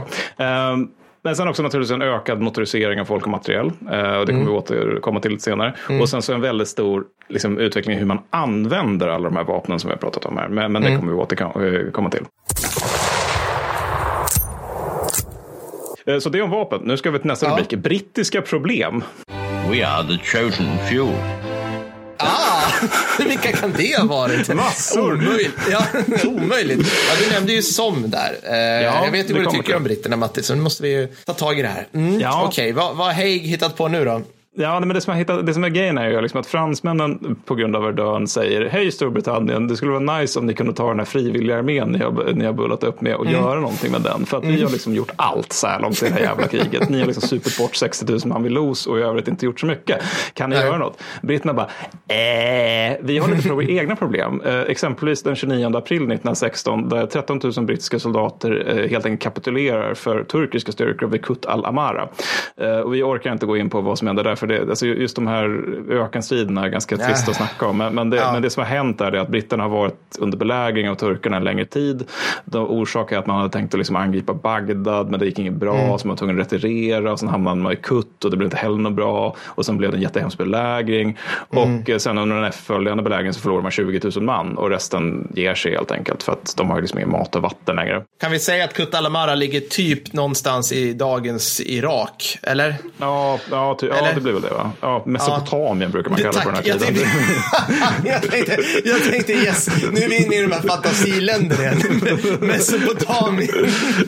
Oh. Som gränsar till Nangiala i norr och Galicien i söder. Ja, men också Nej, här har alltid människor stridit mot varandra. Liksom, eller liksom, städerna är här. Så. Det, det, ja. liksom, sålunda har det alltid varit någon som har velat ha någon annan stad. Där. Nej, men sen ja, när de här kapitulerar så är det tusentals som dör av svältumbäranden också. Framförallt bland de indiska skyttesoldaterna som man har här. Eh, de brittiska officerarna däremot, de behandlas ganska väl. De, de, de får bland annat åka till eh, Konstantinopel, Istanbul och, eh, och de, de får ganska okej okay förhållanden där. De får dricka te med turkiska officerare och sådär. Och så på skyttenivå så är det mindre okej. Okay. Men sen har man ju där du nämnde, det vill säga SOM och det håller man på att bulla upp vid. Och där var det liksom tänkt som the big push att nu jävlar så ska vi trycka ut tyskarna i det här kriget. Liksom. Uh, och då var ju tanken då liksom att mer eller mindre att fransmännen skulle vara storebror vid det här slaget. Att både britterna och mm. fransmän skulle angripa tillsammans. Och orsaken att det blir SOM, vilket vi har pratat om i avsnitt sju, mm. det är mm. att det är liksom vid SOM som, som de franska och brittiska flankerna möter varandra. Liksom. Så att det är liksom mm. grupperingen av arméerna som gör att det var just här då framför de absolut tyngsta eh, tyska försvararna längs hela västfronten som vi ska ja, angripa. Såklart. Ja.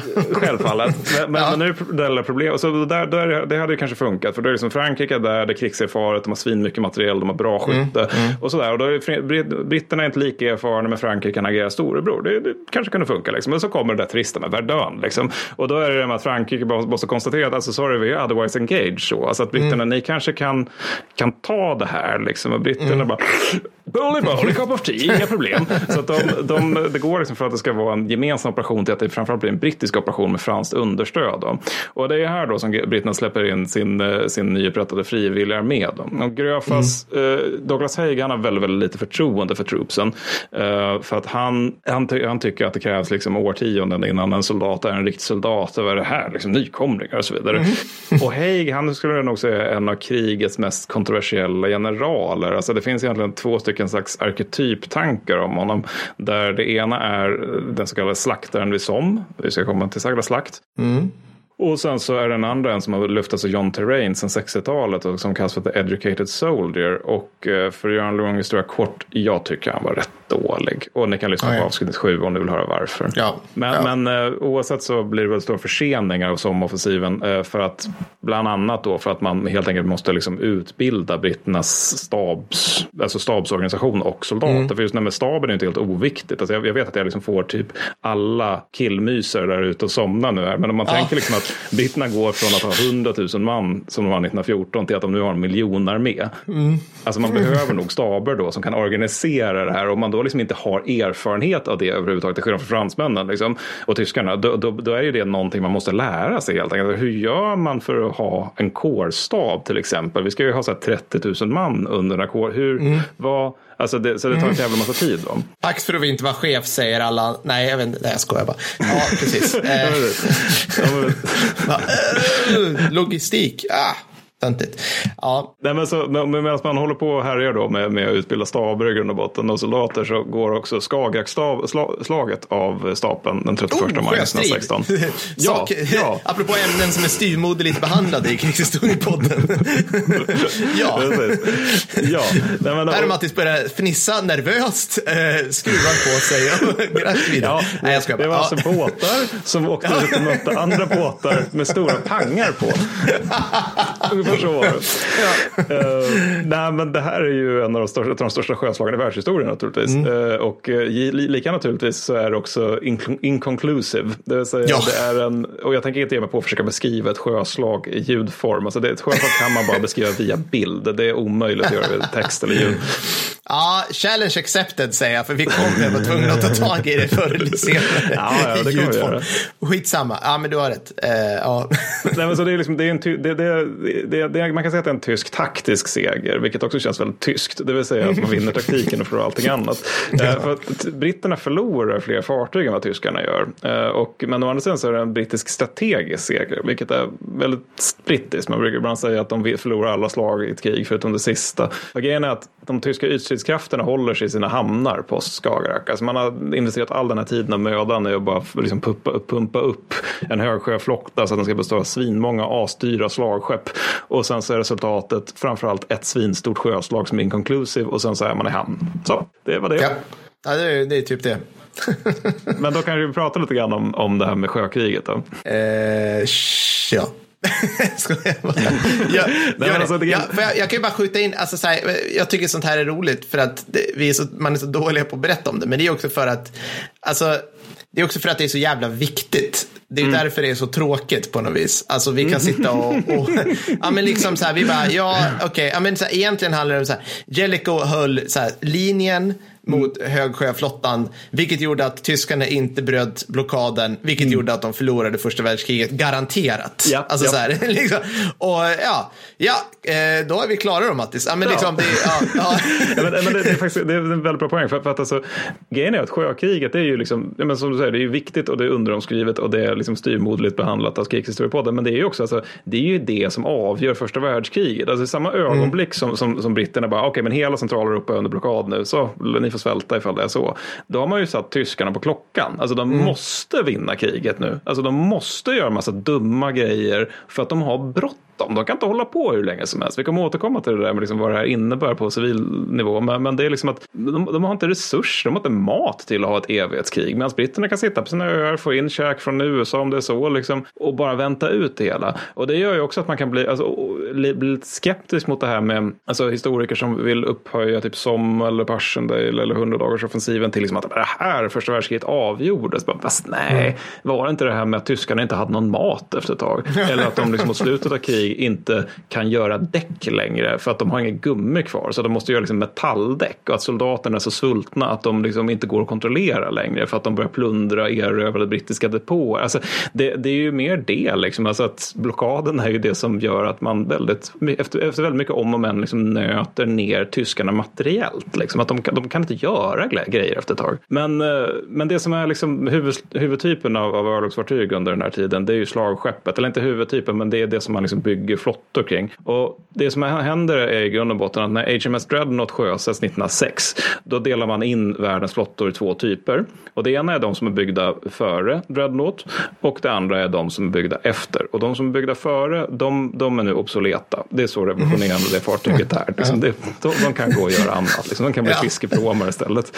Uh, och det, det är ju liksom också lite lustigt för att den här, den här kapprustningen innan kriget om att bygga slagskepp det är ju liksom en ganska stor delanledning till att tyskarna och britterna överhuvudtaget börjar komma i gräl med varandra. Alltså för att tidigare har det varit ganska goda relationer mellan britter och tyskar. Men så börjar tyskarna bara, vi ska ha en högsjöflotta och kolonier. Och britterna bara, vi har en stor flotta och kolonier, det kan vi inte acceptera. Och så börjar man kappprusta och så torskar kapprust, eh, tyskarna kapprustningen innan krigsutbrottet. Men ändå, liksom, så att den, den, den, slagskeppen får liksom en diplomatisk konsekvens så att säga. Mm. Och under kriget så gör ju flottorna ganska lite och ganska mycket på samma gång. För alltså det de inte gör det är ju att ställa till, till med stora sjöslag. Och orsaken till det är ganska enkel. Det är att om man förlorar ett sjöslag landslag då förlorar man saker som man liksom inte går att ersätta snabbt. Det vill säga Nej. fartyg. För men om du förlorar ett landslag, då det okej, men jag förlorade just några infanteridivisioner.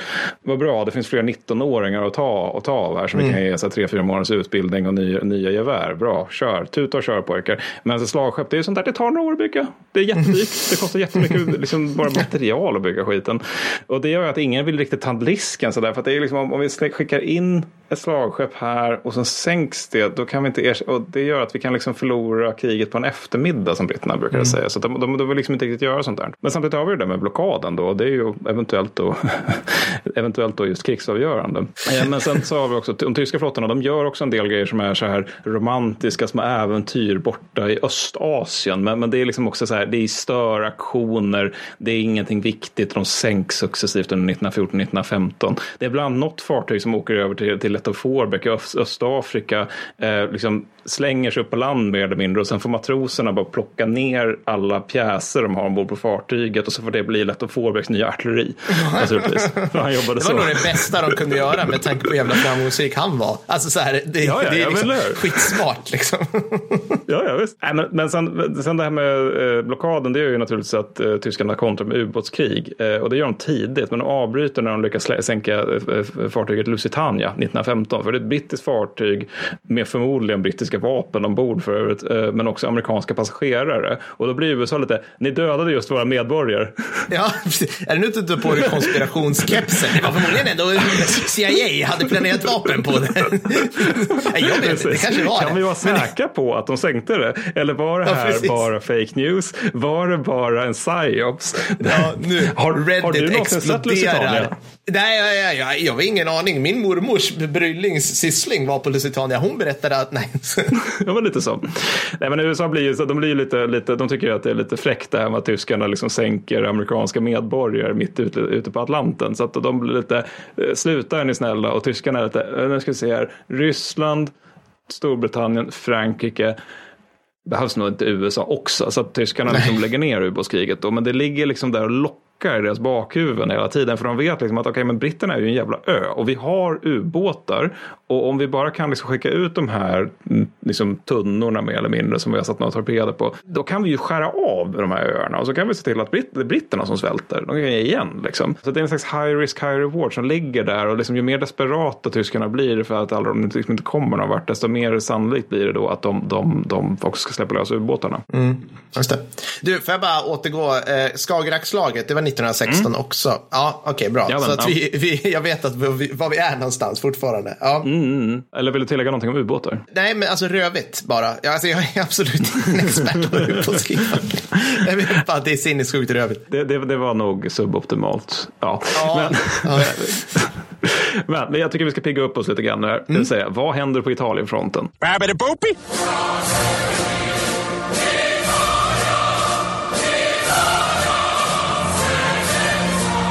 Åh, som vi har undrat. Jag sitter här med bingokrysset liksom och bara mm, nu, nu, nu, nu. nu. Ja, nu, måste yes. de, nu måste de bryta igenom ändå. Mm, nu.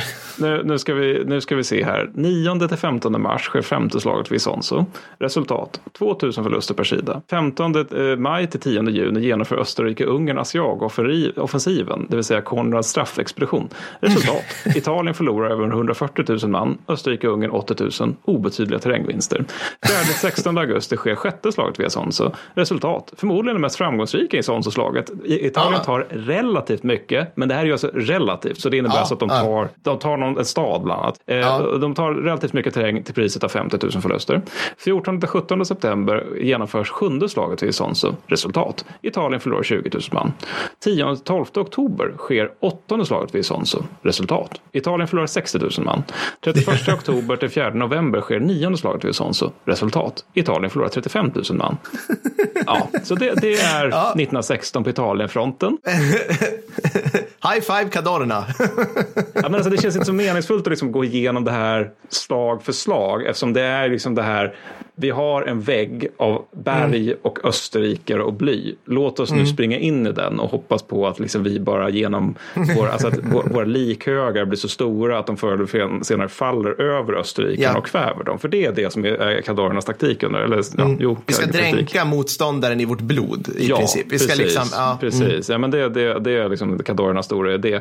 Och det som är så huvudsakliga resultaten av den här då, det är att italienarna förlorar ju fler än österrikarna i nästan samtliga Ja. slag. Och det som är så skönt där också, det är ju att italienska soldater får ju nätt och jämnt utbildning. Alltså då, italienska, italienska artilleri, artil- artillerister fattar inte hur man använder artilleri. Och infanteristerna, det är så här, ja, nej men det blev väl en vecka om vi har tur, kanske två. Vi får se, du fick inga gevär eller skarpa handgranater under den här utbildningen. Och sen hoppas vi att det här med att du är vid fronten löser det här via eh, magi mer eller mindre. Och jag skulle sträcka mig till att säga att det är rakt av kriminellt att göra så här mot värnpliktiga. Alltså, för, alltså jag kan inte tänka mig någonting värre man kan göra mot en människa egentligen. Du ska nu utkämpa ett krig men du ska absolut inte ha förutsättningarna för att göra det. Nej. Och italienska officerare de får ju sparken på löpande band av Cadorna om de liksom antingen ifrågasätter hans eh, tokroliga idéer eller uppvisar initiativkraft, vilket Cadorna liksom tolkar som punkt ett. Då. Och sen Ja. Cadorna då, den jävla praktarslet, han inför ju också decimeringar alltså, i Ja. italienska armén.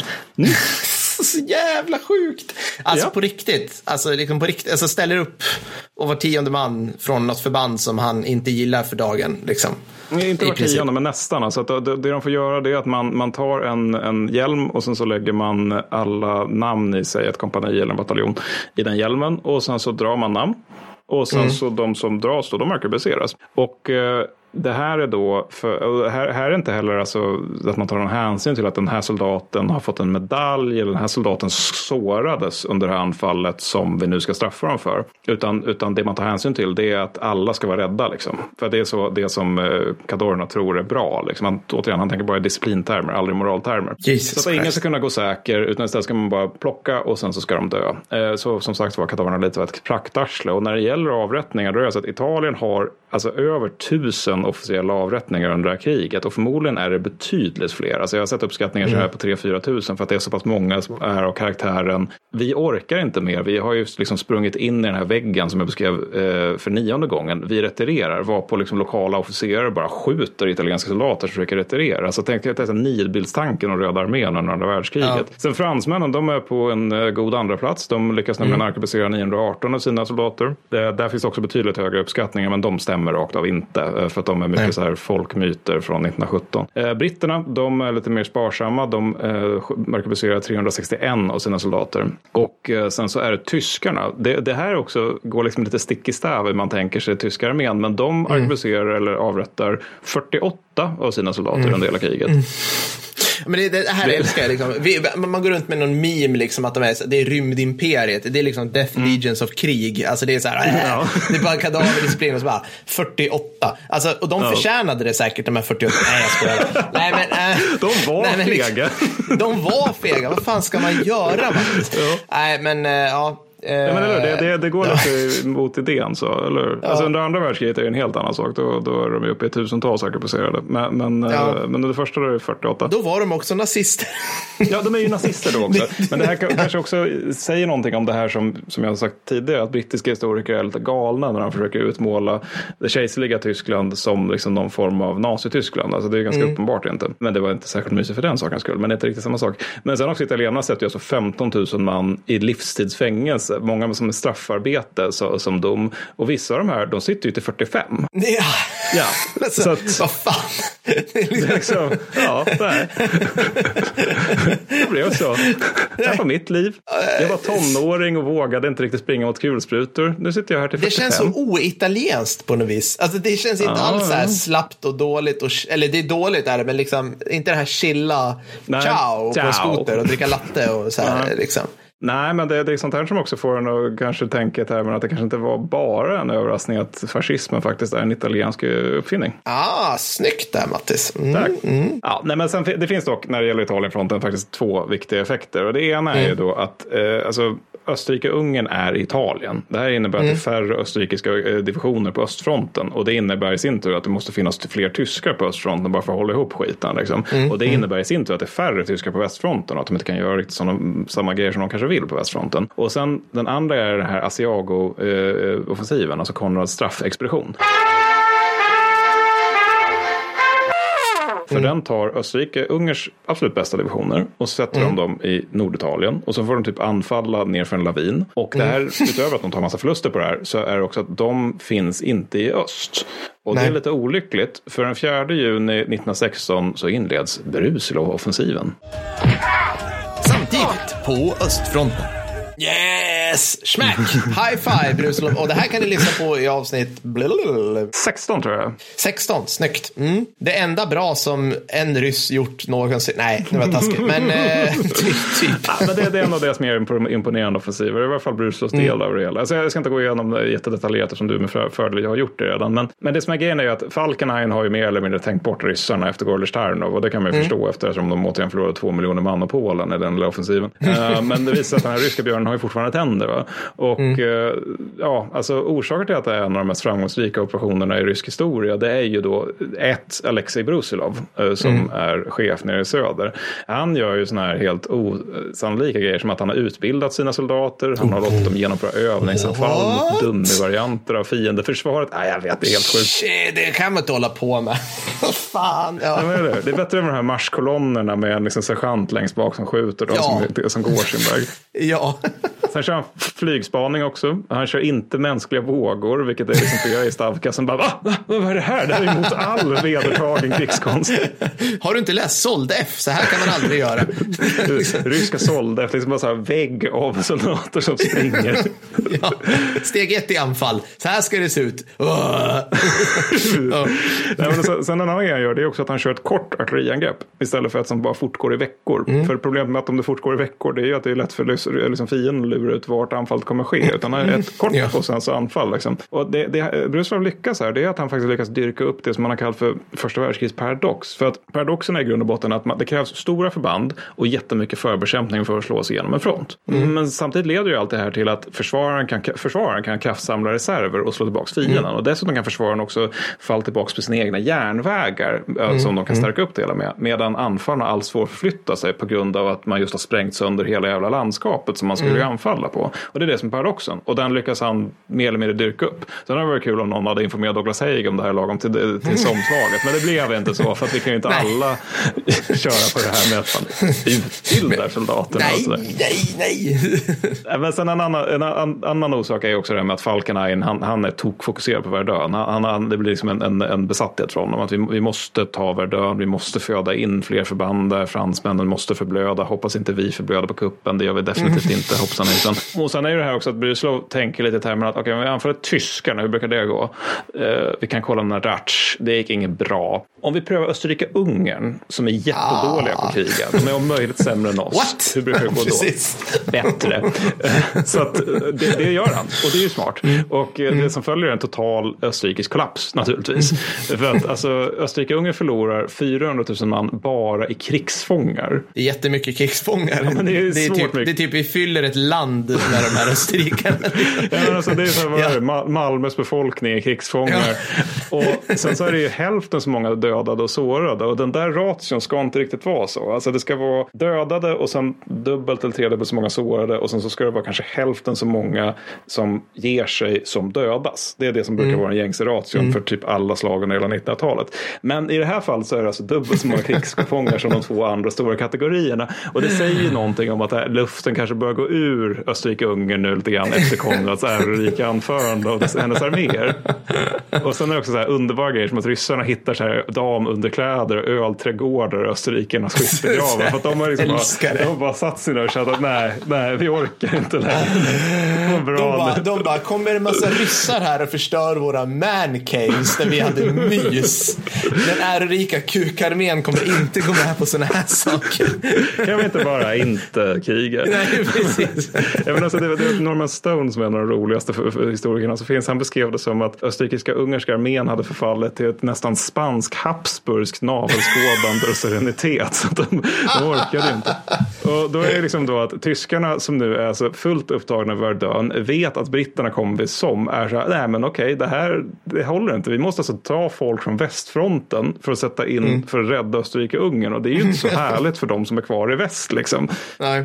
Sen är det där trista då för ryssarnas del, det är att ryssarnas mindre kompetenta generaler, det vill säga alla som inte är Brusilov mer eller mindre, eh, de bestämmer sig för att de ska, de ska göra, följa på Brusilovs framgångar, men skita i hans förarbete och oortodoxa idéer i stil med återigen flygspana, korta angrepp och allt det där. Så resultatet av det, det är ju liksom att slutet av offensiven är mer eller mindre en stor jävla massaker av ryssar. Alltså, ty, Det finns tyska beskrivningar av hur de liksom bokstavligt talat skottar bort ryska lik från sina egna ställningar så att deras kulsprutor ska ha eh, skottfält överhuvudtaget. Mm.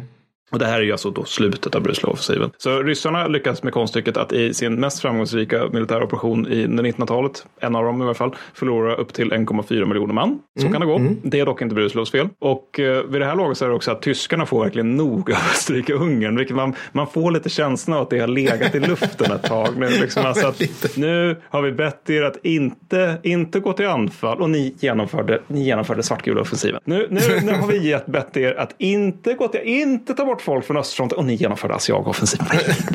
och, så, och, nu, och ni bara kan hålla ihop det här och där, där kollapsade allting. Ja, så. så att det som händer är liksom att man skickar ner tyska generaler som i grund och botten får anföra kukarmén. Eh, och sen så börjar man också strössla tyska underofficerare i österrikiska ungerska infanteriförband. Då. Så de, de, det här är ju liksom någonting helt annat än österrikiska där, häll officerskåren. ut ölen, häll ut, lägg bort pornografin. Släck opiumpipan. Vad håller du på med där borta? Nej, Sluta din älskarinna får själva. inte vara i skit, skit. Din älskarinna får inte vara i skjutgrav. skjutgrav. Sluta leka med kulsprutan. Nej, men det- skruva inte isär handgranaten. Det är inte en leksak. Ja, men det, det är lite mer den stämningen. För de här herrarna består ju liksom bara av mensurer och järnkors. Liksom, så de får Ja. liksom med skrik och sparkar sparka ihop österrikiska ungerska infanteriet. Och det roliga är att det också funkar. Det visar sig att österrikiska ungerska soldater kan absolut strida om de har kompetent befäl. Så, Eh, så de, de, blir, de gör faktiskt en kompetensutveckling eh, efter Bruslow-offensiven. Varför finns det typ ingen österrikisk Heartbreak Ridge-film om det här? Där liksom, eh, där liksom underofficer Heinz, eh, Sergeant Major, kommer och liksom sparkar in dörren, spelad av Clint Eastwood. Ja, och sen på tyska vrålar åt de här Peps Persson-österrikarna liksom, som ligger där i haschdimmor. Ah, ja, skitsamma. Jag hade sett Det, det, är en väldigt bra fråga. det är en väldigt bra fråga. Men, eh, Tips till eh, tysk, Österrikes kultur, kulturdepartement. Gör den filmen, ska jag se. Ja, gör det framåt. Mot ära och död. Nej, men det, det, det som händer i alla fall nu, och det, det mest sorgliga med allt det här, det är ju naturligtvis att Konrad får ju kicken som generalstabschef. Nej. Ja, jag vet. Det är jävla sorgligt. Nej, men så, så att han, han skickas söderut mot Italien där han får anföra grupp Konrad. En uppgift han missköter. Eh, Såklart. Men, men så det är tråkigt nog slutet för Konrads del som generalstabschef. Och nu, nu ska vi då efter, det, är också lite, roligt där för vi går verkligen från det ena enorma slaget efter det andra. För nu från Bruslow-offensiven till Somme-offensiven. För att Ah. eh, nu ska vi till Somme. Så vi förbereder för Grimdark. På västfronten, intet nytt. Och det här, Mattis, känner vi igen. PGA anglosaxisk historieskrivning och att vi tillhör Ja. den brittisk-amerikanska hegemonin. Ja. Så, så, så här, Nu. pling säger det i, i många hjärnor som lyssnar på det här tror jag. Nu börjar första världskriget för ska säga, 90 procent av alla militärhistoriskt intresserade svenskar och kanske 90, ja, väldigt många av resten av svenskarna. Ja. Nej, men så det är Ja. kul att det äntligen då så börjar första världskriget och frans, fransmännen har bara förlorat en miljon man per år tills dess, men de är fega så det är lugnt. men oavsett då, Somoffensiven inleds med en förbekämpning som håller på i någon vecka. Den omfattar en och en halv miljon granater. Det är jättemånga granater. Gör ingen som helst nytta.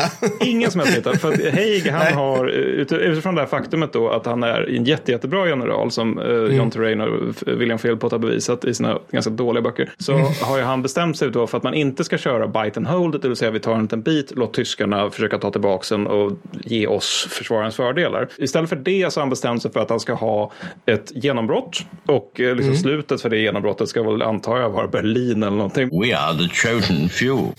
Men, men eh, slutmålet är typ så här Sibirien, för nu jävlar ska vi ta, ta tillbaka Ryssland också eller något. All of you will be damned. ja, ja. Men det här gör ju dock då att istället för att man har liksom förbekämpning som är på de tyska skyttegravarna längst fram då så har man snarare en förbekämpning som är utspridd över liksom halva jävla Frankrike. Och det innebär att det är många granater men de har inte så stor effekt och det blir liksom inte heller bättre av att britterna, de jävla genierna, de, de här kommer sosse-Mattis igång här, de bestämmer sig för att hmm, om vi gör så här att vi inte liksom har, alltså vi låter den fria marknaden sköta det här med granatproduktionen så. Granaterna ska liksom, de ska, de ska göras av, av privata bolag och det grejen är att det gör tyskarna också. Men skillnaden är det att i det tyska fallet så var det att bolagen såg det som att okej, men då är det vår plikt att se till att det blir bra grejer det här. För att jag i egenskap av företagschef har en son som är i fronten. Så det, det, det Ja. är liksom en plikt att göra det. Men som brittiska bolagens inställning var mer, staten, det är en kund bland andra. Den kan vi skö- skörta upp. Och vi kan dessutom göra så här typ granater som är full, fyllda med skumgummi. För vi får ju betalt per granat. Liksom. Det är ingen som kollar om det här funkar så mycket. Så det är jättemånga av de här som inte fungerar. Utan Nej. bara, liksom bara plöjer ner ner sig i, i leran och sen så blir det ingenting med det. Liksom. Är det sant på riktigt? Det är sant. alltså, det, det här, ja, okay, ja. Ja. men alltså, en delanledning är att man redan 1915 har för få brittiska granater. Eh, Så utöver det här med att man, man, de privata aktörerna inte var alltid så nogräknade så är det också att man liksom har paniktillverkat granater. Så att det är liksom att vad, tändrör, ska vi ha sådana också? Nej, skit i det, det är nog onödigt. Vi måste bara ha granater till fronten. Så, så att det är mycket fuskbygge över det hela. Och dessutom är det här, väldigt mycket av det här är eh, splitter. Och det är jättebra på exponerat infanteri. Men det man vill göra nu är att få bort taggtråd och få bort bunkrar och så vidare. Men, så istället, det man vill ha i sådana sam- sammanhang är högexplosiva granater. Men istället blir det splitter och det är mer eller mindre verkningslöst. Vilket innebär att taggtråden som tyskarna har satt upp, den är typ intakt. Sen första juli 1916 så angriper 100 000 britter. Själva bilden av det här, det är ju att allihopa går långsamt liksom nedtyckta och tyngda av 35 kilos packning eller vad det nu är de har. Mm. Ja, men 35 kilo är det och sen så genomsnittssoldaten väger 60 kilo. Så då går de långsamt, fällda bajonetter och sådär. Och vissa gör det också, men andra är jätte, jättetaktiskt. Men det är liksom lite skitsamma för att det är, saken är den att det är ju artilleri och bristen på pansrade fordon som är mm. orsaken till att folk dör i det här kriget. Så huruvida de går mm. långsamt eller springer spelar ingen roll. Men får jag bara skjuta in här, alltså ja. jag bara hör den här ration och så, och så inom mig så kvider liksom Per Wallin, 19 år, värnpliktig på Amfett mm. som vägde typ 60 kilo.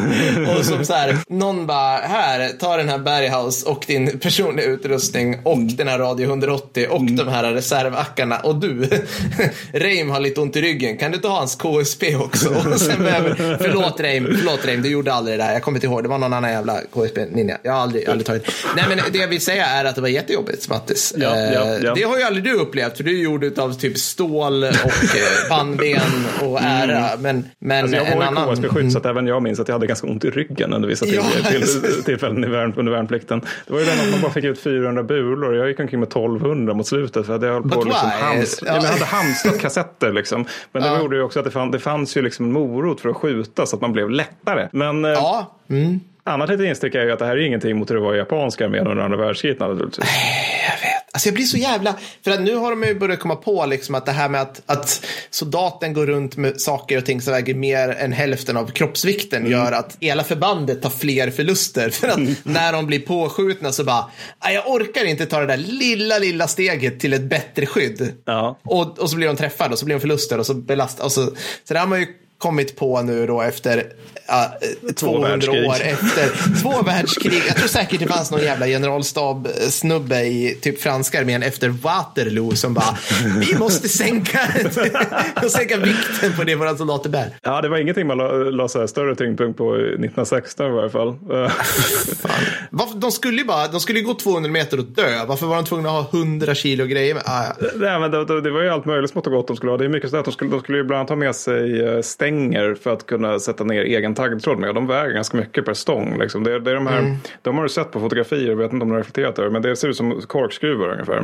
Om du har sett brittiskt infanteri som har sådana över axlarna, det är de. Man, man, man kör ner dem marken och sen så drar man taggtråd mellan dem. Och de där Ah, väger okej. rätt mycket per, per styck. Liksom. Sen så är det ju liksom all jävla stridsutrustning. De, de ska ju ha med sig alla gevär, alla handgranater, gasmask och så vidare. Alltså det, det, det blir en hel del också. och sen är det ju det här med också att de, de, de förutsätter ju att tyskarna faktiskt inte är vid liv. Liksom. Alltså att de, för, de har sett 1,5 miljoner granater braka ner. Då framstår det som rimligt att tro att tyskarna finns inte där längre. Och det här leder ju till så här helt perversa grejer som att det är så här typ något helt regemente som får order av sin regementschef att här har ni fotboll, sparkare framåt och målet är att den ska ner till slut och i tyskarnas skyttegravar liksom alltså att man ska sparka medan man marscherar. Och sen har man då det där lilla, lilla problemet med att tyskarna visar sig vara vid liv. ja, Och då blir det inget bra. det blir jättedålig stämning. Ja. Ja, nej men alltså jag, jag, tänk, jag tänkte ta ett, eh, vi har inte varit ner på så lägre förbandsnivåer så mycket, men jag tänkte ta ett exempel här som är Newfoundlands första regemente för att visa hur illa det kunde gå. För alltså Newfoundland, det var ju liksom en del av British Commonwealth. Det bodde typ ingen där, bara, alltså, eller Nej. väldigt, väldigt få människor där. Och Mycket får. de, de, Och typ, ja. Mm. Ja, men, precis. Men, men också att de, de, de kunde ju inte upprätta mer än ett regemente. Så i deras fall var det verkligen, alltså bokstavligt talat, uh, Newfoundlands first and only. Och att de,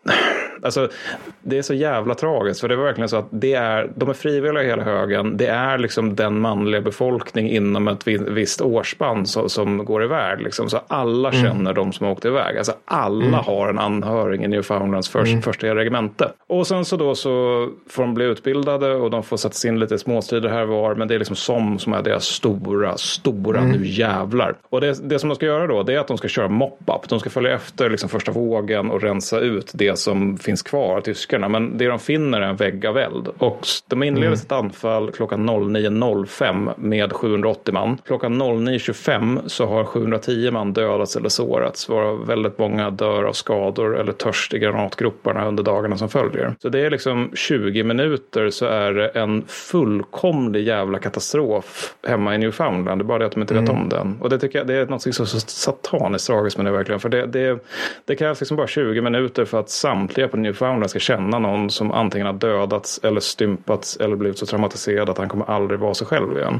Det är helt mm. jävla sjukt.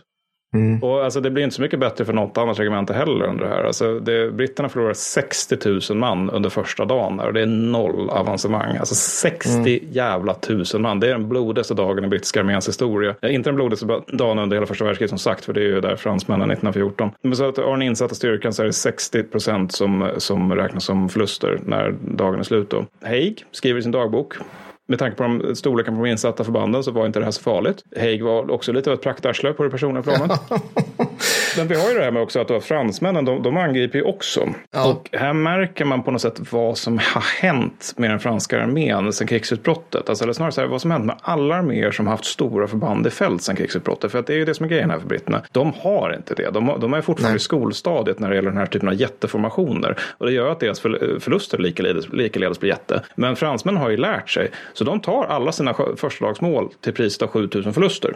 Och det är då mm. för att de har lärt sig medan britterna inte hunnit mm. ner riktigt. Men grejen är att efter första dagen, när man står där efter eh, första juli 1916 och noterar okej, okay, vi förlorade just 60 000 pers. Eh, mm. Nu är den andra juli. Mm. Vore kanske bra om vi kunde sluta förlora folk då. Men det är ju problemet att läget är ju fortfarande, alltså det strategiska läget, läget är oförändrat. Frankrike behöver mm. fortfarande avlastas ur Verdun. Och det har ju liksom partiellt skett via Bruslov, men det är fortfarande så att de skriker efter hjälp. Och man har ju mm. lovat att man ska göra någonting. Man har bullat upp hela våren för the big push. Så då fortsätter man.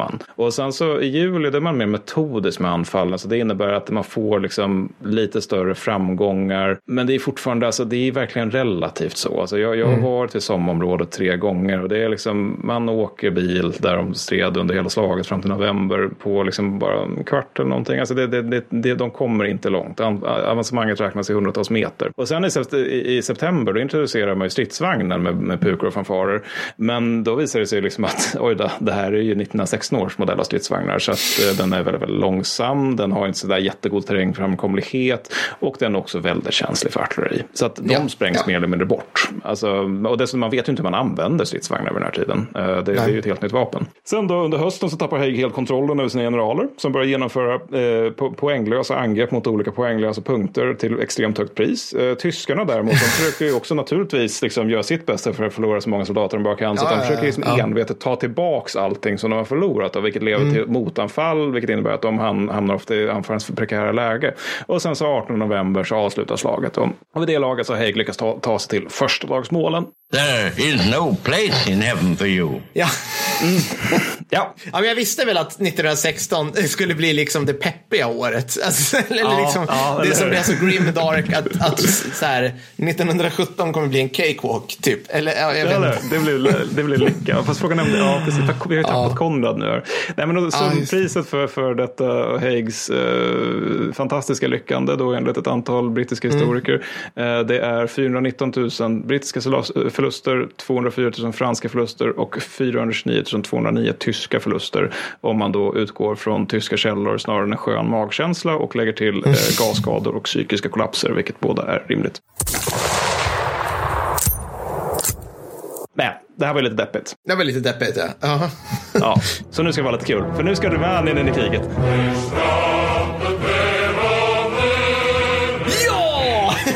Som vi har väntat. Nu avgörs det här. Rumänien. Ja. Enter Ja. stage left.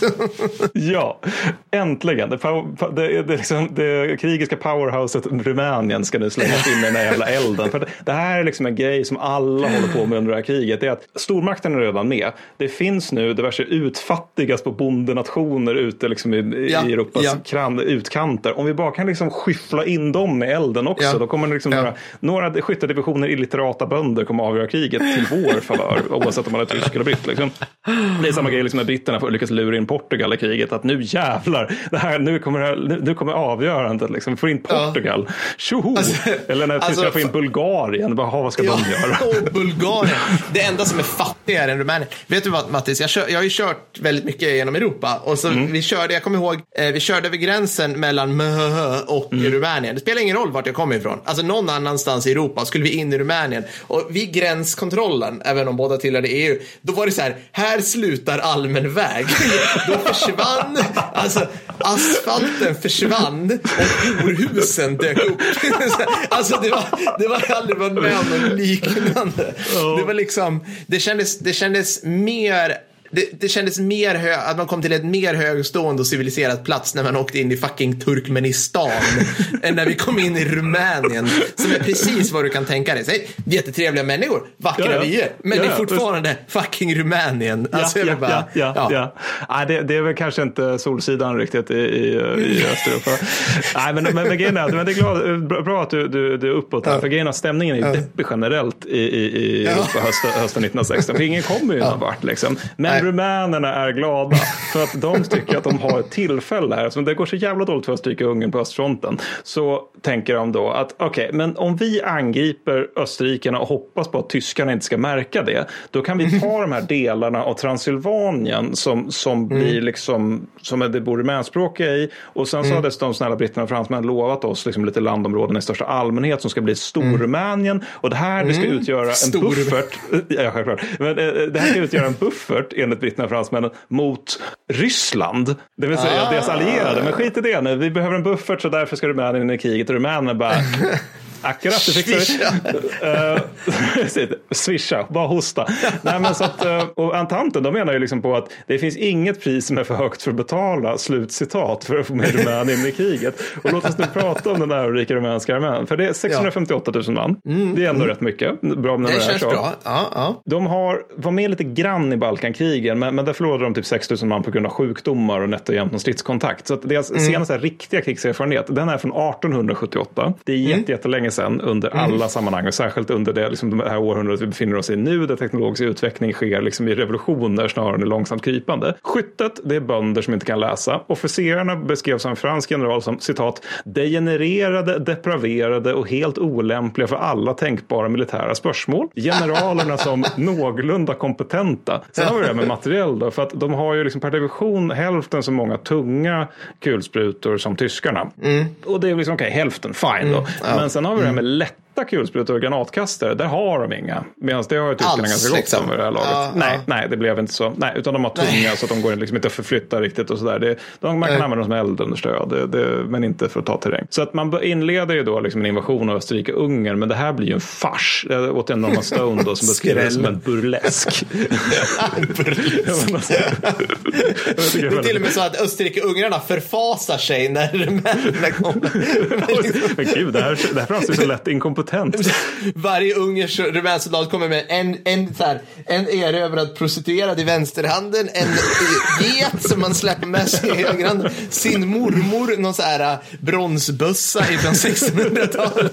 Ja, men så det var typ så. Det var grejen är också de, de, liksom, de tar och bränner lite gränsbyar. Och så har de någon grej som de kallar för så här, den rumänska trojanska hästen. Där liksom de kommer in med tåg på en station och ut hoppar en massa rumänska soldater och övermannar. Här, Haha! Men grejen är så att de möter ju så här österrikisk-ungersk milis. Och vi kan ju liksom bara tänka hur usel den är om man tänker på hur usel kukarmén är.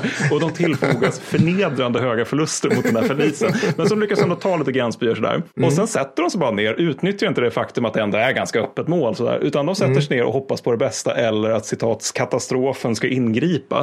Okej. Ja, det gör den också. För att saken är den att uh, den gode Erich von Falkenhayn efter liksom som Overdön inte går något bra och som händer, Brucelow-offensiven händer trots att han inte sagt Ja. att det kommer, ska kunna hända, Rumänien går in i kriget trots att han har sagt att det inte kan hända, så får han helt sonika sparken. Och eh, det gör då att han får möjligheten att eh, rädda ansiktet genom att skickas till Rumänien för att korrigera det här problemet som är rumänerna då. Och han har lite aggression att ta ut. Han har lite att ta sig kan jag säga. Det, liksom. Han har väldigt mycket så här. Okej, och det blev Hindenburg och Ludendorff som var efter mig. De som har konspirerat mot mig under hela det här jävla kriget. Så att han är ju liksom, han bara består av aggression när han ska ner där. Och samtidigt då så kommer vår gamla vän August von Mackensen och angriper rumänerna från söder. För det som rumänerna inte tänkte på det är att Rumänien befinner sig i mitten av, i praktiken, centralmakterna. Alltså att det finns liksom bara länder omkring Rumänien som, utöver Ryssland som är en del av centralmakterna. Vilket innebär att de kan liksom inte bli angripna från ett håll utan från alla håll samtidigt. Men vi måste, vad är det nu Mattis, vi måste, vi, vi måste se kartan framför oss. Så, så har ju Turkiet vid den här tiden har ju mycket, mycket mer större terräng, mycket mer större landområden. Och Turkiet tillhör ju centralmakterna va? Ja, och sen Bulgarien som tillhör centralmakterna. Just det, precis. Ja. Som gränsar då till söder. Så Ja. tyskarna har ju mycket mer, och Österrike och Ungrarna har ju mycket Ja. större rörlighet än vad de har ja, idag. Alltså, de, de är i praktiken inringade av centralmakterna. De har liksom inte för övervägt det här, utan de hoppas på att om vi bara hoppas på att ingen märker det så, så kanske det går bra. Liksom. Nej, men och det, just det här med att Mackensen kommer från söder, det innebär ju också liksom att rumänierna bara, deras liksom dekadenta generalstab, de bara, men nu, nu ska vi göra som Tannenberg och and- jobba på de inre linjerna. Men det innebär ju då liksom att man sätter en tredjedel av hela den rumänska armén på tåg och sen så skickas de ner till söder, men då har allting kollapsat uppe i norr, så då får de åka tåg upp i norr igen. Så det är liksom en tredjedel av den rumänska armén som knappt utkämpar kriget för att de åker bara tåg fram och tillbaka mellan olika bränder som de aldrig kommer fram till för att det uppstår en ny brand. Konstanta kontor liksom. Så Mackensen han går mot eh, en fästning som rumänerna har byggt för dyra pengar som heter Turtukaja. Som är ointaglig hoppas jag. Självfallet ointaglig. Ja. Den, den, här, den här fästningen kallas för östfrontens Verdun, vilket ju känns lite som en glädjekalkyl. För den faller nämligen dagen efter att man har gjort den Ja. proklamationen. Och då sen så, sen, sen nu jävlar, nu kommer tyskarna, tänker rumänerna. Men, och de tar terräng, det var ju lite tråkigt. Och division efter division utplånas, det var ju lite tråkigt. Och de upp, typ uppfinner blixtkriget här, det var ju också lite tråkigt. Men nu, nu har vi kommit till Bukarest, nu jävlar, nu ska vi hålla. Det liksom dyker upp en fransk general då som säger det här blir östfrontens Marne. Nå! Och var på Bukarest faller dagarna på. Ja. Och sen har vi då ryssarna då, de bara, men för i helvete, vi framstår ju som kompetenta i jämförelse med det här packet. Så de, Ja. skickar, de får är tvungna, okej men vi måste ta förband från den här havererade Brucelow-offensiven och skicka det till Rumänen för annars kommer liksom, ak- centralmakterna kunna liksom, angripa oss i- underifrån. Så vi måste, vi förlänger vår front på grund av fucking Rumänien. Mm. Varpå de möter rumänsk trupp, varpå den rumänska truppen tror, tror att ryssarna är tyskar och kapitulerar. Varpå ryssarna bara, alltså vi orkar inte. De sträcker sig efter vodkan Vodka. och sen börjar de plundra den rumänska landsbygden ohämmat. Eh, Så resultatet av Rumänienfälttåget är som alltså det finns inget pris som är för högt för att betala för att Rumänien kastar sig in i kriget. Det är att ryssarna får som sagt en längre eh, front att hålla med liksom allt militärd armé. Medan tyskarna de får de rumänska oljefälten på vad är det, Polotsi tror jag de heter. Ploesti, ah, skitsamma. Ja, Ja, ja, nej, men, men alltså, de får det här som är liksom så här, den grej som båda världskrigen typ kretsar kring för lag Tyskland. Det vill säga, vi har ingen olja. Bara, Nej. tack, tack, vi fick just det. Ta, ta, tack, Antanten, för att ni fick in de här. Det var, det var inte ens svårt. Vi fick olja. Vi kan hålla på till 1918 som det ser ut nu. Så det är bara Rumänien. Och det, ja. Tack.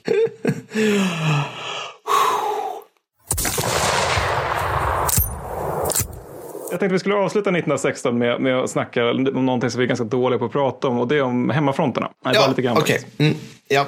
Men, eh, men det är ju liksom att det finns ju hemmafronter i alla de här eh, krigförande länderna och de är lika olika på samma gång. Eh, Alltså alla har, bär på, på, på det här draget att de har en mycket hög grad av censur. Det är ju som, Det, det, det, det är som alla vet nu eh, när det gäller spanska sjukan. Men orsaken till att man kallar det spanska sjukan det var att det var större pressfrihet i Spanien. Vilket gjorde att spanska, spanska tidningar kunde faktiskt skriva om att det finns en superinfluensa som har 5% dödlighet och som nu liksom grasserar genom världen. Det är senare, Ja. men så är fallet. Så det är mycket hög grad av censur i alla krigförande länder. Och det är väldigt mycket så här påtvingad hurtig patriotism också. Alltså det är my- mycket så här liksom att eh, jaha, vad nu? Du, du, ser, du ser lite defaitistisk ut, vad falskt. defaitistisk. Heretic. ja, men det är mycket sånt. Alltså det, det, och det, det gäller det är också oavsett vem det handlar om. Alltså när USA, vilket händer senare, men när de går med i kriget, då börjar man ju till exempel döda alla taxar i USA. För de heter ju Dachshund och det låter ju ah. eh, tyskt. Så då måste du döda taxar. Brittiska kungahuset, de går ju liksom från att heta Saxe Gotha på Coburg, vilket ja. låter tyskt, till att heta Windsor, vilket låter ja. lite mer eh, liksom som någonting ur Arthur-sagan. Och sen ja. finns det också en bok jag har hemma som är ganska bra exempel på hur censuren fungerar, för att det är en bok som skrevs som sjuksköterska, fransk sjuksköterska under kriget. Och den utgåva jag har, den, den gavs ut efter kriget och då är det alla delar som är kursiverade är sånt som ströks av censuren när hon gav ut första mm. upplagan. Och mm. det ser inte klokt ut, för det är liksom verkligen så här att okay, men den här sidan är helt kursiv. Mm. Det innebär att den här sidan Shit. fanns inte med i första utgåvan. Och det är liksom saker som är också, en, en del grejer är så här att okej, okay, men det här är nog lite hemligt, så det, kan man, det måste vi censurera. Men en del är sånt här mm. typ att hon ser en, en tysk 19-åring som inte har några ben och skriver att det var mm. jävla hemskt att kriget gör så här människor. Nej, borta, mm. kan vi inte ha med. Vi kan inte visa sympatier för fienden på det sättet. Sen i i Storbritannien finns det också, har du hört talas om Vita fjädern? Det har du gjort va? Ja, äh, äh, vänta ett tag nu. Är det, är, det, är det de som inte blev uttagna till militärtjänstgöring? Som in, man, man gick och gav en vit fjäder till män. Exakt så. Just exakt det, så. så. att de skulle ta värvning. Eller hur ja. var det nu? Det, ja, var det, det, det, alltså det är unga tjejer, unga patriotiska tjejer i Storbritannien som, som delar ut vita fjädrar till män i vapenför ålder som inte har uniform på sig i grund och botten. Och i vissa fall så är det så här liksom att killen bara, alltså jag är veteran, jag kan inte gå ja. längre på grund av att jag tjänstgjorde, vad är det du håller på med? Men, ja. men det här är liksom ett sätt att skamma folk in i att ta värvning eftersom de fortfarande har frivillig armé. Liksom. Mm, Vilket mm. ju gör de här liksom, fjäderutdelerskorna till fullkomligt monstruösa varelser eftersom de, mm. de, de gör ju att folk faktiskt dör genom att de får mm. dra iväg till armén. Sen i Tyskland och Österrike-Ungern så har man något som är lite mindre känt men som heter nagelmänner, vilket betyder spikmän. Ja, det här är ganska intressant, det finns foton av det här, jag kan kolla om jag kan gräva upp dem det är trästatyer som ofta föreställer riddare eh, som man ofta gör, liksom, eh, man, man, man, man, gör ofta jämförelser mellan de tyska eller österrikiska soldaterna och riddare. Mm. Eh, mm. Eller till exempel generaler som har varit framgångsrika, ofta Hindenburg till exempel. Mm. Och då är det så att man har stora folksamlingar, liksom, det stora, stora, man samlar stora, stora människomassor. Då. Och då är det att alla som har gett pengar till, till, till kriget, liksom, man har köpt krigs, mm. krigsobligationer och liknande, de får spikar. Mm. Om man ger en viss summa så får man en av stål. Om man har gett en lite högre så får man en av silver. Och om man gett högsta så får får man en spik av guld och sen får man liksom hamra mm. in de här i de här stora trästatyerna. Så att det blir liksom som en slags ritualisering av där man visar hur, hur, hur stort ens engagemang för kriget har varit. Då. Mm. Sen i Ryssland, där, där är det liksom, det, det, är lite svårt att beskriva. Jag har en bok som heter Peasant Russia som beskriver liksom hur det var på ryska landsbygden under det här mm. kriget. Och det, det, som, det jag tar med mig från den boken är typ enorm oreda. För att det är liksom ingen som orkar förklara för bönderna varför skickas våra söner bort till, liksom, då, det dyker väl upp någon antar, ja men det var en ärkehertig som sköt. Så bonden bara, ja, min farfar var livegen. Ja, precis. Tsaren har sagt det. Nej men alltså det, det är väldigt rörigt. Alltså det, är rätt, det är som mm. när man läser om medeltidshistoria nästan. Att det är det ganska röriga, tid, mm. liksom förmoderna medvetandet. Där allting bara framstår som en stor jävla naturkatastrof som händer i ja. omvärlden. Där man liksom inte har någon kontroll över någonting. Ja, det var femte sonen som skickades iväg till krigstjänsten och som aldrig kommer komma hem. Alltså det är mm. oreda. Och sen så är det ju också att eh, propagandan gör och liksom den starka censuren gör ju att civilbefolkningen har ofta en ganska vag uppfattning om vad som sker i kriget i grund och botten. Alltså mm. Alltså att de, det är, allting är ju alltid en framgång. Liksom. Alltså, mm. allting eller väldigt mycket beskrivs som en framgång. Sen är det dock lite lustigt när det gäller krigspropagandan. Det är att man kan, alltså i texten så är den väldigt, väldigt alla nyheter väldigt censurerade, väldigt hurtiga. Mm. Liksom, ja, vi mm. förlorade bara 100 000 man. Tänk vad tyskarna förlorade, tänk vad fransmännen förlorade. Men i bild så verkar det inte ha varit lika starkt. För att när man ser liksom en tidning så kan det stå den här typen av äppelchecka meddelanden om hur härligt allting är som. Ja. Och sen så är det liksom en bild på en brittisk soldat som hänger över taggtråd med inälvorna svävande luften. Oh. Så det, liksom, det verkar inte vara som att de riktigt tänkte på att det också är ett bildmedie. Och det blir Nej. ännu tydligare när man tänker på den första faktiska propagandafilmen som är The Battle of the Somme som spelades in 1916 på slagfältet och sen visades bio. Och den Jaha. är inte klok. För det är liksom så här, okej, okay, här ser vi liksom linje på linje med soldater som aldrig, liksom, de springer iväg och sen så ser vi inte av dem igen. Man ser de skadade som ligger och skriker på, på förbandsplatsen och sådär. Och vad jag förstått så är det liksom att censuren, alltså filmen var så ny så censuren hade inte liksom kommit dit. Nej. Den hade liksom inte kommit Nej. till filmen. Så den kunde visa, sen är ju mycket av det fejkat och stageat naturligtvis. Men den hade liksom inte kommit hela vägen dit. Så att det, Mm. Det gjorde en, gav de faktiskt brittiska civilbefolkningen en hyfsat osminkad eh, bild av kriget just där och då. Sen kan man Ja. fråga om det eh, satte sig. Men kom det någon antikrigsrörelse? Fanns det någon, någon som krävde liksom i, i de folkliga leden att det skulle förhandlas och slutas fred eller, eller något sånt där? Avsluta skiten. Jo, nej, men så, sånt förekommer absolut. Men, men de, Mm. de tenderar också krä, kvävas ganska snabbt av att alla, att alla, alla liksom... Alla var så det- jävla pepp fortfarande. Alla var så jävla pepp, men det är också på något sätt, det, när, när, ju längre kriget fortgått, desto mer omöjligt blir det att, att inte avsluta med en seger. Liksom. Ja, att nu, nu, har vi, Den här sjuka logiken liksom. alltså, nu, nu har vi förlorat en miljon stupade i det här landet. Då, då måste vi ju vinna. Vi kan liksom, alltså det, det är ju sunk cost fallacy, men, men det blir ju liksom den känslan som uppstår i mer eller mindre alla länder. Liksom att vi, vi, vi måste få ut någonting av det här oerhörda offret. Så att liksom fred, fredstrevare eller fred, fredsrörelser ses ofta som förrädare. Det där är ju ofta någonting som brukar anföras mot att, um, vad är det nu, men jag för mig att man ofta brukar anföra det här med att socialdemokratin inte var fullt så internationalistisk som, som man tänkte sig att den var innan kriget. För att innan kriget så har man ju alla de här konferenserna där alla sossepartier sitter och säger då att ja, nej, men vi alla arbetar och bla bla bla, bla bort med, eller vi ska liksom ha en reform för att få bort bourgeoisin och så vidare. Men sen när kriget väl dyker upp, det, det bryter ut, då är det liksom alla sossar bara självfallet så ska vi med Ja. i skyttegravarna. Ja, den här, den här klass, klassolidariteten över gränserna är som bortblåst liksom. Ja, då visar det sig att man också tillhör ett land. Liksom. Men, men sen, också, sen, sen är det ju att det finns ju vissa på högre nivå att man håller på med olika fredstrevare fram och tillbaka. Men, men de, de leder ingen vart. I regel, I regel är det liksom att, säga att tyskarna vill ha en fred och britterna och fransmän tycker att ah, okej, det låter väl bra, men sen så säger tyskarna och sen vill vi ha den där biten av Belgien också. Britterna bara, alltså vi har Ja. förlorat en miljon man för att just se till att Belgien bevarar. Ja, vi kan, vi kan jävla inte gå med på det här. Belgien. Nej, precis. Ja, men alltså det är mycket sånt, alltså att man, man, det, det Ja. liksom blir så mycket prestige i det hela. Att den liksom, även små territoriala, territoriella avträdelser går liksom inte. Nej, precis.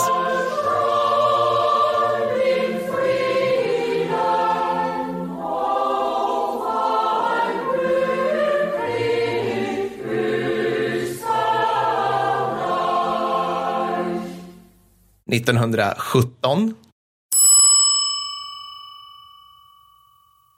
Yes, okej, men Mattis. Eh, 1917. Ja. Det kan ju inte bli deppigare än 1916. precis.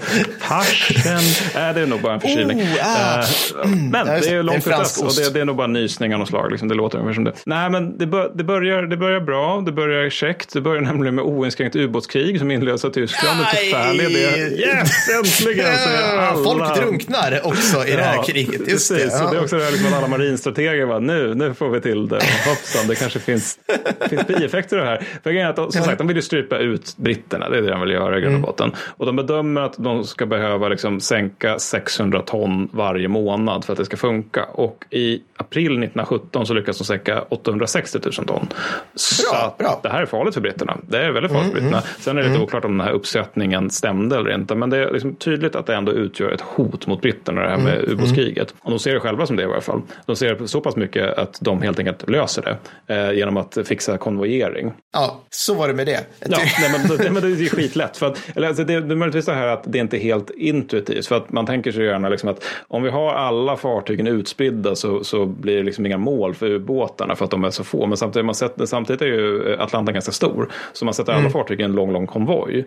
Då måste ju tyskarna hitta den konvojen. Och det är ju inte Ja. alltid de lyckas med det. Liksom. Så att via konvojering och också att man får bättre ubåtsbekämpning så, så har man löst det där med ubåtskriget. Och då är det snarare så att huvudresultatet är liksom att eh, tyskarna lyckats med konststycket att sänka amerikanska fartyg. Eh, amerikanerna blir För lite... de ingår inte i konvojer.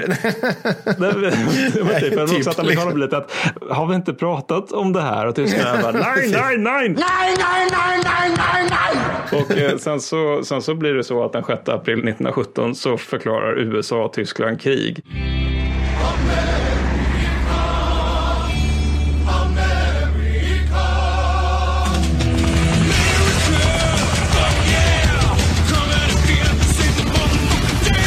Det var ju lite olyckligt eftersom man redan har tre europeiska stormakter på halsen liksom, Ja. och Italien. Och också roligt för att vi brukar prata om så här att varenda, varenda stort krig under 1900-talet ska vi börja med att prata med om, om den amerikanska hemopinionen. Och Woodrow Wilson hade ju likt alla andra amerikanska presidenter lovat att hålla dem utanför kriget, Ja, vara ja. fullständigt neutrala. Inga amerikanska söner ska dö på någon annan landsmark. Och han bara, fast nu gäller inte det jag sa igår. Men det, det är roligt för Roosevelt lovade ju också det. Och även Ja. Lyndon B Johnson. Det finns ju en, en Ja. klassisk sägning av Johnson där, där han säger eh, I will not make American boys do what South Vietnamese, boys should do instead. Och sen bara, ja, han som eskalerar Vietnamkriget rakt ner in i helvetet. Nej, men så att, ja men absolut, Roosevelt jobbar ju på det. Men, men, men sen, sen så är det också det här med att utöver ubåtskriget som man ändå får säga lite av en provokation. Så är det också det här med att eh, tyska UD, för att nu kommer vi till det här med varför tyskarna är dåliga på krig. Tyska just UD, det, det, man hör ju själv liksom vilket jävla skämt det är. Att diplomater som inte har, kör diplomati i uniform och med handgranater.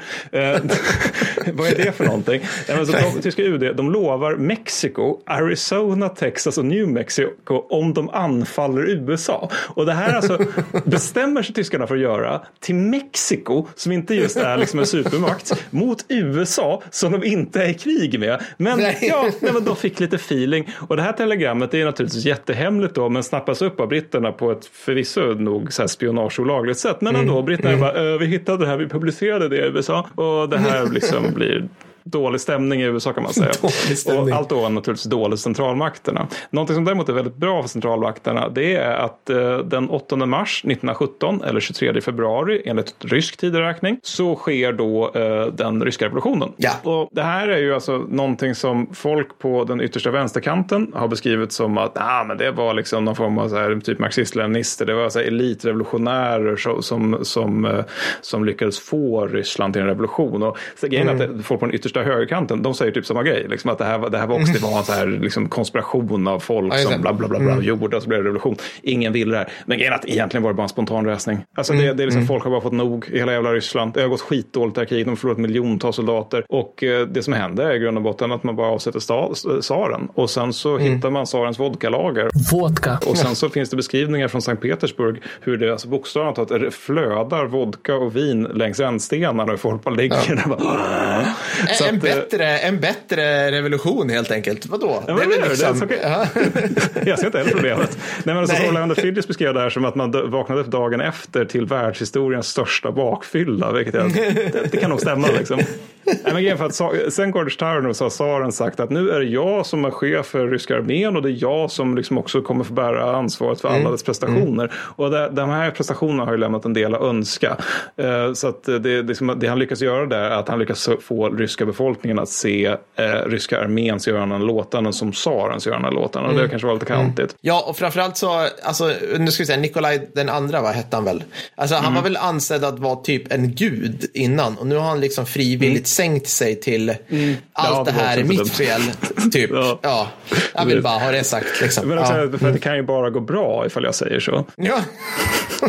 ja, nej men, eh, så, så han, han är ute då och istället så blir det nytt styre efter lite förvecklingar som är under Alexander Kerensky. Och han lovar att vara kvar i kriget och eh, sådär. Och liksom Frankrike och britterna bara för ni är väl kvar i kriget och Kerensky bara, "Ah, ja det är inga konstigheter. Vad, vad skulle kunna gå fel? Men Problemet är att Ryssland är på väg, på väg huvudstupa rakt in i fullkomlig jävla anarki. Så att det Ja. kan nog gå lite fel. Och för tyskarnas del gäller ju därmed nu följande. Alltså att en jätte är på väg ut ur kriget, det fattar de. Även om britterna och fransmännen sitter och hoppas lite grann och kanske kan hålla kvar ryssarna. Och sen, sen så är ju en jätte på väg in och det är ju då istället jänkarna. Så att då, det, det är lite lustigare med att typiska, liksom, tyska dumheten när det gäller diplomati gör ju då liksom att de lyckas med konststycket att spöa Ryssland. Men de är fortfarande satta på klockan för att nu har de USA på halsen. Liksom. Det, det, det är verkligen, ja. Men över till västfronten. ja, kan vi få en jingel? På västfronten, intet nytt. Mm, tack. Ja. Ja, men, så, så, så enligt mitt tycke då så vinner tyskarna en avvärjningsseger vid Somme. Alltså de Mm. franska och, och brittiska förlusterna är högre, de misslyckas med sitt mål och kontroversen av det hela, om, kring det hela huruvida det var en tysk seger eller ej skulle jag säga handlar framförallt om efterhandskonstruktioner. Men det ska Ja. tilläggas, det var ju inte jätteroligt för tyskarna där heller. Nej. och sen är ju det också att de generellt har haft höga förluster under hela 1916 på grund av Verdun, Bruslav-offensiven och inte minst Somme. Då. Och det här gör då att man måste tänka om. För att vi är återigen på att tyskarna är markant färre, de har färre fabriker, de kan liksom inte hålla på att slösa bort hundratusentals man och tusentals artilleripjäser, utan de måste tänka om. Och det de gör då, det är att man på västfronten går över till djupförsvar. Det man har gjort tidigare det är att man har ganska många soldater i de främsta linjerna. Och sen så har man en ovilja att ge upp en enda centimeter och sen så ska man genomföra motanfall som är snabba snarare än koordinerade. Det man har nu istället är att man har liksom ett, som ett första nät av eh, kulsprutor och prickskyttar och liknande som ligger i gra- granatgropar. Och de ska egentligen inte liksom besegra fienden utan de ska bara bryta upp anfallen i grund och botten. Sen eh, nästa efter det då så kommer eh, Hauptverteidigungslinje som är eh, det som ska ta, ska ta emot fi- fienden. Och efter det så kommer så kallad Großkampfzone och det är där slaget ska avgöras via motanfall av så kallade Angreifdivisionen. Grosskampzone. Ja, det är bara tyskan. Bara på tyska kan man... Alltså det är grosskampzone. det såg ut. Låter rulla av tungan där. Ja, Det enda språket för vilket krigsfenomen blir vackert. Eh, Men, Ja, nej, det där får vi nästan klippa. Men i alla fall, nej, men det är där man ska eh, avgöra slaget. Så det, är liksom, det är som att man har dragit ut slagfältet till en mycket längre dimension i grund och botten. Så att det här är liksom flera kilometer djup, eller i alla fall några kilometer djup. Och man har en stor betoning på maskering här också, så att fienden ska ha svårt att veta var är nu tyskjäveln någonstans. Man bygger mycket bunkrar också som man liksom bara låter ligga när, liksom nästan under jord så, så att det ska vara svårt för flygare att se dem och så vidare. Och slutligen gör man också ett stort återtåg på hela västfronten, Nej, inte hela, men en bra bit av norra västfronten. Där, Okej. man, eh, där man helt enkelt drar sig tillbaka då och dels då för att korta fronten och dels hitta lite bättre ställningar. Liksom, så att man börjar med att bygga en ny linje bakom de nuvarande ställningarna och sen drar man tillbaka dem. Och eh, sen har vi naturligtvis britterna och fransmän. Även de utvecklas ju naturligtvis. Alltså, de är inte heller statiska. Utan de försöker. Det, det var jag inne på här tidigare. Men alltså det tyska förhållningssättet till krig kan i stort sammanfattas med att krig är kaos. Låt oss omfamna det hela. Medan britterna och fransmännen de tänker sig mer att krig är kaos. Låt oss liksom planera oss ur det här kaoset. Så Just de det, försöker göra, de, de, börjar kalla någonting, som, de börjar, börjar göra något som de kallar för eh, set piece battle. Vilket är alltså att man ska Mm. planera ett slag eller en offensiv in i minsta fucking detalj. Man ska göra Mm. ordentliga förberedelser, man ska ha mycket flygspaning, man ska utbilda truppen ordentligt, man ska zona in artilleriet ordentligt, förväg och så vidare. Och allt det här är vansinne ifall man tänker sig att någon, något litet sandkorn kommer att störa den här planen. Men, men det Mm. leder också, men det, det är dock tillräckligt smart för att liksom, under hela 1917 så är det så att den första delen av ett brittiskt eller franskt anfall går alltid ganska bra. Mm. För det är där så långt planeringen håller. Och sen så är det nästa del, det är där kaoset börjar, det är där det slutar gå bra. Men sen så, man, så man börjar man också se till att man ska ha lite mer begränsade hål, mål i största allmänhet än de här liksom att nu ska vi ha en offensiv med slutmål Washington för nu jävlar ska vi ta tillbaka de här 13 kol- kolonierna. Utan, och det här översätts ofta till liksom bite and hold där det är liksom håll eller ta någonting, håll det, låt dem försöka ta tillbaka det. Ja. man experimenterar också med det här med kortare eh, för, förbered, eller artilleriförberedelse. Eh, Förutom när Haig tycker att mitt konjakskåp rör sig för långsamt Ja. mot Berlin ifall Ja. vi har så här korta artilleriangrepp. Men i alla fall kanadensiska kåren och säkert några andra ger, börjar ge trupp allt mer ansvar liksom, på lägre nivåer. Mm. Så, liksom att man, man, eh, man börjar tycka att kompanichefen vid fronten vet nog bäst hur det är vid fronten snarare än jag som sitter i mitt chateau här vid brasan. Allt detta är helt revolutionerande tankar. Alltså, Ja, det är säkert roligt att tyskarna har gjort så här sedan 1914. Men det, Mamma, det tog er hur många år att komma på det här? Jaha, okej. Ja, bra Totalt jobbat. blodbad. Yes. Ja.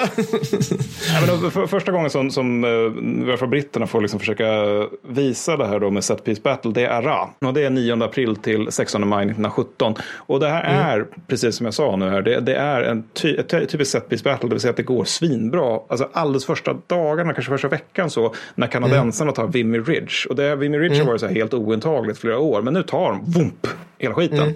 Och sen så inträder kaoset och då genererar mm. till det här gamla vanliga med liksom tjurrusningar fram och tillbaka till kurvadmålen. Och så när allting är sagt och gjort, ja då har britterna förlorat 150 000 man, tyskarna 130 000 man. Det skrivs jättemånga böcker om det här slaget, ingen är läsbar. Mm. Och att det här leder ingen vart. Det här är det det är. Det, liksom, det går bra i början och sen så kollapsar allting i den sedvanliga anarkin. Där enskilda granatgropar blir så här strategiskt viktiga mål som vi nu ska ja, offra liksom hela generationer för. Men har de kvar Vimy Ridge då vid slutet av, av slaget? Alltså, har... Ja, men det, det vill jag minnas att de faktiskt har. Ja. Ja, Aha, det, ja. Ja, så det är alltid något. Liksom. 150 000 ja, ja. förluster för att ta den här åsen. Men västfronten, det, det är sånt Men är inte kanadensarna, de är jävligt kärva i det här kriget? Ja, är de, det är de. Det är de. De, är, mm. de är Storbritanniens chocktrupper. Det är en skröna som jag tror är berättad av kanadensare förvisso. Men en skröna säger att tyska förband, när de märkte liksom att det är kanadensare på andra sidan, liksom bara, åh helvete, började, mm. började göra sig redo för att nu kommer det komma ett stormangrepp här. Liksom. Alltså att mm. de, de visste att så fort det är kanadensare på andra sidan så kommer vi bli anfallna. Liksom. Ja, ja, ja. De har mm. allmänt gott renommé.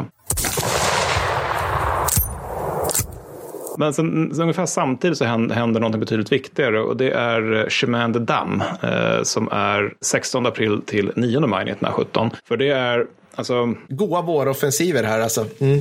Ja, precis. Ja, men det, är exakt mm. så. För att det är en större del av en liksom, generell push på västfronten. Och de som ska avgöra kriget, det är fransmännen då. Baguette. För de här leds nu av den som kallas för eh, hjälten vid Verdun, Robert Nivell. Eh, Joffre, han som har styrt tidigare då, han fick sparken på grund av Verdun då, för att han, han men som det alltid är, han sa det här kan inte hända och så hände det. Så mm. han får sitta och äta sina hela kycklingar till lunch någon annanstans. Så Nivell däremot som höll, eh, höll Verdun och hade hela den där Il ne sont pas pas. Han får befordran och får leda hela franska armén på grund av att han höll vid samma slag. Då. Mm. Och Nivell, han är så här lite bilhandlartyp, han kan engelska, vilket gör att det här är liksom det första franska härförare som britterna kan tåla överhuvudtaget överhuvudtaget. Han kan sälja in saker. Han typ ah, påstår sig hela tiden att han har liksom hittat ett recept för genombrott. Ah, ja. Ah, ah, han pratar dock jävligt mycket, alltså mer än vad du och jag gör. För att alltså, tyskarna fattar i ett tidigt skede att okej, okay, men fransacken kommer här då. Och det finns mm, påstås mm. att barberare i Berlin snackade om den kommande franska offensiven. Så det var nog inte, liksom, det var inte helt vattentätt det där med Det var inte högsta OPSEC-nivån där liksom på kvallhemligt. Ja, det, det, lämnade en del önska kan man säga. Ja, ja. Ja. så när anfallet inleds då, så brakar väldigt mycket artilleri rakt ner i, i redan utrymda eller tunt hållna tyska linjer. Då. Mm. Och eh, efter det så kör tyskarna, eller fransmännen fast i det tyska djupförsvaret i grund och botten. De, de sätter in rätt mycket mm. stridsvagnar men de här slås i stort ut av uh, tyskt artilleri. Det är bland annat Saint-Chamond stridsvagnar som franska besättningar kallar för rullande krematorier. Mm. Vilket mm. nog är talande om hur härliga de var. Så mm. fransmännen då, eh, de förlorar 185 000 man. Varav de absolut flesta är under anfallets första dagar. Eh, kron, mm. Kronprins Wilhelm av Tyskland, och det här är också en ganska rolig grej med tyska krigsmakten under den här tiden. Det är att det är många kronprinsar som, som håller liksom hela arméer. Alltså Wilhelm ja. och så, så är det... Eh, Säkert tack vare deras kompetens, eller hur? Ja, ja, gud. Alltså, nej, nej. Jag vet att kronprins Ludvig också, vad han nu heter, av Bayern som är med på ett arm. Men oavsett, kronprins ja. Wilhelm av Tyskland, han beskrev hela alltet som att Chefen för ett kulsprutekompani beskrev för mig den överväldigande synen av slagfältet där Frankrikes främsta regementen förintades i upprepade hopplösa angrepp.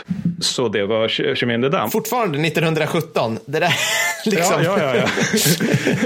ja. det, det intressanta är också att Nivell, han har liksom sagt uttryckligen att om vi förlorar särskilt, liksom många soldater, för vi, vi vet ju alla att det har varit lite mycket kanske sådär mm, med det där med mm, total mm. slakt vid fronten. Kan du, hålla ner, kan du hålla ner det lite grann, säger de i Paris. Liksom. Ja, hålla ner ja, det om vi liksom in, Inte en hel generation som försvinner i det här anfallet, det vore Nej. bra. Så Nivell bara, absolut, alltså jag kommer avbryta alla anfallsoperationer om det inte är liksom en lysande jubelmarsch rakt in i Bayern på dag två.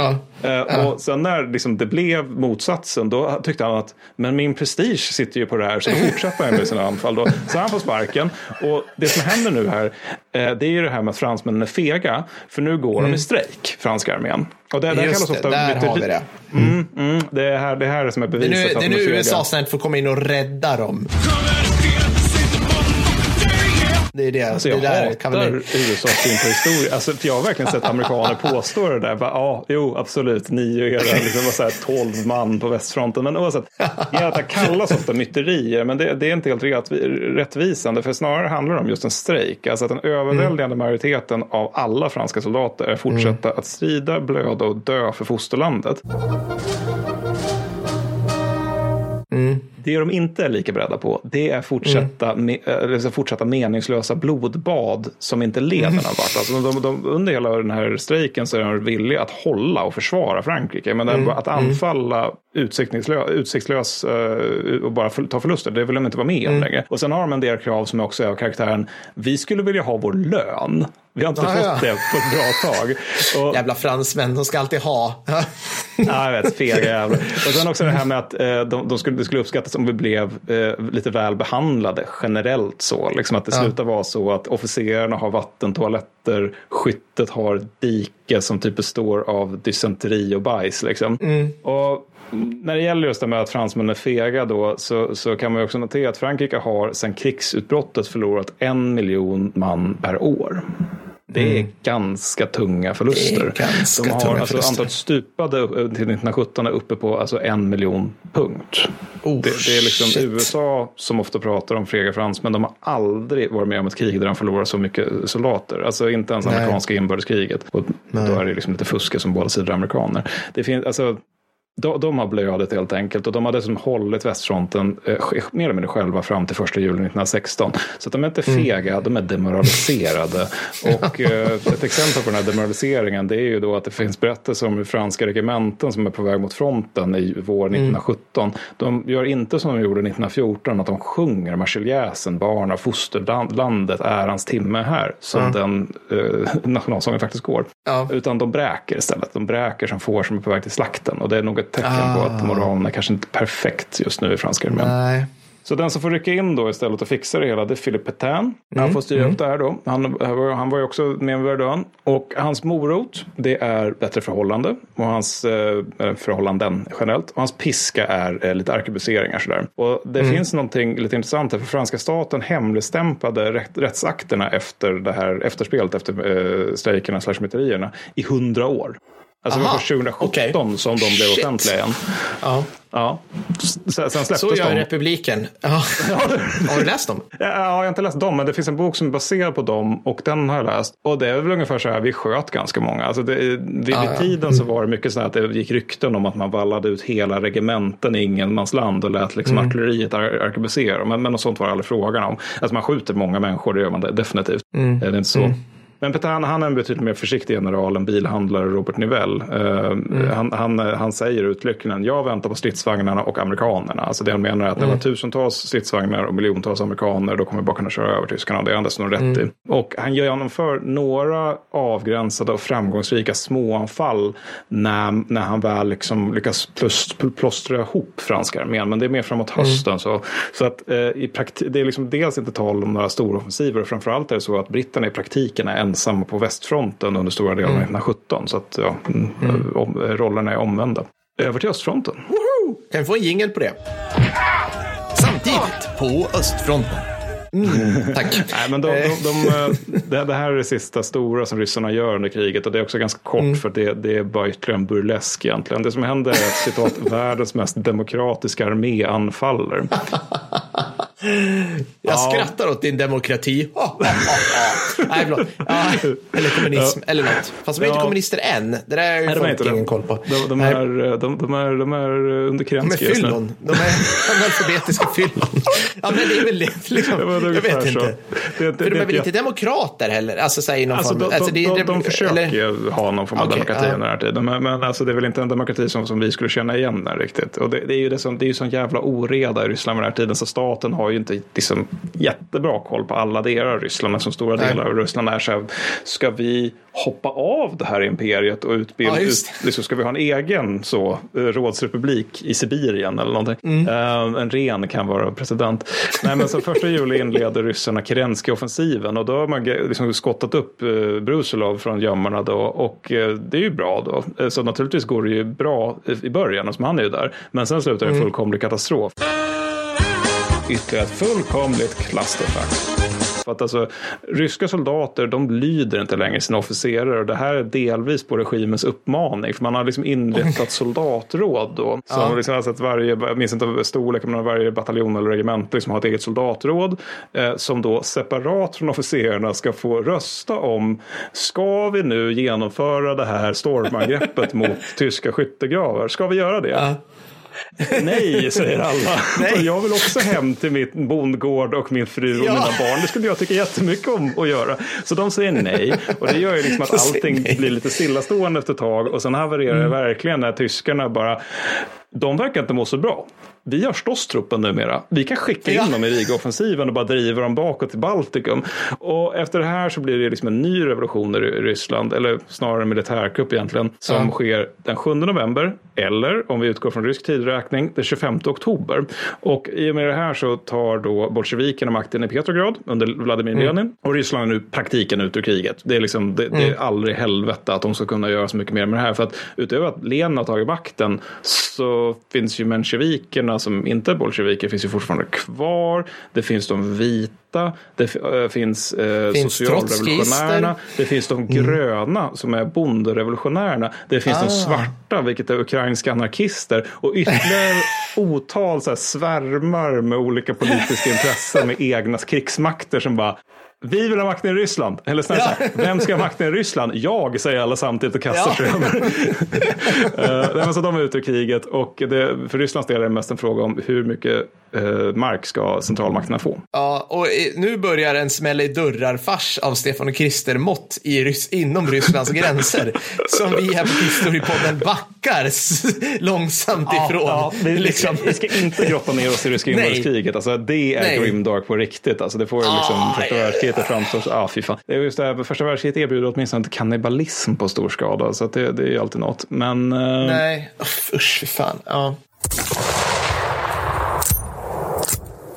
Okej, Mattis. Var är vi nu ungefär i tid och plats och sådär? Eh, Ja, nu är vi i tid och plats. Eh, Jag tyckte rubriken i mina anteckningar var ganska passande för att sammanfatta. Den, heter, den rubriken är nämligen I died in hell, they called it Passchendaele. På västfronten, intet nytt. Vi ska nämligen till Flandern. Eh, Så att det är ja, det tredje slaget om Dnieper, mer känt som eh, slaget om Passchendaele. Då. Eh, och det inleds då den 31 juli eh, i eh, 1917 och det är i Belgien, det vill säga Flandern då, där man slåss. Och jag tänkte, alltså det här är, det här är något av det gräsligaste som har hänt faktiskt. Eh, och så jag tänkte vi kunde väl helt enkelt börja med att låta två soldater som var där sammanfatta hur det var. För För att sätta peppnivån här liksom. Ja, ja men, och spoiler alert, det var suboptimalt kan man säga. Men vi börjar faktiskt med en dikt av Sigfrid Sasson. Eh, Den går så här. At dawn the ridge emerges masked and done in the wild purple of the glowering sun, smoldering through spouts of drifting smoke that shroud the menacing scarred sloped, and one by one tank creeps and toppled forward to the wire. The barrage roars and lifts, then clumsily bowed with bombs and guns and shovels and battle gear. Men jostle and climb too, metering the bristling fire.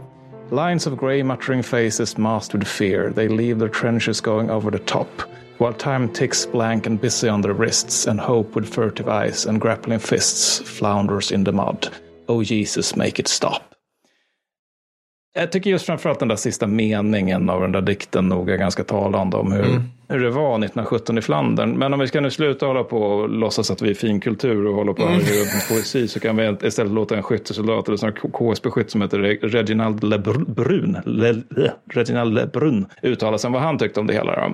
Han Ja. skrev, sa- berättade senare i en intervju med Lynn MacDonald som sen blev en del av boken They Called It Passchendaele som är utmärkt. Läs den. Följande då. Tre gånger under natten utsatte de oss för tung granateld och hela tiden var vi tvungna att skjuta i blindo ut i mörkret för att avhålla dem från att anfalla. Nattluften var idel kulor. Av vår grupp på sex man återstod på morgonsidan bara jag och min kompis Toms. Då kom kulkärran som fällde Toms. Den tog rätt i hans huvud. Hans blod, hans hjärna, delar av skallen och klumpar med hår stänkte över framsidan på min rock och på min gasmask. Jag stod där och försökte torka bort bitarna. Det var en fruktansvärd känsla att vara den sista mannen som återstod.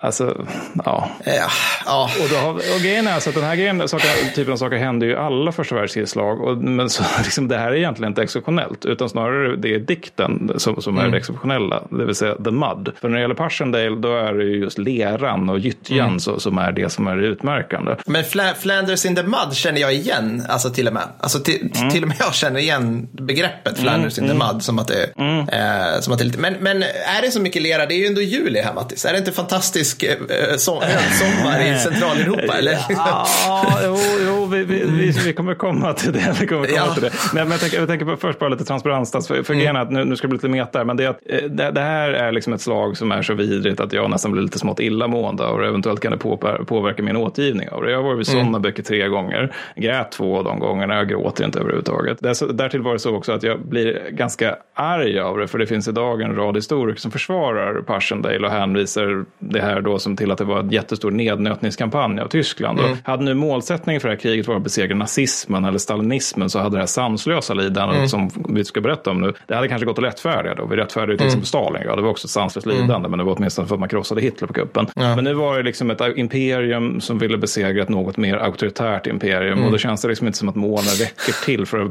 rättfärdiga det som vi ska gå igenom nu.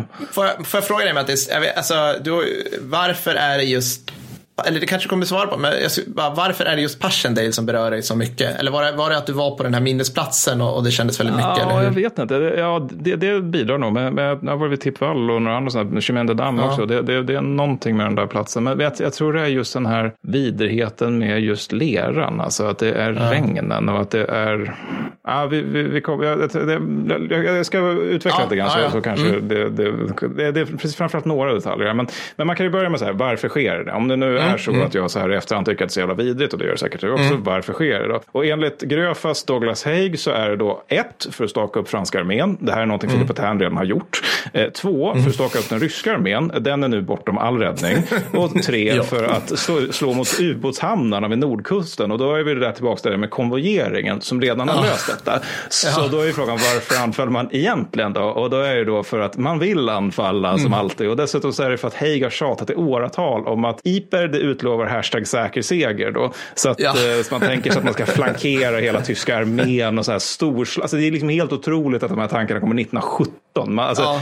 Att man fortfarande tänker att nu ska vi göra det här stora genombrottet och sen så ska Ja. vi inringa Kaisers hoder i en säck. och så, alltså, liksom, vi ska mot Berlin. Det, det jag helt tänka mig fransmännen bara, har ni inte lärt er något? Vår armé gick ju sönder på grund av den här ja, men liksom, It's not this kind of war. Uh, Ja, nej, men man, kan, man kan ju tänka sig det, men, men så blev det inte. Så man inleder upp med en förbekämpning som är större än den vi som och det innebär att det är ganska mycket. Och initialt är god framryckning då, eh, för att det är då det här du beskrev nu, att det är liksom, liksom det är Europa, det är i slutet av juli, men det för första liksom dagarna eller veckorna är det framförallt dammet som är ett problem. Alltså att det, trupp, trupp och artilleri drar, drar upp mycket damm helt enkelt.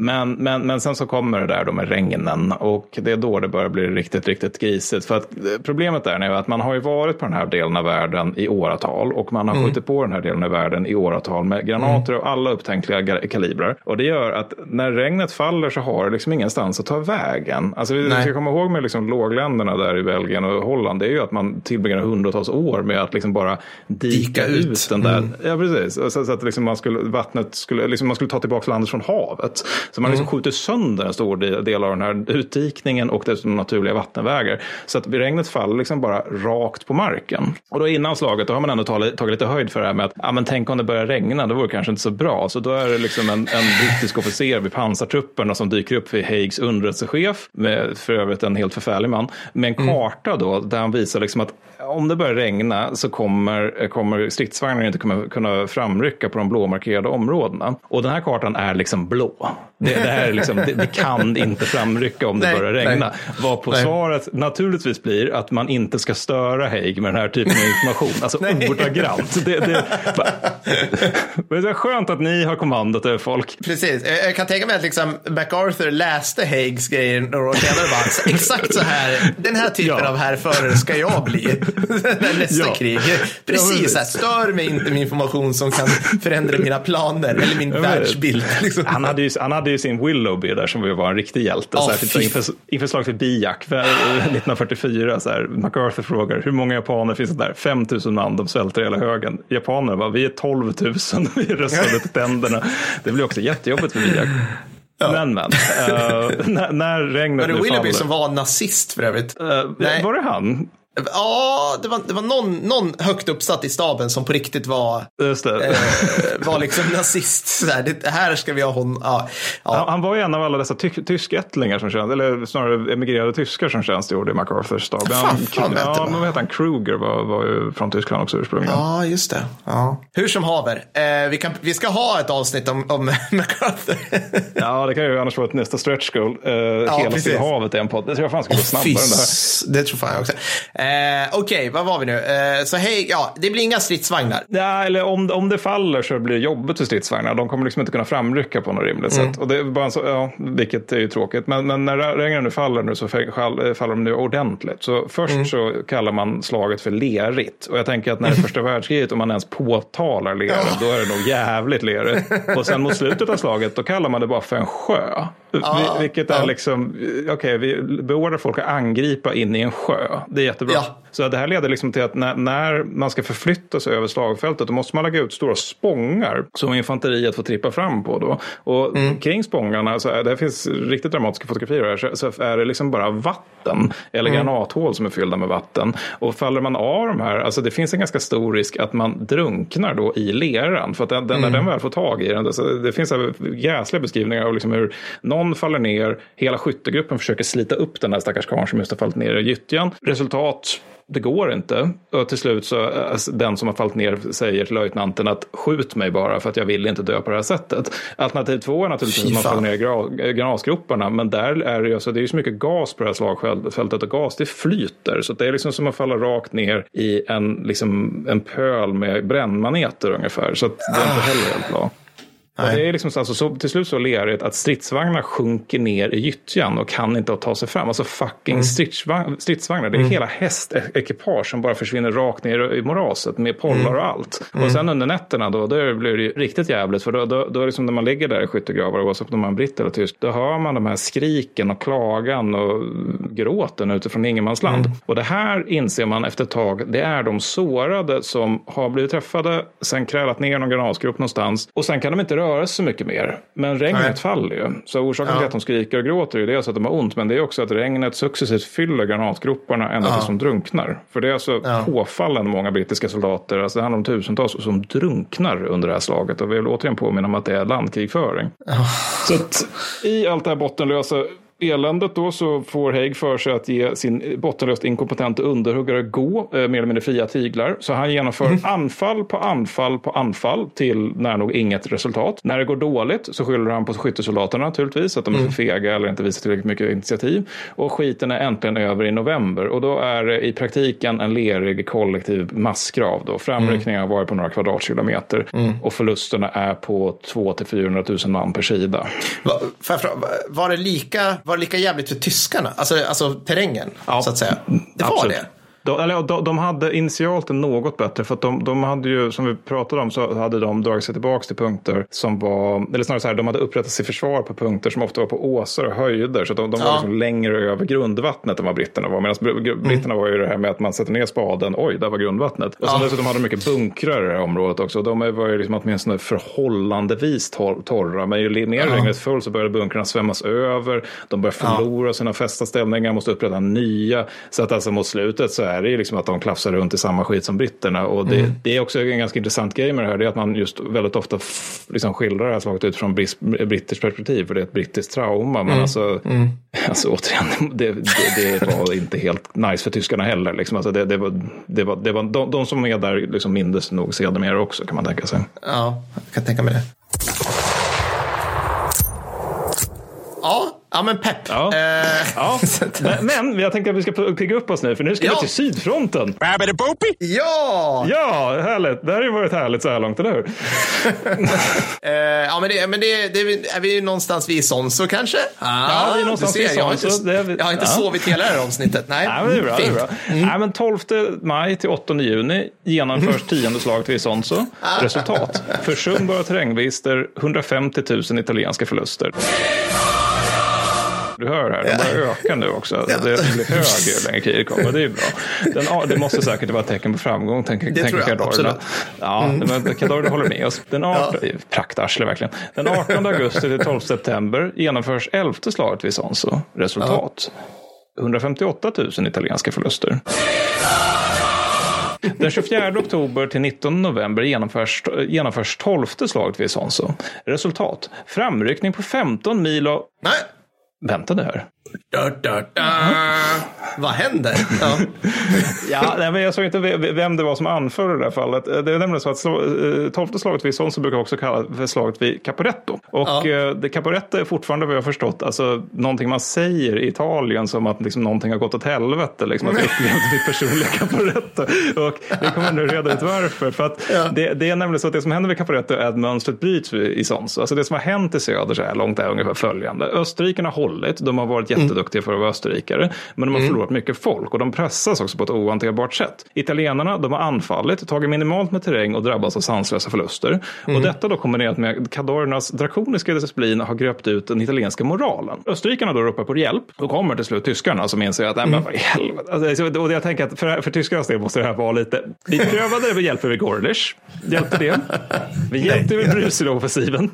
Hjälpte det? Ja, kanske lite grann för ni blev av med Konrad. Och nu behöver ni hjälp igen. Ja, Okej, visst, vi skickar folk, vi skickar folk. Och de skickade dessutom Stoss-truppen eh, som just, just har dykt upp här. Och det man, de gör också att de tar i praktiken västfrontens artilleritaktik och gasgranater då till sydfronten som ju är liksom så här tekniskt och taktiskt primitiv då. Medan italienarna då, de saknar ju stort gasmasker så det var ju lite olyckligt. Skräll. Ja. Ja, men eller hur? Precis, Cadorna orkade inte fixa den biten. Nej, liksom. nej. Men sen när tyskarna då säger pet på italienska Mm. armén då, så följer en total italiensk kollaps. Eh, där de förlorar 265 000 krigsfångar. Det är alltså över en kvarts miljon man. Så de bara... Ja. Japp. Eh, sen är det 50 000 som bara rakt av deserterar. Eh, och det kan man Ja. förstå efter hur Cadorna behandlat dem. Ja. Och sen så sådär 300 000 som, som liksom försvinner från sina förband. Och det är Ja. liksom det, det alltså, Ciao! dels är det- Pjong! Ja. ja, men dels är det de liksom som bara, nu, nu får det vara bra. Och dels är det Ja. också de som bara liksom att vi är kringrända, vårt kompani vet inte vart vi är någonstans längre. Eh, vi försöker hitta tillbaka. Men, så, men det är inte alla de som kommer tillbaka till sina förband, utan en del bara går hem, andra försvinner spårlöst och så vidare. Andra dör. Och de tyska slash österrikiska förlusterna, de är ungefär lika många totalt som italienska stupade och sårade, det vill säga alltså ungefär 50 000. Så det här Mm. är en sin åt helvete stor förlust för Italien. Alltså de förlorar lågt räknat en halv miljon man. Det, det är liksom på, på en ganska bra liten stöt sådär.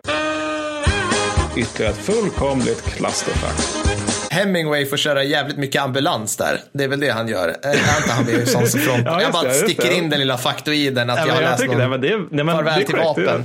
Liksom. Ja. Ja. det är väl också, är det inte just Caporetto han upplever där? Ja, jag tror det. Det, det, är, det är en bra bok eh, för övrigt. Det är men det, det är det också så här, ja, ja, men typ, det är också så här, det är också Hemingway som skriver den, så det är rätt lite så här, jag snackade med en tjej och rökte en cigg och det var något krig. Typ. Alltså lite den känslan får man ibland. Här. Ja. Eh, slutstickspår. Eh, Okej. Mm. Bra sprit, Så- sprit då. ja, jag vet inte.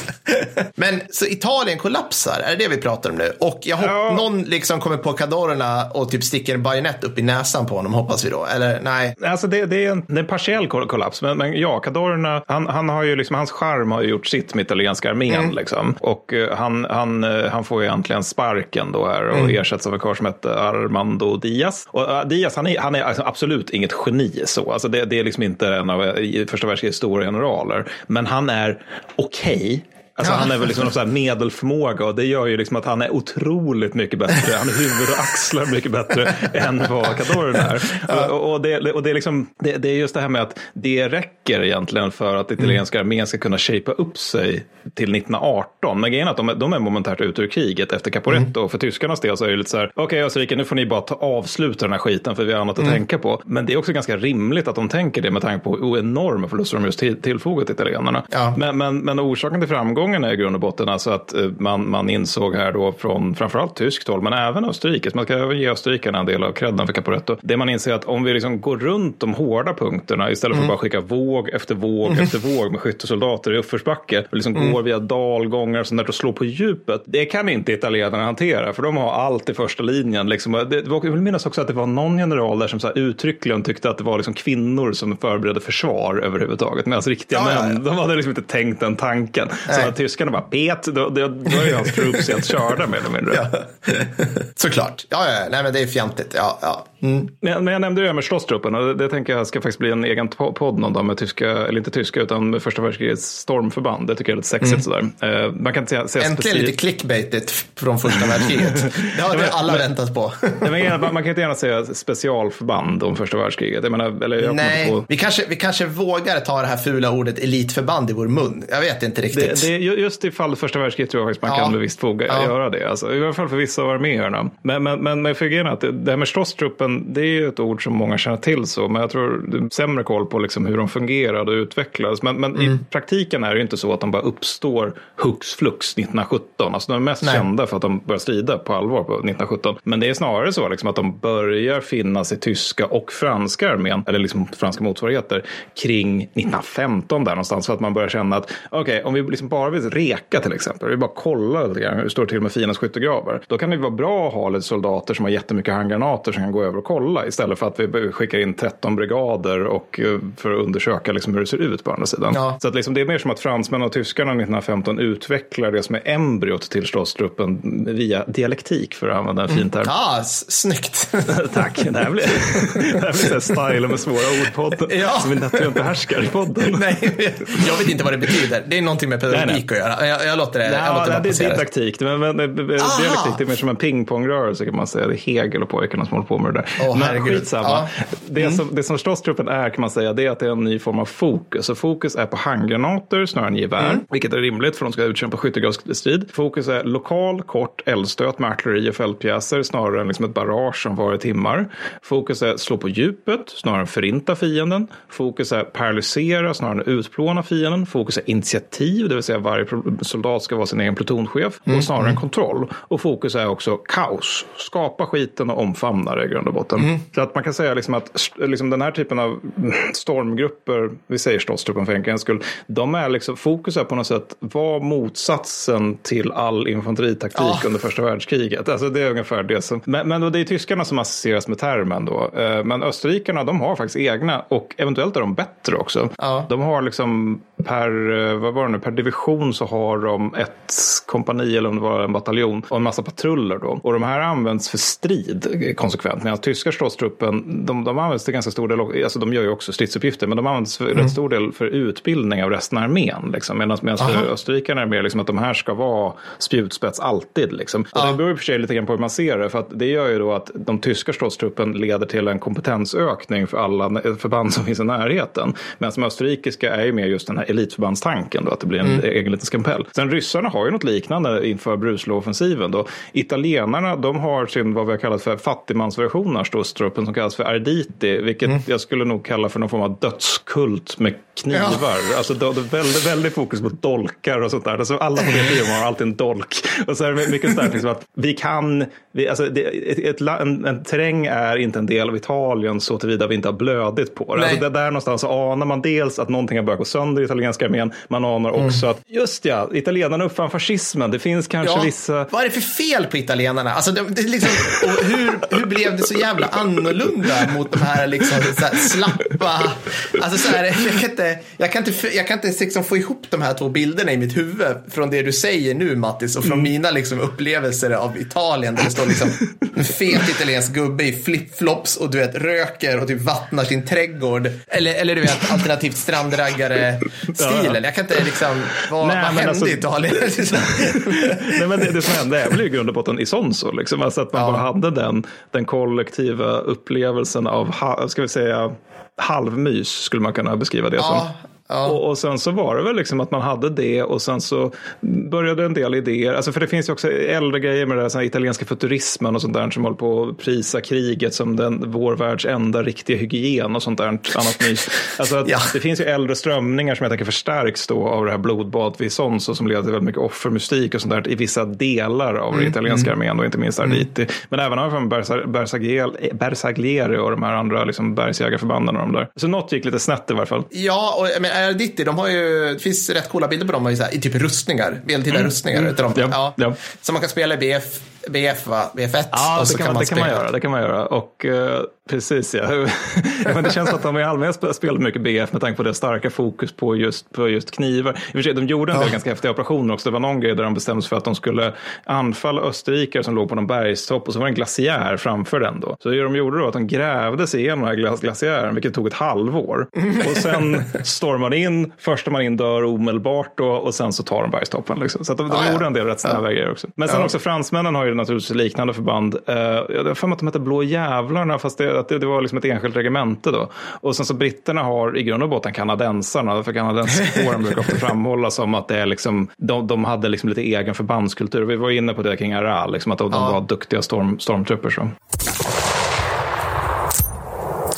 så det är Caporetto. Ja, ja. Då ska ska vi liksom göra ett lappkast igen då, för nu ska vi över till västfronten igen, det sista för 1917. Och sen så stänger Ah. vi butiken för 1917. ja, men gud vad skönt. Ja. Ja, eller, 1917 var ett deppigt år. På västfronten, inte ett nytt. Nej, men för det, man avslutar året 1917 med att egentligen är det liksom två revolutioner som krockar med varandra vid Cambrai. Jag tror man uttalar det kan- som Cambrai. Jag var där Mm. en gång, det var helt hopplöst stad av ron- rondeller. Vid den här tiden så var det istället ett Som. Borlänge. Nej, förlåt. Ja.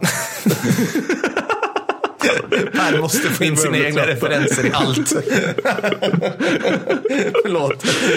Ja, det är. Nej, men det som hände med Cambrai i, i eh, november 1917 det är att britterna sätter in vad som i praktiken, ja, ett, inte, inte det första, men ett av de första verkligen koncentrerade an, pansaranfallen. Sådär.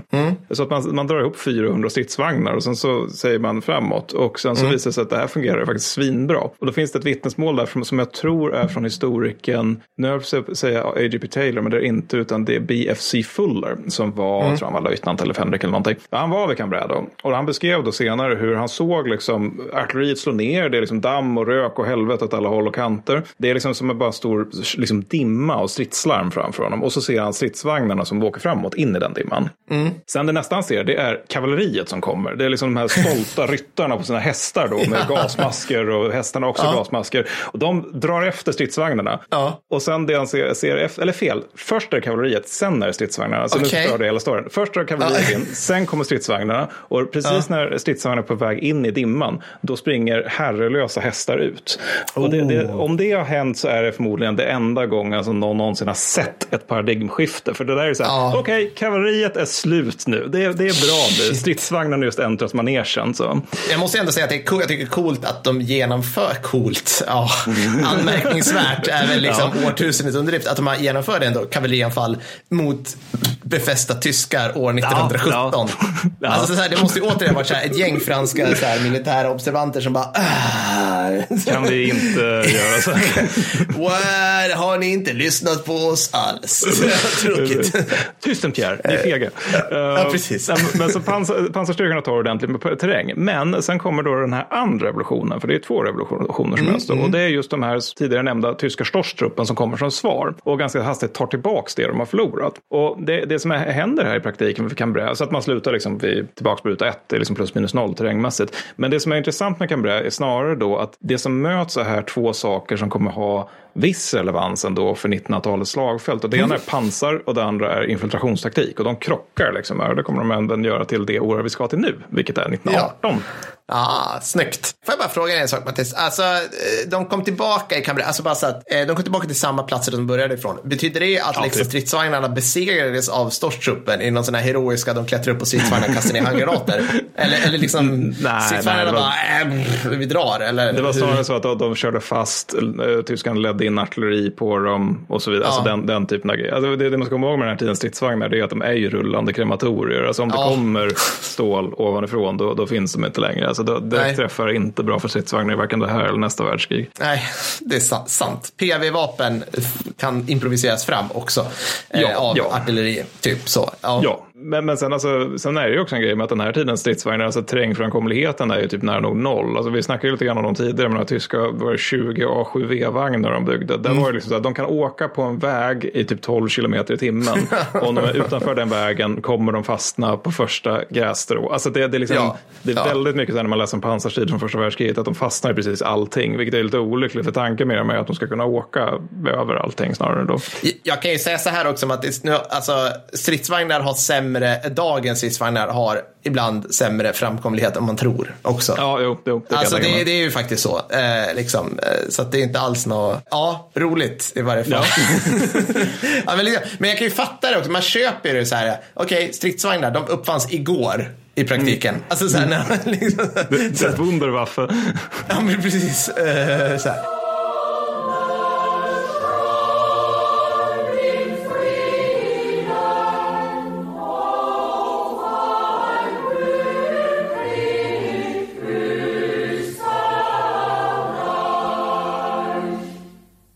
–1918. Nej, men eh, Cambré, vi stänger den boken. Ja, och så kör vi till 1918. Jag tänker att det kan vara bra med någon form av liksom generell orientering. För nu har vi varit på 1917 ganska länge nu. Så jag tänker Ja. då att italienarna och fransmännen, de är försvagade. Ja. På grund av dels Italiens fall Caporetto och sen fransmännens fall äh, myterierna då, eller strejken som jag föredrar att kalla det. Ryssarna är i praktiken ute ur kriget. Det bara är så det är. Amerikanerna de är på väg in i kriget. Britterna är kvar men skrapar tunnan. Tyskarna är också kvar och skrapar tunnan. Sen österrikarna, de är precis som italienarna och fransmännen försvagade, men de är snarare kraftigt försvagade. Och de enda som är pigga är egentligen amerikanerna. Tyskarna är som vanligt och därmed återigen satta på klockan. Det är ju liksom det som Ja. är temat för det här kriget. Ja. Tyskarna kämpar mot tiden. Och i det här fallet så är det dels den här jävla brittiska blo- blockaden som vi pratade om. Men, men sen är det också det med att amerikanerna, de, de, liksom, de får inte bli för många i Europa. Vi måste hinna vinna kriget innan vi har ytterligare en jävla miljonarmé som vi måste Ja. förinta. Då. Eh, Så de måste avgöra kriget snarast. Och därtill så är liksom läget all, hemma allt svårare. För att vi har ju nämnt det här med blockaden och att det var jobbet i, sen- i liksom Tyskland och Österrike-Ungern. Men jag tänkte det kunde finnas en poäng med att bara dra ut texten lite om hur jävla Ja. jobbet det var. För att alltså, Nu ska vi prata, nu ska vi prata civilpersoner och civilfronten, vilket är ungefär lika sexigt som totalförsvaret hemma. Men eh, håll ut, det kommer mer krig snart.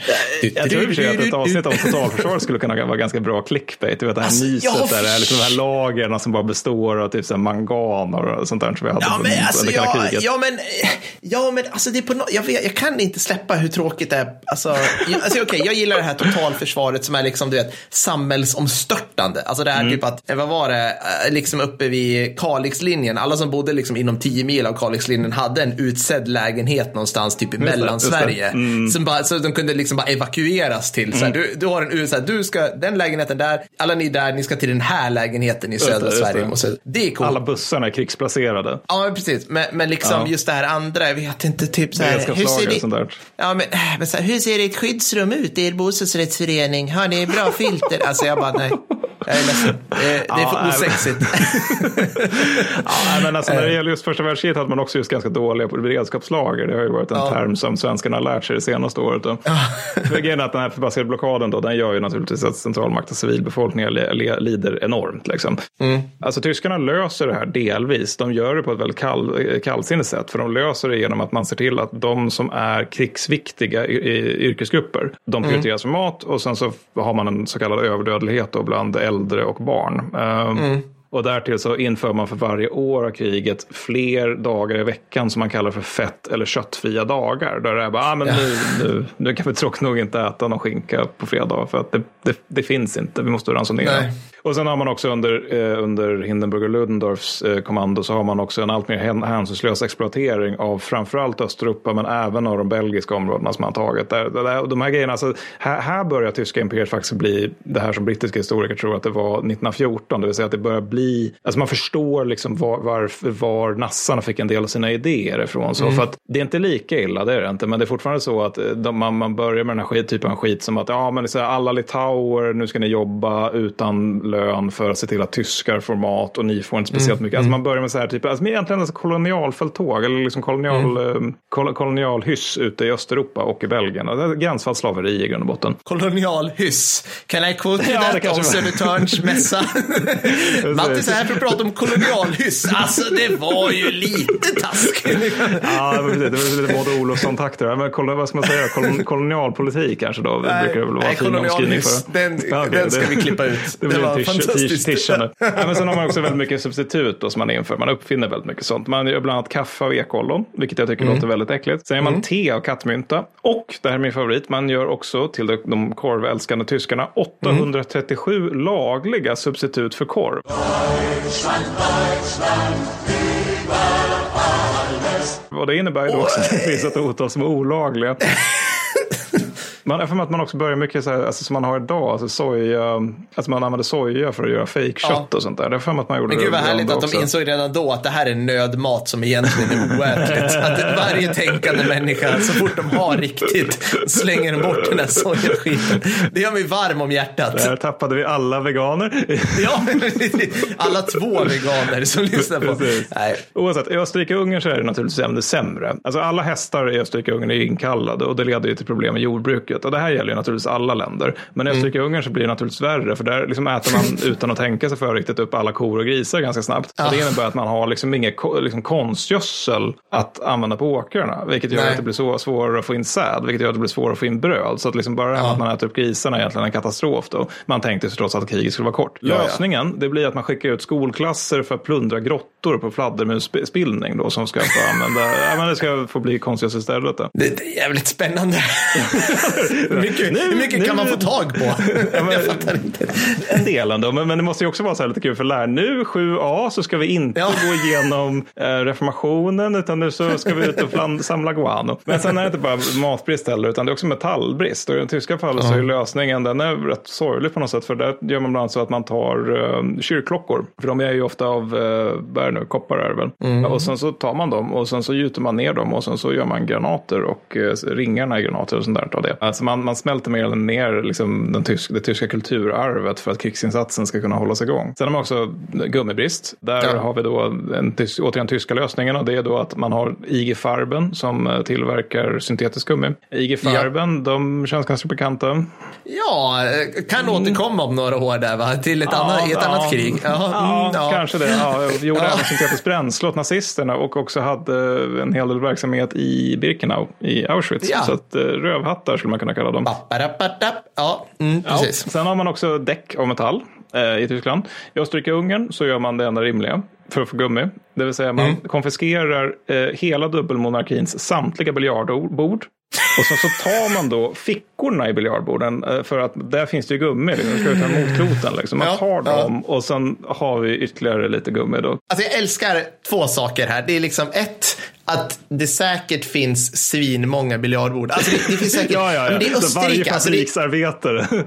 men det, alltså det, det är ju liksom Lettjans folk det här. Det är klart det, är liksom, det finns svinmånga biljardbord. Det, finns säkert, det var säkert så här att de, bara, de tog de här, sen hade de gummi ett år. Alltså, Ja, här, jag, jag har ju inte kollat hur mycket de fick ut, men det kanske täckte Nej. resten av kriget. Liksom, man vet Nej, vi sitter här och näsfnissar. Det kanske var genialiskt. De bara, Ja, ja, ja, ja, ja. men vi löser det här. Vi har vår, vi har vår totalt här, strategiska biljardbordsreserv här. Liksom. Och behöver vi fältduk, då pillar vi loss den här gröna och så Ja, gör ja. om det till uniformer. Och du vet så här. Det kanske var skitsmart. Ja, men det, det vet vi ju inte. Alltså, jag har ju bara sett det där läsa, eh, skriva sig Holger Ja. Herweg och han förutsatte ju att det var en dum, liksom så här nödfallsidé. Men Ja, det, det, ja. som du säger, det, låter ju rimligare liksom att varje enskild österrikisk medborgare hade minst ett biljardbord, liksom, oavsett Ja, om de var fattiga eller rika. Men eh, sen leder det också till brister i största allmänhet. Exempelvis att eh, man tar då Caporetto då, som vi var inne på där. Där använder österrikarna nästan alla tåg de har för att få, få man och material, eller män och material till fronten. Men det innebär ju också att det får liksom biresultatet att det finns väldigt, väldigt få tåg som kan förflytta mat mellan stad och landsbygd, eller snarare landsbygd och stad. Då. Så det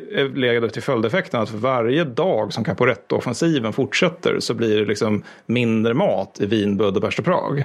Och det är inte Ja. heller bra. Så man måste liksom bromsa den offensiven bara så att det inte blir revolution hemma på grund av ren svält.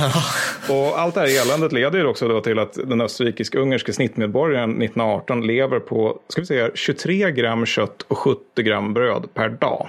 Det är svält. Det är Det- lite. det- Ja, jag har alltid svårt att översätta alltså, gram till liksom se det framför Ja. mig. Men 23 gram, kan det vara en köttbulle typ? Kan det vara mer? eller två sånt där. köttbullar ja, kanske? Säkert. Ja, men något sånt säkert. Alltså, det, det är inte mycket. Alltså, det är ingen förvåning att det var liksom rena svältförhållanden i monarkin i slutet av kriget. Nu sitter jag och funderar på, är det sådana här saker vi måste ta hänsyn till när vi ska spela Hearts of Iron? För då, då har Per Wallin redan förlorat, kan jag säga. Om jag Ja, jag, måste jag tror inte det är riktigt så komplicerat. Men däremot är är sånt här en av delorsakerna till att jag tog upp den blockaden under rubriken Ja. krigsbrott. För att jag tycker att man nog ändå skulle kunna kalla det här för kollektiv bestraffning av civilbefolkningen, vilket är en big no-no när det gäller krigets lagar och sånt där. Men, men, inledningen av 1918, det domineras av Brest-Litovsk-freden då. Samtidigt på östfronten. Och det här är en fred kan man påstå. Men det är i grund och botten att tyskarna och österrikarna vill ha precis allt av Tsarryssland. Österrikarna vill också ha en, en sju helvetes massa potatis. Man säljer in det liksom på hemmafronten som potatisfreden då. Liksom, för att, liksom, lite grann Precis. Okej, ni börjar komma med högafflar, ni börjar fundera på att bränna Mm. hela jävla vin för att ni inte har något käk. Det är fullt förståeligt. Men om vi bara får fred med ryssarna, då, då, då kommer vi få potatis och det är bra. Mm. Och när ryssarna då börjar protestera över att det var väl satan mycket land ni ville väl ha av oss. Jag menar, är inte det ett kabinettskrig där ni får någon kvarn eller någonting efter att ha förlorat Ja. några miljoner man på östfronten. Då så sätter tyskarna igång en offensiv som jag vill minnas kallas för Operation Pukslag. Och det är Mm. typ bara att de sätter liksom några skyttebataljoner på några tåg och sen får de bara åka in i Ukraina och liksom ta station efter station efter station efter station. Ja. Och ryssarna kan ju liksom inte göra någonting åt det här. De har ju just tagit iväg in i ett jävligt inbördeskrig så det, det, det, det kan de inte göra så mycket åt. Så då får ryssarna helt enkelt ge med sig och resultatet är den förmodligen mest förkrossade, eller det förmodligen mest förkrossande nederlaget i Rysslands historia. Och det vill ju inte säga Ja. lite med tanke på att vi har bevisat i den här podden, avsnitt två, att ryssarna inte kan kriga och alltid förlorar förutom andra världskriget. Korrekt. Korrekt. Så ryssarna förlorar Vitryssland, Baltikum och Ukraina. Det här eh, liksom motsvarar en enormt stor del av deras... Alltså, ja. så här, det här är liksom typ där folk bor i Tsarryssland, exklusive Ja. Moskva. Alltså det, det, det, det är liksom de bebodda delarna av Ryssland i grund och botten man förlorar. Och en väldigt stor del av industribasen också, för den finns typ nästan uteslutande i Ukraina. Ja, det där, det där är ett- en myt som jag tror vi inte har slagit hål på någon gång. Men det är just det här liksom att där är Ryssland. Vi pratar så här, europeiska Ryssland, asiatiska Ryssland. Vi kan säga så här, det finns inga asiatiska Ryssland, det är skog. ja, men Ja, ja, bokstavligt talat. Och det är inte den här schyssta skogen som typ vi har i Norrland, där det är så här, okej, det bor lite människor, men det är ändå liksom någorlunda kommunikationer, vi får järnmalm och el och du vet, massa bra saker. Nej, nej, det, det är noll. Nästintill noll. Och sen allt nice, allt. Det finns liksom, Ja. det är smetat längs den europeiska gränsen mot grannländerna.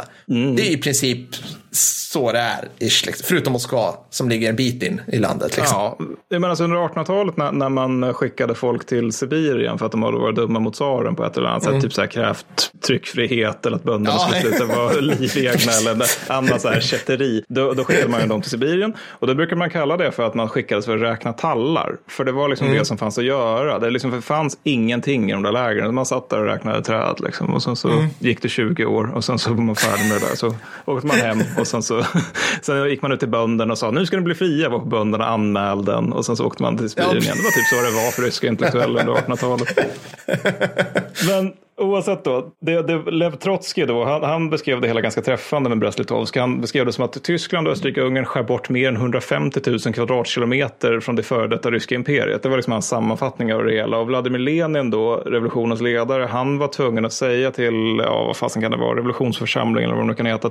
Han sa, han sa liksom när de blev så här lite, ja ah, men vänta, det här låter lite steep, ska vi verkligen gå med på det här? Det här är liksom mycket vi blir av med. Då sa han, ni måste skriva under denna skamliga fred för att rädda världsrevolutionen. För att de fattade ju, annars kommer tyskarna bara fortsätta slå på oss. Vi kan inte sätta Ja, ja, emot ja. någonting. Nej. Så då har man liksom, fre- liksom fredsförhandlingen och sen så skriver man under och sen så har man liksom en middag för att fira det hela. Man kan ju tänka sig att de ryska representanterna kanske inte just firade det här. Men oavsett, då, då är det ju, eftersom det är kommunisterna som skriver under det här så var de ganska, de var ju liksom så lite politiskt oroliga. Liksom att ja, men vi kan ju inte ha det som det var på tsartiden, att det bara är massa liksom farbröder i uniform som skriver under. Utan de, de hade liksom en delegation som bestod av, dels antar jag liksom partieliten då, men även så här, ja, men vi, må, vi måste ha en soldat också. Och så måste vi ha en sjöman och vi måste ha en arbetare, minst en arbetare. Vi måste Ja. ha en kvinna. Och sen så när de är på väg, alltså verkligen på väg i bil mot, mot den här, eh, liksom, ja vad man ska kalla det, inte festen, Festen men den här middagen. då man ska ha. banketten. Ja, precis. Ja. Bankett, banketten, tack så mycket. Ja. Då, då inser de att helvete, vi glömde bonden. Vi Nej. har ingen bonde. så 90 procent av Ryssland består av bönder den här tiden. Det är, inte, Det är så jävla urbaniserat land. talande. Och, ja, men så de bara sitter där och bara, vi har ingen bonde.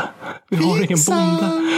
Otroligt pinsamt. Men så då när de är ute och åker då så se, hittar de helt plötsligt en gammal gubbe som är ute och går längs vägen. Och sen så liksom vevar de väl ner rutan motsvarande och säger, ah, du där, bonde. Uh, ja, min herre, eller jag menar jag kamrat, är du bonde? Ja, jag är bonde. Vill du följa med på en bankett?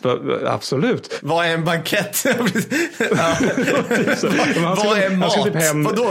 Ja, men alltså, han skulle typ hem med ved eller något sånt där. Alltså, han är bara Ja. så här ute och gör sitt. Liksom. Men han får nu Ja. försvi- försvinna iväg till den här banketten. Eh, han blir också lite av en snackis då eftersom alla tycker att han är lite exotisk. Att ingen i den här delegationen, varken från Tyskland eller Ryssland, har ju någonsin sett fattigt folk förut. Det är Nej, liksom nej, nej. sånt. Det, är Det ska man ju inte befatta sig med. Ja, ja, ja. Men plus att han vet ju inte riktigt hur man för sig. Så när han får frågan, liksom så här, vill du ha rött eller vitt? Eller vill ni ha rött, rött eller vitt vin till middagen då när han sitter där i sin bondejacka? Då så frågar han Ja. helt enkelt, vilket är starkast?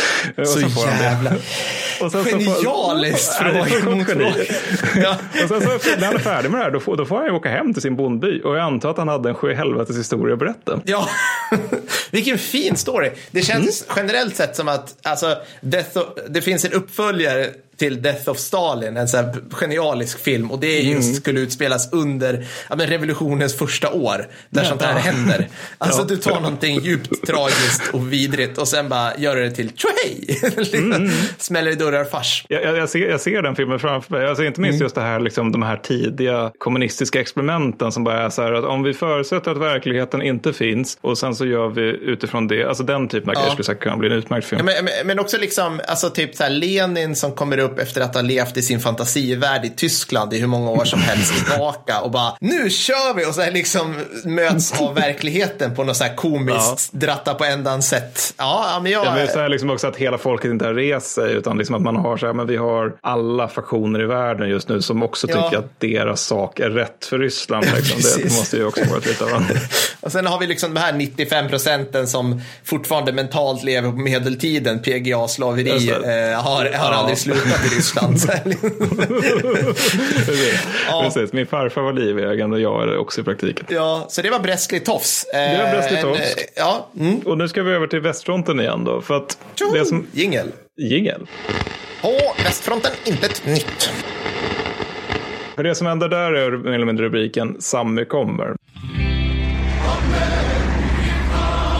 Det vill säga, franska soldater kallas för Pierre, brittiska för Tommy av tyskarna då. Britterna och fransmännen kallade eh, tyskarna för Fritz, medan amerikanerna kallas för Sammy. Italienarna kallas det för Tony. Oavsett, eh, amerikanerna de har 1917 14 000 man i Europa. Det är inte så mycket. Det är liksom vad Nej. som försvinner när Haig nyser. Ja.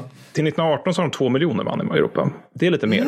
Det är lite är lite jobbigare. mer. Det är väl det här med liksom att tyskarna är på klockan då. Det fördelen är dock att det här är en fullkomlig jävla kalanka amatörorganisation. Alltså, de, de vet nätt och jämnt vad krig är för någonting. Armén, de har tapper krigserfarenhet av att jaga Pancho Villa i norra Mexiko. Liksom. Ja. De, de, har liksom sett det där molnet av Mariana och hästdamm försvinna mot horisonten och sen så har de lunkat efter. Så jag ser en bandit, jag tror det är en civil kvinna, skjut! Och det det. Eh, och sen marinkåren, de har ju också, för de är också med här faktiskt. De, de, de, eh, de har ju dels det där med att de är, de är ju faktiskt liksom lite snävare, eller liksom de har mer institutionell erfarenhet, men sen har, har de också utkämpat så här, lite små kolonialkrig liksom i norra Sydamerika, vem bryr sig? Men de heter saker i stil med The Banana Wars. Alltså det de inte har gjort, det är upplevt Verdun, eller liksom någon så här lite större sak. Så, så att man kan säga så här att stabs och generalsnivå lämnar mycket att önska. Amerikanska armén som helhet kör taktikmodell 1914, fast 1918, så att liksom nya friska idéer sådär. Fransmännen, de tittar på det här och bara, alltså vad i hela, vad, är, vad gör ni? Va- varför? Så att de får liksom komma över till USA och utbilda amerikanska armén, vilket ingen amerikan någonsin lyssnar på naturligtvis. Nej, Sen nej, kommer nej, amerikanerna nej. till nordvästeuropa och bara, oj fan, det fanns ju tydligen shrapnel. Så att då, då blir, får de så här lite, ja men Frankrike, hur gör man när man krigar? Var på fransmännen, bara, sacré bleu! Och då blir det den här typen av så här förnedrande situationer där liksom eh, amerikanska soldater sätts på lugnare frontavsnitt liksom för där de får lite kritor och leksaker liksom, så att de ska kunna lära sig lite grann liksom, vad ett krig är för någonting. Eller liksom bara är att vara i en skyttegrav. Och så säger man liksom så här, du där, eh, liksom, random random amerikansk soldat menig 1. Du ska följa den här franska menigen random random soldat 2 kan vi kalla honom. Sen ska du göra allt han gör. Precis till punkt och pricka, för han vet hur man överlever i skyttegravskriget. Och sen får han göra så en stund. Och sen så säger man till liksom en amerikansk skyttegrupp som har fått göra det här då att nu ska ni följa en fransk skyttegrupp, sen till pluton, nu ska ni följa en fransk pluton. Och så håller man på så här upp till pluton och bataljonsnivåer. Så att alltså, Ja. eh, alltså tidigt under den amerikanska krigsinsatsen så har de franska förband som är liksom deras storebröder och bara ska visa. Så, ja, nej, nej, nej, inte, inte springa med bajonetterna, inte, inte gör det. Vi prövade det. Istället Ja.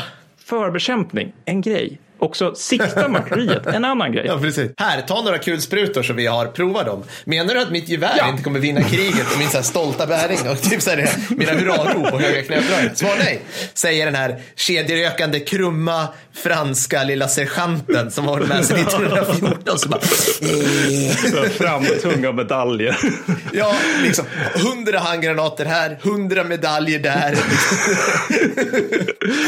Ja, nej, men Ja. precis. Och det amerikanerna tog med sig det här till 2003 var att fransmän är fega. Men eh, Ja. det där med kulsprutor är faktiskt bra att du tog upp också, för de får också just licenstillverka amerika- eller franska kulsprutor, framförallt Chauchat-kulsprutor. Så att om man någonsin ser vad som ser ut som brittiska soldater men med franska vapen, då är det i regel amerikaner. Och de får också licensproducera FT17 stridsvagnar, vilket ju som sagt är den första riktiga stridsvagnen, så det var de nog glada över. Problemet är dock att när de försöker, och det försöker de ganska ofta, för de tycker vi har ingenting att lära oss av krig och de här förtappade européerna. När de försöker genomföra självständiga operationer så är liksom förlusterna kons- konsekvent katastrofala. Och det kommer Ja. vi återkomma till. Men, men ehm, det man kan sammanfatta det hela med, det är liksom, eh, de är jättemånga, men de är typ det här krigets röda armén. Liksom, och tyskarna ser det här mest som en hord som inte får växa. Så att Ja. ergo så blir det operation Mikael som en konsekvens. Får jag bara sticka in en grej här? Eller vi kan, Kör gud, det här kan bli världens längsta stickspår. Men jag, jag, jag sitter ju bara och tänker på Trumans tjänstgöring där. Och nu, nu blir det lite så här, det är historiepodden. Men en kul grej som kommer av amerikanska inblandningen, del av amerikanska inblandningen i första världskriget.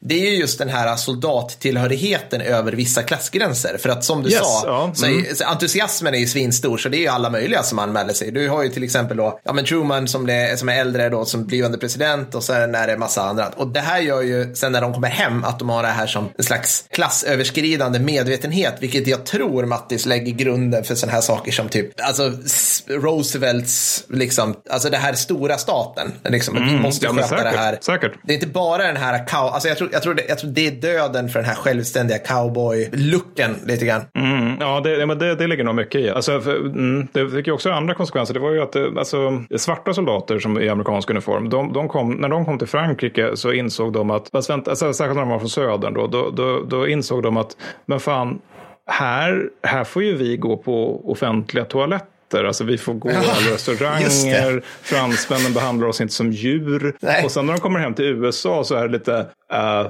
vi, vi, vi, vi, upptäckte en grej i Frankrike och det här ledde till, alltså det ledde till, vad fan hette det nu, Red Summer tror jag, till 1919 som består typ av liksom svarta soldater som kommer hem och undrar varför är det inte så här och sen så vita soldater som kommer hem och undrar varför vill de ha förändring. Resultatet är tusen döda under en riktigt jävlig sommar. Alltså, om, man, om man tror att liksom moderna, den här, typen av så etniska kravaller i USA är illa, alltså, ta en koll på Red Summer, det var riktigt jävligt. Men, ja, nej, men, alltså, men den där typen att, att man, man säkert skapade liksom ett mer av ett vi i USA, det, det stämmer säkert. Alltså det var ju över två miljoner man som tjänstgjorde trots allt. Eh, inklusive ganska många svenska emigranter, varav många hade spr- sprungit från Sverige för att eh, slippa den svenska värnplikten. Vilket, och det här är en rolig grej. Alltså, det, det här är ju så här, är du en irländsk immigrant som åker över i så 1860-talet för att typ så här slippa brittisk militarism så bara, hej, välkommen i New Yorks hamn. Jag är rekryterare för nordstaterna. Var vänlig klipp på det här tåget. Du ska till fronten i, sin, i det här lilla inbördeskriget vi pysslar med just nu. Det kommer säkert vara över jättefort. Ingen fara. Du kommer inte dö i difteri, rödsot och massa andra vidriga Precis. sjukdomar.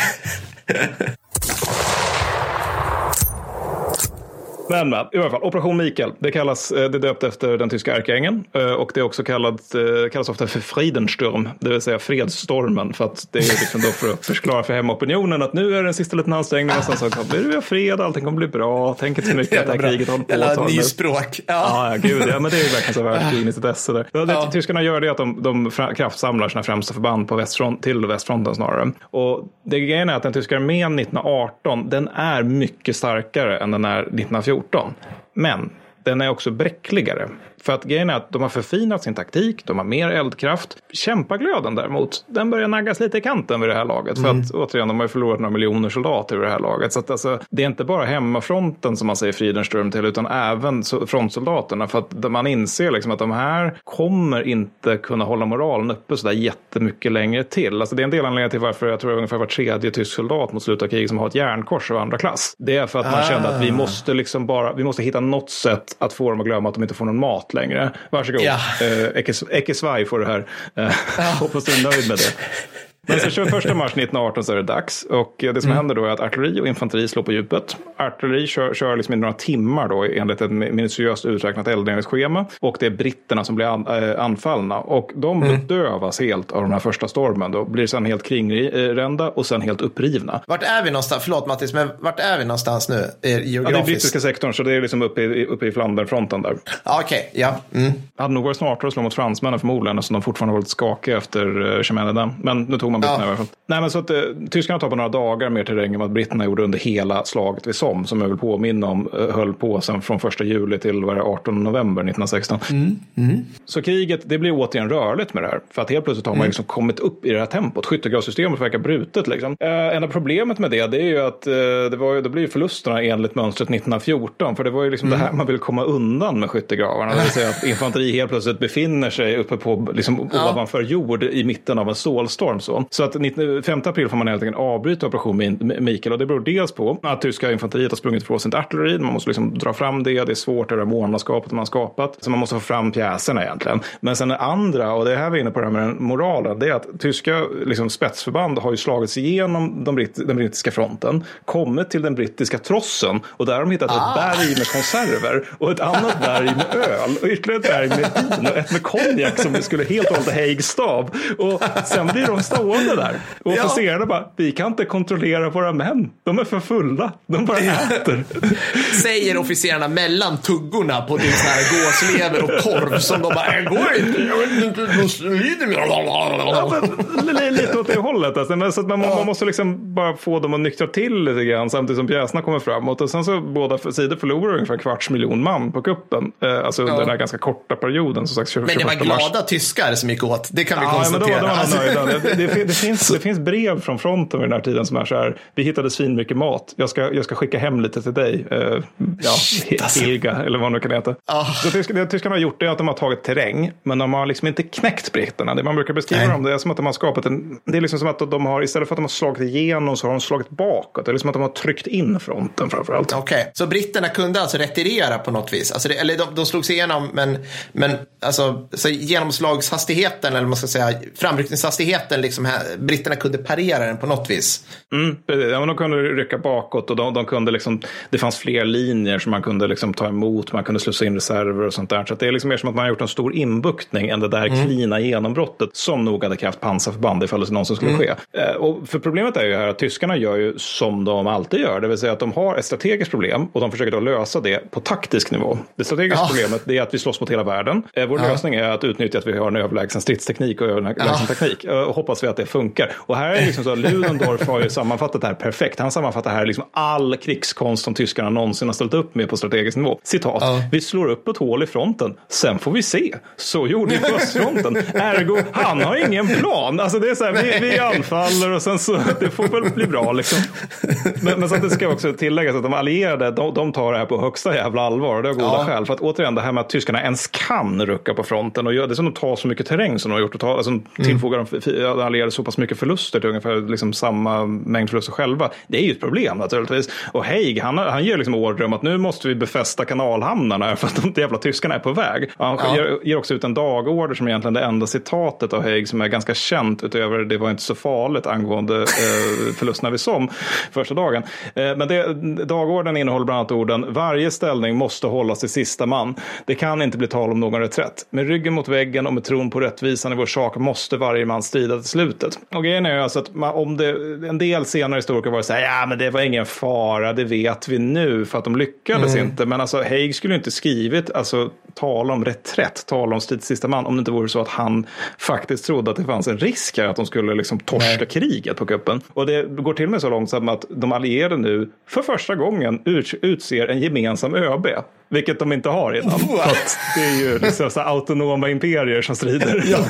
att, det, och det är liksom bara den grejen, man blir helt tokig. Liksom. Om ni har gemensam ledning så kanske ni kan utnyttja era gemensamma överlägsna förluster. Nej, nej, nej. Nej, nej, nej, nej, nej, nej. tål inte det. Ja, precis. Men den som det blir då är en person som vi tråkigt nog inte har pratat så mycket om sen första slaget vid Marne. Det vill säga Ferdinand Foch. Om den som inte minns vem det är, det är han som sa det där, eh, min vänstra eh, flank eh, är svag, min högra faller till tillbaka läget utmärkt till anfaller. En klassisk fransk hjälte. Ja, ah, så jävla, sån jävla titan. Mm. Men grejen är också att det är fortfarande, han blir så kallad generalissimo. Och han har liksom inte, han har inte kontroll över individuella arméer. För det, det tål liksom inte den nationella äran. Utan det han har kontroll Nej. över det är reserverna och var de ska sättas in. Så att han, han måste, liksom, hans roll är ganska stor del att vara diplomat mellan de olika aktörerna på, på västfronten. Och liksom, ja, men skulle mm. vi kanske kunna genomföra flanka? Du tycker inte det? Nej, men, men så att han, har, han har makt, men det är mycket så här liksom, lock och pockmakt. Okay, men ja. samtidigt så fortsätter han häva ur sig episka citat. Så att han, när han blir generalissimo så säger han jag ska strida mot dem framför Paris, jag ska strida mot dem i Paris, jag ska strida mot dem bakom Paris. Alltså, ja. älskar folk. Strålande. Ja, ja. men det, det, är väl liksom eh, stora krigsinsatsen för många franska generaler. Det är ju faktiskt att säga sådana episka saker. Det måste ja, man ju ändå ge ja, ja. Alltså, ja, ja. precis. Gjorde ju riktigt bra saker också såklart. Nej, men ja, ja. bevingade citat, vi ska inte underskatta De kan, det. Jag misstänker att det är 7,5 poäng på Sansyr eller någonting. Att man, ja. hur, hur kläcker du ur dig i dödsögonblicket som historien kommer minnas dig för? Ja. 7,5 poäng Michel Nej. Efterföljs av 20 poäng in, hur man sveper in sig i den franska fanan och fäktas till döden med sadel. alternativt utkämpar hopplösa strider full eller något. Jag vet ja, inte. Men ungefär, ja. så, ungefär så. Men orsaken till den tyska framgången det, det är ju eh, naturligtvis slåsstruppen, det är det man brukar ta upp. Men, men ja, alltså, om man ska vara lite petig så är liksom framgång, orsaken till att de kan operera överhuvudtaget det är ju artilleri. Alltså att mm. det, det, det, är ju inte så konstigt det heller för det är ett artillerikrig. Och jag tänkte bara lite kort att man kunde beskriva det här med artilleri för att det är det minst sexiga man kan prata om när det gäller krigföring. Det är alltså nog mer än kanoner som säger pang eller pa, pang. Mm, precis. De här pang. eländesekvenserna från alla krigsdokumentärer där man ser kanoner som hoppar. Det, det, det ja. är det jag minns från alla krigsdokumentärer. Att de ja. hoppar mycket. Nej, men alltså, taktik, artilleritaktiken utvecklas ju enormt mycket under det här kriget. Alltså, 1914 då har man artilleri för att understödja bajonettanfall. Det är typ det. Mm. Och i den mån man överhuvudtaget använder indirekt eld så är det lite pö om pö. Liksom, ja, men där borta kanske någonstans. 1918 är en helt annan grej. Liksom. Då använder man, dels använder man flygspaning inför artilleriangrepp. Men sen är det också det att man kan göra, jag vet inte vad det heter på svenska, det får hjälpa mig med, counter artillery. Ja, nu satte du mig på pottkanten. Eh, kontrabatterield. Eh kontra? Kanske. Men alla kanske. vet vad det handlar om. Eller ja, ja. förklara gärna. Ja, men typ, mm. alltså, för, jag menar, alltså, man, man, märker att fienden skjuter, man kan liksom känna av det via, via olika sensorer. En sensor är infanteri till exempel. Och sen kan man plösa ner granater där fiendens artilleri befinner sig. Det är ganska komplicerat. Det är liksom ingenting man gör en mm. handvändning, mm. men det uppfinner man under det här kriget mer eller mindre. Sen har man också det här med att man har artillerield enligt en plan, vilket inte var en självklarhet innan kriget. Och det är också, så det har liksom blivit en vetenskap och en synnerligen dödlig sådan också. Det finns också flera olika undertaktiker taktiker som utvecklas. Den kanske mest kända The Creeping Barrage. Och det är liksom att man har infanteri som marscherar och typ 100-200 meter framför så marscherar artilleriet. Alltså artillerielden då. Tidigare varianter av de här lider av sådana här tråkigheter som att artillerielden ofta var för snabb för infanteriet. Mm. Eller snarare så att artillerielden hade ett schema som inte gick att rucka på. Och sen om infanteriet stötte på någon form av problem och var tvungna att stanna. Då för, liksom, mm. svepte artilleriet framåt och då kunde de inte understödja infanteriet. Och då blev det slakt. Sen något annat man hade var box artillery. Och det är som det låter. Det är att man har liksom en, en låda mer eller mindre av svär, artilleriexplosioner på en avgränsad del av en skyttegrav. Och det här brukar man använda när man skulle till exempel liksom, ja, göra en räd. Alltså man mm. avgränsar den här skyttegraven från fienden så att de inte kan hjälpa de som är i den. Sen har man standing barrage och det är mer eller mindre man smäller på som fan på en punkt som man bara vill negera för fienden. Och det man använde 1918 under våroffensiven från tyskt håll då, det är uppfunnet av eh, George Br eh, Brüschmüller, eller Brüschmüller. Han kallas ofta för Durchbrüschmüller, vilket alltså betyder genombrottsmüller då, för att han har blivit väldigt bra på det där med att fixa artillerigenombrott. Och det är i grund och botten att man har snabbt och på djupet och varje batteri planeras liksom på jävla minuten när de ska avfyra alltihopa. Alltså han okay. jämför det här med att det är som att spela en orkester, att han är en dirigent liksom som bara ni där borta skjut, ni där borta skjut, ni där borta ja. skjut. Och oftast är det också så här två vågor av creeping barrage, den andra består av gas. Så att alltså det, det, det, det hinner hända mycket. Ja. eh, jobbigt. För, ja. men, men, Mycket man ska, ja, men om man ska höja blicken ytterligare lite grann så kan man ju då konstatera då att okej, okay, tyskarna gör en framryckning på västfronten. Hur går det för dess, hennes allierade? Ja, det går det ju sämre mm. för naturligtvis. Österrike-Ungern mm. försöker i juni på egen hand genomföra en stöt mot Piavefloden i Italien. Eh, här mm. är bland annat Grupp Konrad inblandad. Och det är ju då alltså naturligtvis det Konrad von Ötzendorf fick ansvar för efter att han fick kicken som stabschef. Och mycket riktigt, nej, de kommer ingen vart. Och vad jag förstått så är det också delvis Konrads fel för att han tyckte ta mer, ta mer. så det är bra. Och sen under tiden så blir också turkarna, de blir ägda av britterna i Jordanien. Men de tar terräng i Kaukasus och det är ju bra. Mm. Men orsaken till att de tar terräng i Kaukasus det är att det inte finns några ryssar där som kan liksom hejda dem. För att de Nej. håller på med sitt inbördeskrig. De behöver bara slåss mot bergen, sin egen logistik, sig själva och eh, vet, det, de lider tillräckliga förluster av bara det. liksom Turkey declares wars on itself. Ja. ja lite åt det hållet. Nej, men, så, men de gör ändå så här försiktiga framryckningar som mm. mot slutet av 1918 inte kommer resultera i någonting överhuvudtaget. Nej, nej. Eh, och sen så, men de tyska officerarna fortsätter i väst då. Och de tar terräng. Men varje offensiv som man påbörjar går trögare och trögare. Det är Mikael som går absolut bäst. Men sen så de mm. efterföljande, de går lite långsammare och ytterligare lite långsammare. Och orsak till det här det är ju att manskapet är ju utmattat för det här laget. Återigen, det här är ett krig där folk går för att komma till striden. Och de går när de anfaller. Så att de börjar bli trötta. Och de börjar bli hungriga. Och de, därtill, man har också förlorat svinmånga ståstruppen. Vilket gör att man måste göra ståstruppanfall fast med så här, ja, vi skrev just ut ut de här 16-åringarna, vi gav dem två och en halv månads utbildning. Hoppas det räcker. Ja. Och det funkar inte. Men oavsett så är det liksom en långsam, tröskande manöver tills man slut, eller snabb för första världskriget i och för sig, tills man slut kommer till Marn igen. Ah, vi är tillbaka där vi började Mattis, skulle man kunna säga så? Ja, och det får man säga lite av en skärm med narrativet första världskriget. Det är just att det här att nu är vi här igen. Det är en ganska Jaha. bra liksom, jag ska säga, utvecklingskurva av storyn. Så andra slaget vid Marn då. Det är förmodligen, skulle jag säga, ett av de mindre kända slagen under första världskriget. Orsaken är ju att det precis som förra gången de stred vid Marn är fransmän som drar det tunga lasset. Det är dock mm. även britter och amerikaner här också. Då. Och det utkämpas mellan 15 juli och 6 augusti 1918. Och i första linjen då, första linjen som står emot tyskarna, där befinner sig ogifta frivilliga franska soldater och de är i praktiken ja. beordrade att dö. Mm. Sen då så har vi då från då Henri Godard som var general för franska femte armén. Han skrev en dagorder då som jag, tänkte, som jag tycker faktiskt förtjänas att citeras i sin, till fullo. Den lyder så här. Till de franska och amerikanska soldaterna i armén. Det förestående anfallet kan komma vilken sekund som helst. Var och en av er vet dock att en försvarsstrid aldrig har utkämpats under mer gynnsamma förhållanden. Vi är förvarnade och vi är redo. Vi har fått stora förstärkningar med både infanteri och artilleri. Ni kommer att slåss på terräng som ni, genom ert ihärdiga arbete, har förvandlat till en veritabel fästning. En fästning som är ointaglig om dess portar hålls stängda. Bombardemanget kommer att vara fruktansvärt. Ni kommer att uthärda det utan svaghet. Anfallet i ett moln av damm och gas kommer att bli våldsamt, men era försvarsställningar och beväpning är lika skräckinjagande. Starka och modiga hjärtan slår i era bröst. Ingen av er kommer att se bakåt. Ingen kommer att ge upp. Endast en tanke kommer att uppfylla er. Döda dem. Döda dem i mängder tills de fått nog. Därför, säger er general, kommer detta att bli en ärorik dag. Ja, ja. Ja. Det är, ja, det är, lite, det är bra 7,5 poäng där. Ja, det... det är roligt att det fortfarande finns de 1918 som talar i de termerna. Det här blir en ja. dag. Nu jävlar, gå ut och dö. Men det är lugnt för fransmän är fega. Ja. Uh, oavsett. Slaget eh, är liksom ganska typiskt första världskrigsslag, men det som sticker ut lite grann det är att när det når sitt klimax då får Foch lite feeling och sätter in ett motanfall då som, som där spetsen är pansarstyrkor. Det här slår mm. mot tyska förband som är på typ en åker och ute och skördar för att de behöver käk. Ja. Och eh, det, så att det här kan, vi, liksom... kan vi mitt i striden i anfallsmålet bara, oh vete! Ta typ loss vetekärnorna, börja mala mjöl. kan de bygga en ugn? Ja, det var typ så. Ja, det var typ så. Så det här blir oh, ett stort.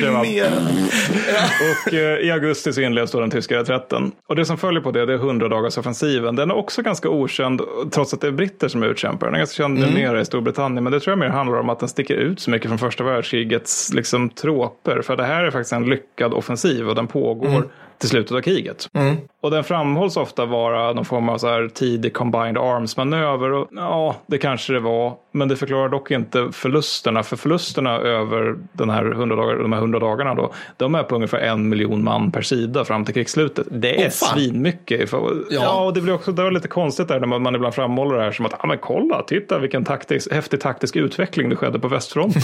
ja, fast inte från brittiskt håll. Vi är tillbaka på 1914 fast med stridsvagnar. eh, Och, Ja, men lite liksom- så. Man, man, man har ju flyg också. Men de, ja, nej, men, alltså det, det som är dock intressant är att tyskarna förlorar ungefär 400 000 krigsfångar. Oj, ja. Ja, det är oj. Och 7000 artilleripjäser, de går inte att ersätta. Så Nej. återigen, man har ju smält ner kyrkklockor för att göra granater. Det finns liksom inte metall i Tyskland längre. Och det är just det här med krigsfångarna som jag skulle säga är nyckeln till nederlaget. För alltså våroffensiven är sista sucken för tyska armén. Alltså där de verkligen känner att nu kör vi. Men alltså när den misslyckas då är moralen helt jävla sönderskjuten. Och eh, då har man då till exempel, som bara som ett exempel så har man underslaget om Amiens som brukar kallas för tyska arméns svarta dag. Där förlorar de 75 000 man varav två tredjedelar bara ger sig. Alltså vid det här laget så förekommer att officerare, för att även officerarna börjar ge upp, det säger ganska nytt, det att Ja. de bara liksom ger sig med hela sina, eh, sina förband. Liksom att en regementschef går upp i skyttegravarna med sitt regement och bara, nu är det bra. Det får vara nog med den här skiten. Alltså just det här med att tyskarna börjar kapitulera och börjar känna att nu orkar vi inte mer. Att det är snarare Nej. det skulle jag säga, snarare än alltså att det är någon form av taktiskt mirakel som är grejen med, eller snarare framgångsfaktorn bakom 100 dagars offensiven. Men det blir dock en annan sak när man faktiskt närmar sig gränsen. För att där blir det ju istället så för den här liksom jubelmarschen som det har varit genom Frankrike då, eh, under hela hösten egentligen. Så blir det helt plötsligt svinblodigt. Alltså amerikanerna, de hamnar i det blodigaste slaget i sin historia. När, de, när, när de sätts in vid Mös-Argon-offensiven. Ja, som i sig bara en sideshow under första världskriget. Ja, men ja. i amerikansk historieskrivning så är det Åh! Såklart liksom. Ja. Ja, det, det, det är rätt lustigt. För jag, de, de böcker jag har om, här, om Mös-Argon- Mös-Argon-offensiven, jag vill säga Aragon av någon annan, eh, så brukar de ofta säga det att det amerikaner känner, till det är Son-Cantan-offensiven. Och det var typ så här, tyskarna utrymde en ficka, amerikanerna angrep dagen därpå, förlorade inte så mycket, lyckades ta lite krigsfångar och då vill man liksom använda det för att kolla vad badass vi var. Men Ja. Mös-Argon är inte lika omskrivet av någon anledning då, vilket återigen Nähä. det är det blodigaste de har varit med om. Men har du hört talas om det här?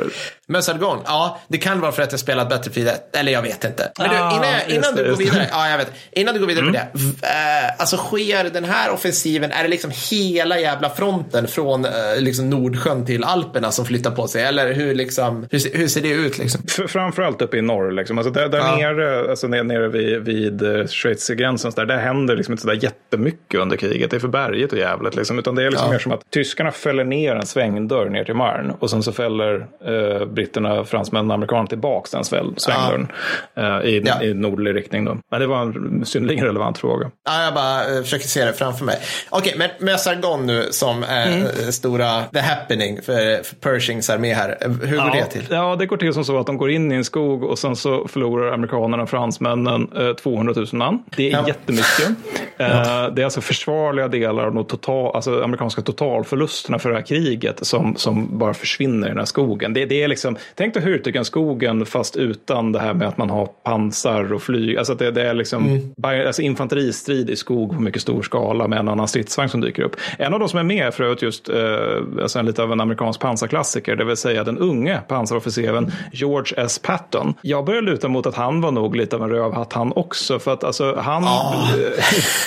Men alltså, han var med med grejer här och det var liksom att det var så här, det kommer traumatiserade amerikanska skyttesoldater från fronten som bara, vi sprang just in i liksom bara eh, en tromb av taggtråd och kulspruteeld. Vi Ja. vill härifrån, vi, vi retirerar. Och på Ja. Patton hoppar ner från sin F-17-vagn, frågar varför springer ni iväg och de förklarar situationen. Patton tar en fältspade, slår den i sidan på huvudet på en av de här rädda männen, skriver hem till sin fru, citat, jag tror jag dödade en man idag. Ja, men Alltså, han, han, har, eh, han har ju en grej att liksom gå runt och örfila folk som ligger på sjukhussängen, PGA Ja. feghet under Italien.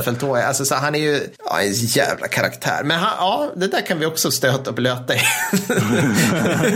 Ja, men kanske, kanske faktiskt en så här, männen som älskade kriget 2 på honom. Ja, det kan bli så. Mm. Okej, men med, med Sargon då. Det, det är Hurtgen, men, men det, jag inbillar mig att eh, det blir lite bättre för att det är skog. Alltså, så här, eller så här, Hurtgen-skogen var ju pissigt. Det är vi alla med på. Det var väldigt tråkigt. Det var ju inte sinnessjuka förluster för att det var ju extremt bruten terräng. Det var bara så tröstlöst, deppigt, eh, etc. Det var ju inte det här liksom, ja, men som, som vi pratade om 1914, öppna fält med liksom vackra nej. blommor och pantalon rouge. Liksom. Men, men ändå så tog de så många förluster. Va, är det bara liksom det var dåligt, Alltså dålig dåligt. taktik utav Primitiv amerikanerna? taktik liksom? är liksom Ja. huvudorsaken i grund och botten. Alltså, då, Ja. Det som är deras problem här någonstans, det är ju att de tar, alltså, för tyskarna förlorar 126 000 man då, eh, varav 50 000 är krigsfångar. Men, men problemet för amerikanerna och även fransmännen i det här fallet är ju att när de når tyska gränsen, vilket de gör här, då är det ändå tillräckligt många eh, skyttesoldater från Tyskland som tycker att fast det här är en annan sak. Ja, det här är Heimat. Alltså det, det, det här är inte bara någon liten random man bit av Frankrike som Nej. ska slåss och dö för, utan det här, det här är hemlandet Vaterland. Mm. de är liksom mer motiverade att slåss. Och samtidigt så har amerikanerna fortfarande typ inte lärt sig någonting. Så att det, de, de kör liksom bara så här våg på våg av infanteri som stormar framåt en liksom veteranarmé som har varit med sedan 1914. Så att då blir det ju så här. Sen lyckas de ju faktiskt bryta sig igenom det tyska försvaret. Men frågan är, alltså, ja, kriget hinner ta slut innan man hinner re- reda ut vad det skulle ha lett till. Och sen kan tilläggas också det här med att moralen blir bättre när man närmar sig gränsen. Det gäller tyska, inte österrikiska soldater. För österrikarna, de utkämpar i oktober 1918 vad som i praktiken är Österrike-Ungerns absolut sista slag. Det är nämligen så att italienarna anfaller vid Vittorio, nu ska jag säga, Vittorio Veneto. Och eh, jag tror man måste uttala det på italienska för att det inte ska låta helt retarded. Men i alla fall så är det här, det är ju liksom en italiensk offensiv, men det är mer en polisaktion. För alltså österrikarna har ju ingen mat längre. Det har de Nej. inte haft på ett år. De äter typ bergsjätter vid det här laget. Och, så för varje österrikisk ungersk soldat som dödas eller såras under den här offensiven så är det 56 som ger sig. Ja. Och det här tingar totalt 450 000 österrikiska ungerska eh, krigsfångar. Jättemycket krigsfångar. Det är, jätte, Ja, men det är liksom bara- jättemycket. Ja, men alltså, och det, det var ändå liksom de som menar på det, att om man ser till det att österrikarna ändå lyckas hålla under den här offensivens tre första dagar eller något sånt där. Det var någon som menar på att den här, de här vänliga, schyssta, lägre officerarna som de hade, alltså att det, det är to their credit att de ändå lyckas få de här, i praktiken fågelskrämmorna som stod, stod, stod skulle hålla linjen där, att ändå kämpa på. Men sen kollapsar det bara liksom. Och Ja. efter det kollapsar även Österrike-Ungern i rasande jävla takt kan jag säga. Nej, men den bästa dubbelmonarkin, vad fan, vad tråkigt. Ja, men jag vet, jag vet. Det, det är jävla sorgligt det här, men det, men det är tråkigt nog så. Men, men för, det, men för apropå saker som kollapsar så har vi ju även Salonika-fronten här, som vi inte har nämnt, men som vi nu ska nämna. det. Ja, just det. En liten bubbla, en hipsterfront under första världskriget skulle man Mm. Ja, lätt det kan man kunna säga. säga. Det kan man säga. Men också fram till 1918 en helt meningslös front. För det är ju här ja. britternas eviga... men, vad var det du pratade om? Det här med Churchills, i det här vi hade om Marina Fuck Up. Churchills liksom, längtan efter att hitta the weak underbelly. Well, I, Ja, ja, han gör vad han kan. Och där, nu, nu, nu prövade han eh, grekiska bergen och hela Ja. Balkan hela vägen upp. Och typ så här, han hade aldrig tittat på en topografisk karta eller kan Nej, någonting nej. om Balkan överhuvudtaget. Liksom. Nej, men alltså, det var ju så. Alltså, de, de upprättade 1915 Salonika-fronten och tanken att man ska slå mot centralmakten mot, från söder. Då. Och det som följer är liksom total apati, jättemycket malaria och det britterna kallar för världshistoriens största fångläger utan tak. we can't have heaven crammed. de, de är ju bara där liksom. Och det är massa britter och serber och fransmän som är bara instängda i Salonika. Men i september 1918 så är de lite grann, hörni, jag tror inte att, jag tror inte att centralmakterna mår så bra. Vad händer om vi liksom bara går norrut och vi prövar det nu? Och då, då blir, visar det sig att det fungerar alltså utmärkt. För de som är satta att hålla de här instängda, det är bulgarerna.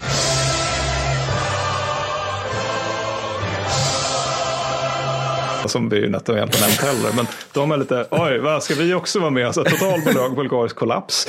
Som, så de går ut ur kriget i praktiken. Ja. Och sen är det liksom segertåg upp längs Balkan. Och det här är lite av ett problem, för det innebär ju liksom att Salonika-fronten är på väg uppåt. Italienarna är också på väg uppåt. Så det innebär att även om tyskarna lyckas hålla västfronten så har de det där med en rygg som börjar kännas lite, lite svårhanterad ändå. Så det som är resultatet av det här, det är efter lite om och men 29 oktober 1918 en revolution i Tyskland. Ah, inte något man hör så mycket om heller, skulle jag vilja påstå. Tyskland och revolution, inte riktigt Nej, kompatibelt, tänker man. Ja, ja Jag, spännande. jag skrev min, skrev min D-uppsats i historia om vad som kallas för den tyska specialvägen, Sonderväg på tyska. Och det var liksom västtyska historikers försök att på något sätt försöka förklara varför blev vi nazister? Och då försökte man liksom hitta historiska, alltså särpräglade utvecklingslinjer för tyskarna då som skulle leda till Treblinka i praktiken. Okej. Jag skulle säga att det här är liksom en historieströmning som handlade mer eller mindre om väldigt jävla dåligt och berättigat dåligt samvete. Men de var inne på just det här med att Tyskland hade aldrig någon revolution. Det hade fransmännen, det hade britterna. Vi hade aldrig någon revolution. Det var därför det gick åt helvete. Och man bara, 29 oktober 1918 så skedde en tysk revolution. Vad ska jag säga? Det skedde. Det är inte det som är orsaken till att det blev som det blev under tredje riket. Men, men innan det så har generalerna mer eller mindre sagt till politikerna att nu har vi gjort vårt. Nu har vi, styr, vi har liksom inte frågat er sådär jättemycket sen Hindenburg och Ludendorff tog över eh, vad ni vill om saker och ting. Men nu har vi gjort vårt. Vi har liksom ändå krattat manegen här. Så nu får ni, ni, ni får fixa en fred. Vi har ändå fixat gynnsamma förutsättningar för det och politikerna bara, äh, va? Och sen vänder de sig om och springer så här i en damm och så här, Ja, det, var, det var lite så. Alltså det, det var Nile Ferguson som beskrev det som att det fanns en tysk dolkstöt, men det var från Hindenburg till den tyska demokratin snarare än från politikerna till soldaterna i fält, som man sa efter kriget. Men den här revolutionen leder i alla fall till att kejsaren bara lite så här hux flux abdikerar. Eh, han flyr till Nederländerna. Jag tror han dör först 1941 faktiskt. Och efter mycket om och en så blir det vapenvila på västfronten den 11 i 11 klockan 11.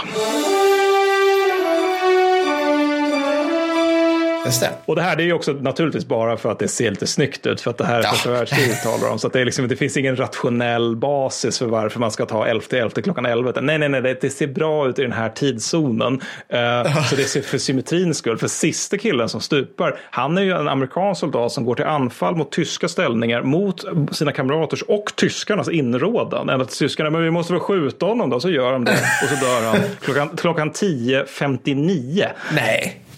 Den 11 november 19... Oh, alltså det... Ja, ja. Ja, amerikaner. Men, men Ja. det var kriget. Jag tänkte att det kunde finnas en form av poäng att ändå dra igenom om det fick några följdeffekter. Alltså jag, jag, jag har ju svårt att tro att det kan finnas Du det. tänkte Mattis. spontant nej ändå. Nej, Ja, och ja. liksom, jag tänker det här, det kommer ju, vad hette det nu, Versaillesfreden löste väl alla kvardröjande problem. Ja, ja. Så att, Knöt ihop säcken på ett elegant sätt. ja, men som vi vet, resten av 1900-talet har ju varit chill. Alltså det här var ju sista Frid och fröjd. Mm.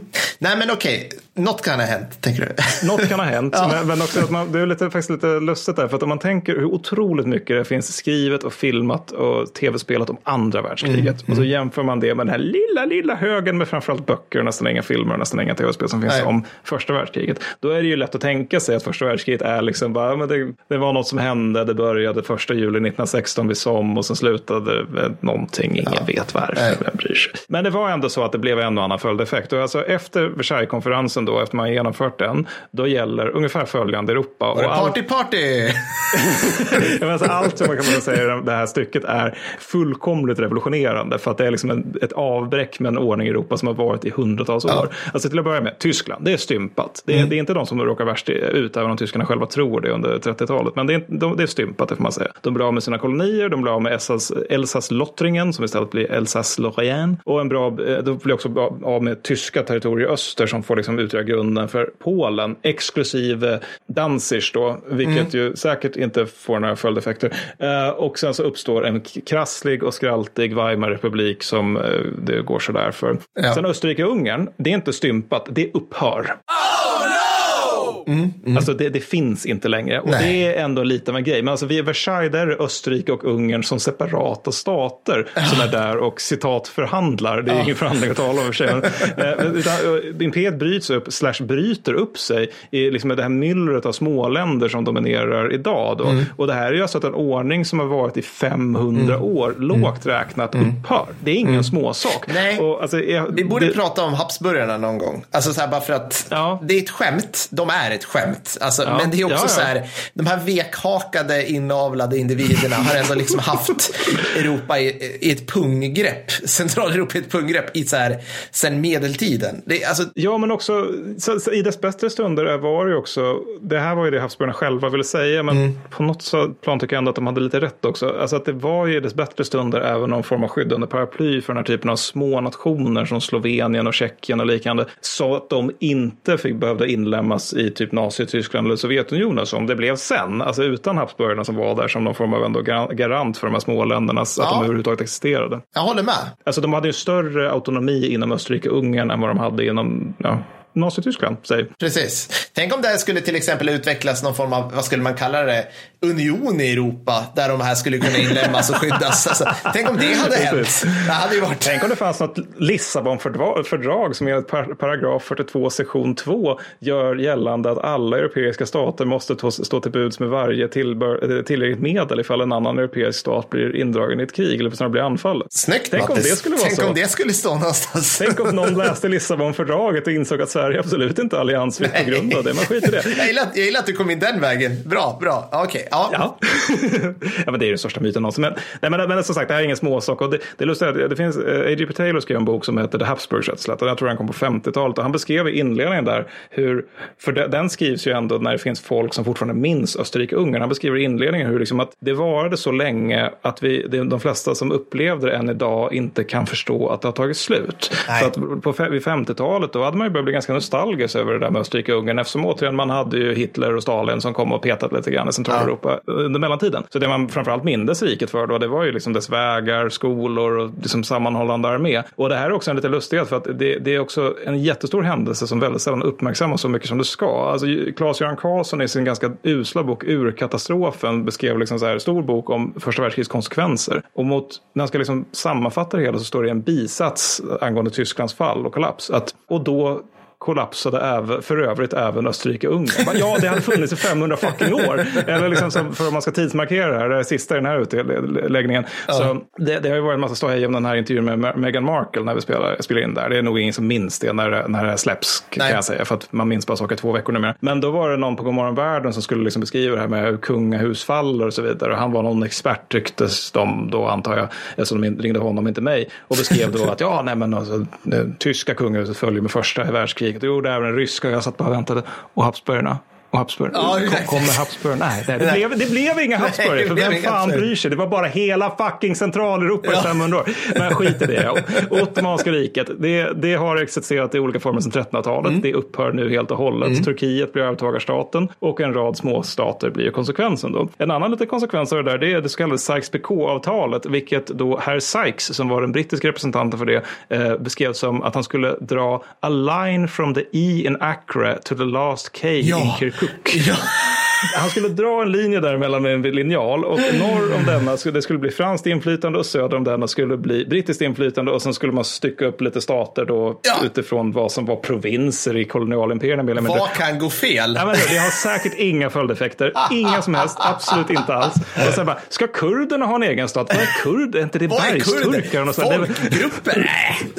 Nej, nej, nej. Det här är provinser i det franska och brittiska imperiet. Sen Ryssland då, då har vi då huset Romanov som har styrt typ sedan 1500-talet. Både dynastin och imperiet utplånas i och med första världskriget. Resultatet av eh, detta, det är även sju miljoner döda minst i ryska inbördeskriget. Absoluta majoriteten civila förstås. Som, eh, ja, kommunisterna vinner ju det inbördeskriget också, vilket också är en liten effekt av första världskriget. Och en annan liten effekt är att Sovjetunionen uppstår. Just det. Hoppsan hejsan. Ja, det är kanske var- världskommunism. Oj, kolla. Ja, jo, nej men, ja, nej, men det kanske kan ha varit någonting. Sen Frankrike, där, där, de är ju segrare rätt och slätt så. De, de, de blir lite större, men de är också helt jävla traumatiserade av sin krigsupplevelse. Och den krigsupplevelse är en ganska viktig delanledning varför det gick lite sådär för Pierre under år 1940. Sen har vi britterna då, de är segrare och de får man också säga att de är de som mest fullkomligt uppnår sina krigsmål. För deras krigsmål var freda Belgien, bevara Belgien. Ja, och det lyckades de ju Ja, med. Eh, sen också naturligtvis traumatiserat och sen då alltså att var fjärde brittisk adelspojke stupade under det här Ja. kriget. För att de hade ju det här liksom,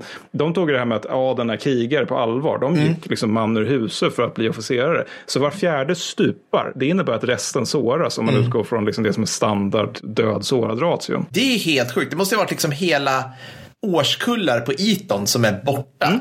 Liksom. Absolut. Det, ja, nej, men de gjorde verkligen en uppoffring. Det, det, det kan man absolut inte säga någonting om. Det är helt stört. Ja, det är faktiskt helt stört. Ja, men fatta, alltså, det här är inte på skoj, utan jag menar på allvar. Fattar du hur det måste se ut när man har den här typen av liksom klassåterträffar och reunions för så här, ja men Eton-klassen, vad det kan vara sedan 1915 Ja. eller någonting. 1921 står man där igen och så bara, oj då. Det är en fjärdedel som inte finns längre, ytterligare en fjärdedel har inga ben. Alltså det, Nej. det, det hade nog också en del följdeffekter om man säger så. Sen USA, de var knappt med. Eh, Men eh, president Woodrow Wilson då, han eh, dikter- dikterar nu att alla folk ska få bestämma över sig själva och allt det där. Det är jättebra. Det han inte förstår, det är att Europa är inte avgränsat enligt rumäner i Rumänien och så Nej. vidare. Till exempel södra Polen, där när man var ute och frågade bönderna, liksom, okej, men nu ska vi göra ett Polen här, så nu måste vi utreda, ser ni er som polacker eller vad, vad, vad är ni för någonting? Varpå de bara, vi är kristna. Ja. det var lite lurigt det där med att upprätta gränser utifrån det. Och dessutom var det också det här med självbestämmande och allt det där med att alla ska vara på sin plats. Man insåg vid Versailles att, ah, vänta nu här, om vi har den här principen och applicera den på Tyskland, då är det ju så att eh, österrikare är typ tyskar. Det finns tyskar i precis hela Östeuropa. Ja. Så vi ska applicera den här alla nationer i sin nation så att säga. Då blir ju Tyskland större. Ja. det här, här, kognitiv dissonans, det går inte först. De förlorar Ja, ju. så, så man, fick, man fick ta bort det liksom då. Sen serberna, de utropar Storserbien och kallar det Jugoslavien. Mm. Eh, Rumänien, de får orimligt mycket terräng med tanke på sin töntiga krigsinsats. Och sen så har vi Italien då som får Trento och Trieste, vars population absolut inte motsvarar antalet stupade i den här konflikten för. Italien då. Och eh, sen blir de också utlovade ett adriatiskt imperium 1915 via Londonfördraget. Men det får de inte, vilket då leder till en del bitterhet och kanske till återigen italienska fascismen. Och vi ska då ta de mä- mänskliga kostnaderna, vilket man bör göra. Eh, Vi är på sluttampen nu, jag Ja. lovar. Det är att Storbritannien tillsammans med kolonier och Commonwealth och allt det där förlorar totalis 1,1 miljoner stupade soldater. Eller ja, dödade soldater. Alltså Mm. stupade, då dör man i strid. Dödade, då dör man av alla orsaker. Men 1,1 miljoner döda soldater. Det är alltså mer än de har förlorat i något krig överhuvudtaget. Mycket mer än i andra världskrig. Frankrike de förlorar 1,4 miljoner eh, döda soldater. Men det är lugnt, för fransmän är fega. Mm, Serberna de förlorar sanslösa 450 000 döda soldater. Det är helt jävla galet. Eh, och det ännu, blir ännu galnare för att det är eventuellt så mycket som alltså en fjärdedel av alla serber som dör i det här kriget. Det är, det är typ så här trippelallianskriget nivåer. Alltså så här, Mm. Ja. Uruguay är utraderat. Alltså det är den nivån. Ja. Jesus Ja. Christ. Det, ja. Nej, men det, det var inte bra. Eh, Alltså, dels är det själva kriget och dels är det också det där vi har nämnt i den här podden, den här ockupationen som framförallt österrikarna genomförde. Den var icke vacker om man säger så. Nej. Och sen så är det mycket svält umbärande och skit som det här kriget för med sig. Sen Ryssland, ingen vet exakt, men kanske kring två miljoner döda där någonstans. Döda soldater då ska tilläggas. Sen Italien, 600 000 döda soldater, vilket nästan allihopa är där vid Somme-slagen. Eh, USA, 116 000 döda soldater, eh, varav jag tror det är tre fjärdedelar någonting som dör i strid. Resten dör av så här löjliga olyckor och annat elände som händer i krig. Det är ändå bra jobbat med tanke på hur kort de var med. Liksom. Eller, Ja, alltså det är helt man fattar att de är. Alltså, de var ju trattiga. ja, jag vet, lägg på såret på det här och du är uppe i en halv miljon förluster Ja. eller någonting. Vad, när är ni med ens? Liksom, så Ja, lite grann hösten 1918. uh, det, men, sen ottomanerna, då är det också så att ingen vet riktigt för att liksom, man hade inte så bra koll i det imperiet helt enkelt. Men, men det är någonstans, någonstans mellan 300 och 700 000 döda soldater. Österrike-Ungern, också ett imperium med ganska dålig koll. Så att där är det en, en till 1,5 miljoner döda soldater. Tyskland, bättre koll, 2 miljoner prick döda. Soldater, eller inte prick, men alltså ganska nära prick 2 miljoner. Så totalt döda soldater för alla sidor är 8,5 till 10,8 miljoner döda soldater. Vilket alltså ungefär motsvarar de sovjetiska döda under andra världskriget bara Ja. när det gäller antalet soldater kan tilläggas. Men det är fortfarande en jävla massa folk. Sen är alltså minst 22 miljoner sårade och sårade i det här kriget innebär tråkigt nog ganska ofta att du är liksom amputerad på ett antal platser i kroppen. Så att eh, det är väldigt, väldigt många som inte överhuvudtaget kommer komma liksom vara sig själva efter det här kriget. En annan del av det är ju att i den här siffran är PTSD inte inlagt. Alltså det, det kan jag inte tänka mig. För att, och det måste rimligtvis ha varit ett problem även efter första världskriget eftersom det är det efter sig Irakkriget eller här, Vietnamkriget. det, det, det, du gick väl under så här tillfällig vekhet eller typ så här, i bästa fall granatchock eller något sånt där. Liksom. Ha- Hashtag ryck upp dig eller något. Ja, nej, men, alltså, nej, men granatchock var ju någonting man pratade om, men det, det trodde man just var någonting. Man pratade om att det var någon vätska i nacken som Ja. hade liksom lossats då av, Ja. av vibrationerna och det gjorde att man, man började rycka och sådär. Det finns ganska, jag vet inte, det finns många så här YouTube-figurer som har lagt upp filmer över liksom, där man ser franska och brittiska soldater som liksom mer eller mindre dansar så mycket av ryckningar som de har Ja. av PTSD. Ja. Och det, kommentarsfältet brukar alltid vara så här lull så random, men jag tycker de ser riktigt jävla läskiga ut ärlig. För de, de människorna har ingen kontroll över kroppen längre. Men, men alltså, den tesen, jag vill bara sticka in, den tesen är inte helt dum i huvudet med tanke på liksom hur mycket, alltså man vet ju tryckvåg, man har ju satt grisar, du vet. Mm. Ja, bland annat gjorde ju, eller ja, man sätter, eller så sätter man bara så här kinesiska bönder på pålar var femte meter från olika, Ja. liksom, som, som japaner. Ja, men liksom, Du menar på enhet eh, 731 där? Ja, Ja, ja. eh, hashtag humana japanska projekt. Eh, Eller experiment. ja. Eh, Så att man vet ju liksom att alltså, tryckvågen alltså, färdas genom kroppen och flyttar bokstavligt talat på organ. Så att det kan Just liksom det. bara och så byter liksom två organ plats. För att vi är liksom en säck en blöt Mm. säck på insidan liksom. Ja, men det, där, det där förvånade ju amerikanerna vid Omaha Beach. Att de hittade bunkrar där alla tyska försvarare var döda och de kunde liksom inte hitta några skador på dem. Nej. Och det var just tryckvågorna som hade bara utplånat dem och stängt av kropparna eller mindre. Det är helt sjukt. Ja, så första världskriget då. Eh, slutsatser då, inga följdeffekter. Nej, jag ska Trött skämt. Men... Men, vi, har lite, vi har lite mer faktiskt. Vi har Ja, lite mer. ja, men sen, sen jag. Sen ska vi få gå och sova. Nej, det är lugnt, det är lugnt. Men för, en, en liten detalj är också att det dör ju också civila i det här kriget. Alltså, Ja, man bara. Mm. soldater. Och det dö- dör också så här, betydligt fler än man tänker sig. Men det är så här 7 till 12 miljoner döda ci- civila. det är jätte... Förklara. Hur? Alltså de är ju på samma ställe tänker man ju, liksom ish, hela Ja, tiden. jo men precis. Alltså, I västfronten så är det ju inte riktigt krig, kriget så som dödar. Men alltså, i Östeuropa så är det ju absolut alltså, det här med att de folk bor där artillerield slår ner. Alltså Mm. den typen av grejer. Men sen är det ju väldigt mycket svält. Alltså, Som sagt, den här blockaden var ju inte just snäll mot Centraleuropa. Eh, I den siffran är förmodligen armeniska folkmordet inräknad. Och egentligen bara så här, all oreda som de här typ pseudobondesamhällena, Ryssland, Österrike, Ungern och Turkiet. All oreda som kriget skapar i de ekonomierna leder ju också till väldigt mycket umbäranden och eländen. Ja, men tänker, man glömmer ju lätt att jag säger just här, svältkatastrofer oftast är ju inte på grund av att man inte kan odla mat utan just för att Nej. typ så här, ja, men som du var inne på, så här, den här lassen med konstgödsel kom inte fram varvid den här byn svälte ut. Typ. Alltså det finns Mm, Ja, ja. liksom, det är lä- lätt att störa sånt där liksom. Vad, vad, är det han som, vad heter han nu som har sagt det? Eh, nå- någon som menar på att svält handlar inte om inte mängden mat utan förmågan att förflytta mat. Ja, precis. precis så. Det, det, det är någon, ja, skitsamma. Men sen så, all den här döden får jag ändå fundera lite grann på, okej, men alla de här människorna har dött. Då måste man rimligtvis ha städat efteråt. Så att jag har nu en rubrik som heter städningen. Ah, Eh, f- ja, det är framförallt oxor, men även en del lik. för vården är inte klar förrän man har vårdat allt och städat allt. Liksom som den gamla Exakt så, ja, turismen det gäller även västfronten. Nej, men alltså, I Frankrike talar man än idag om det man kallar för röda zoner, vilket jag tror blir uh, zone rouge eller något mm.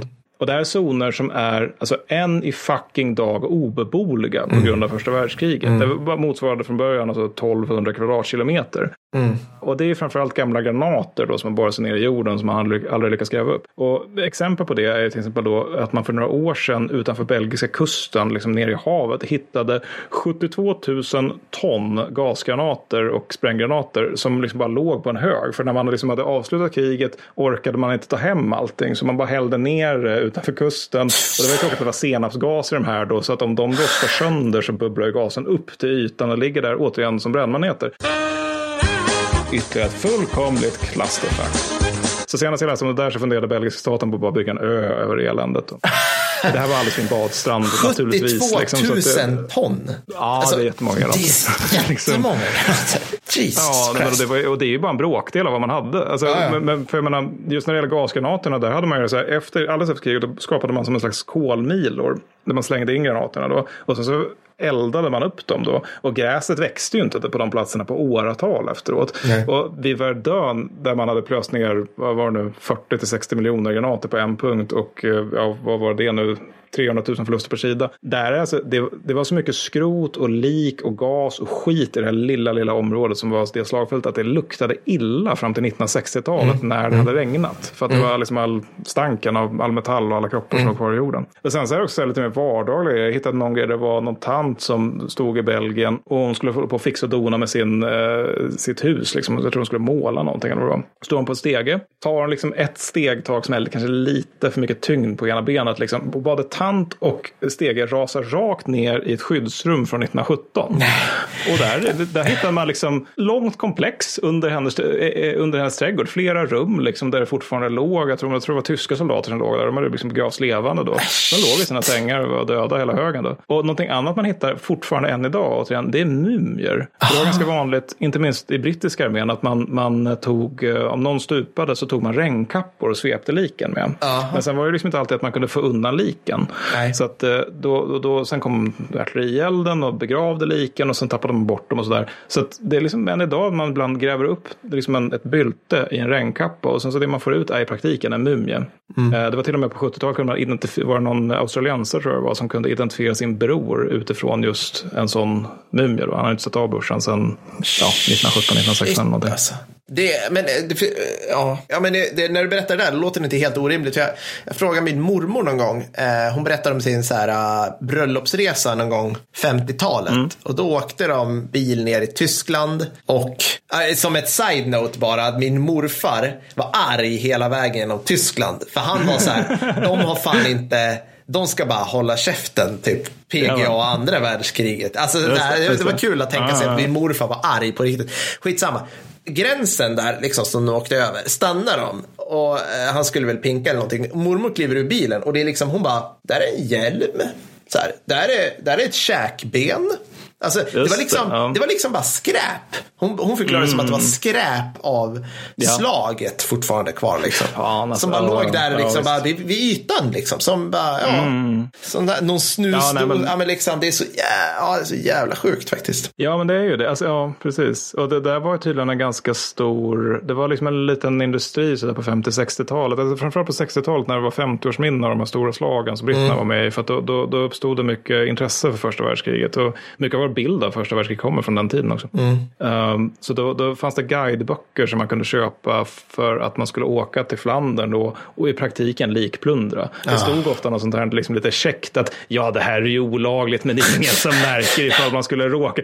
Du snackar om att ta en annan människas kranium och stoppa ner i ryggsäcken ditt as. Alltså, det, det, för det var ganska vanligt just att man, man tog ja. hem likdelar och uniformsdelar och vapendelar av olika slag då, som ja, kuriosa små artefakter. Ja. Men, men eh, just också alltså, bara när det gäller mängden skrot. Och ja. Vi gick inte igenom det, men man hade 1917 ett slag vid Messin, som, eller Messines som det stavas ja. på hjältans, hjält, ärans och hjältarnas språk. Mm. Eh, där grävde britterna ner 26 stycken minor. Varje vägde 10-20 ton. Bara sprängämnen. Ja, ja. Uh, ganska jobbigt att gräva ner dem kan jag säga. Ja. Man gjorde det under tyskarna.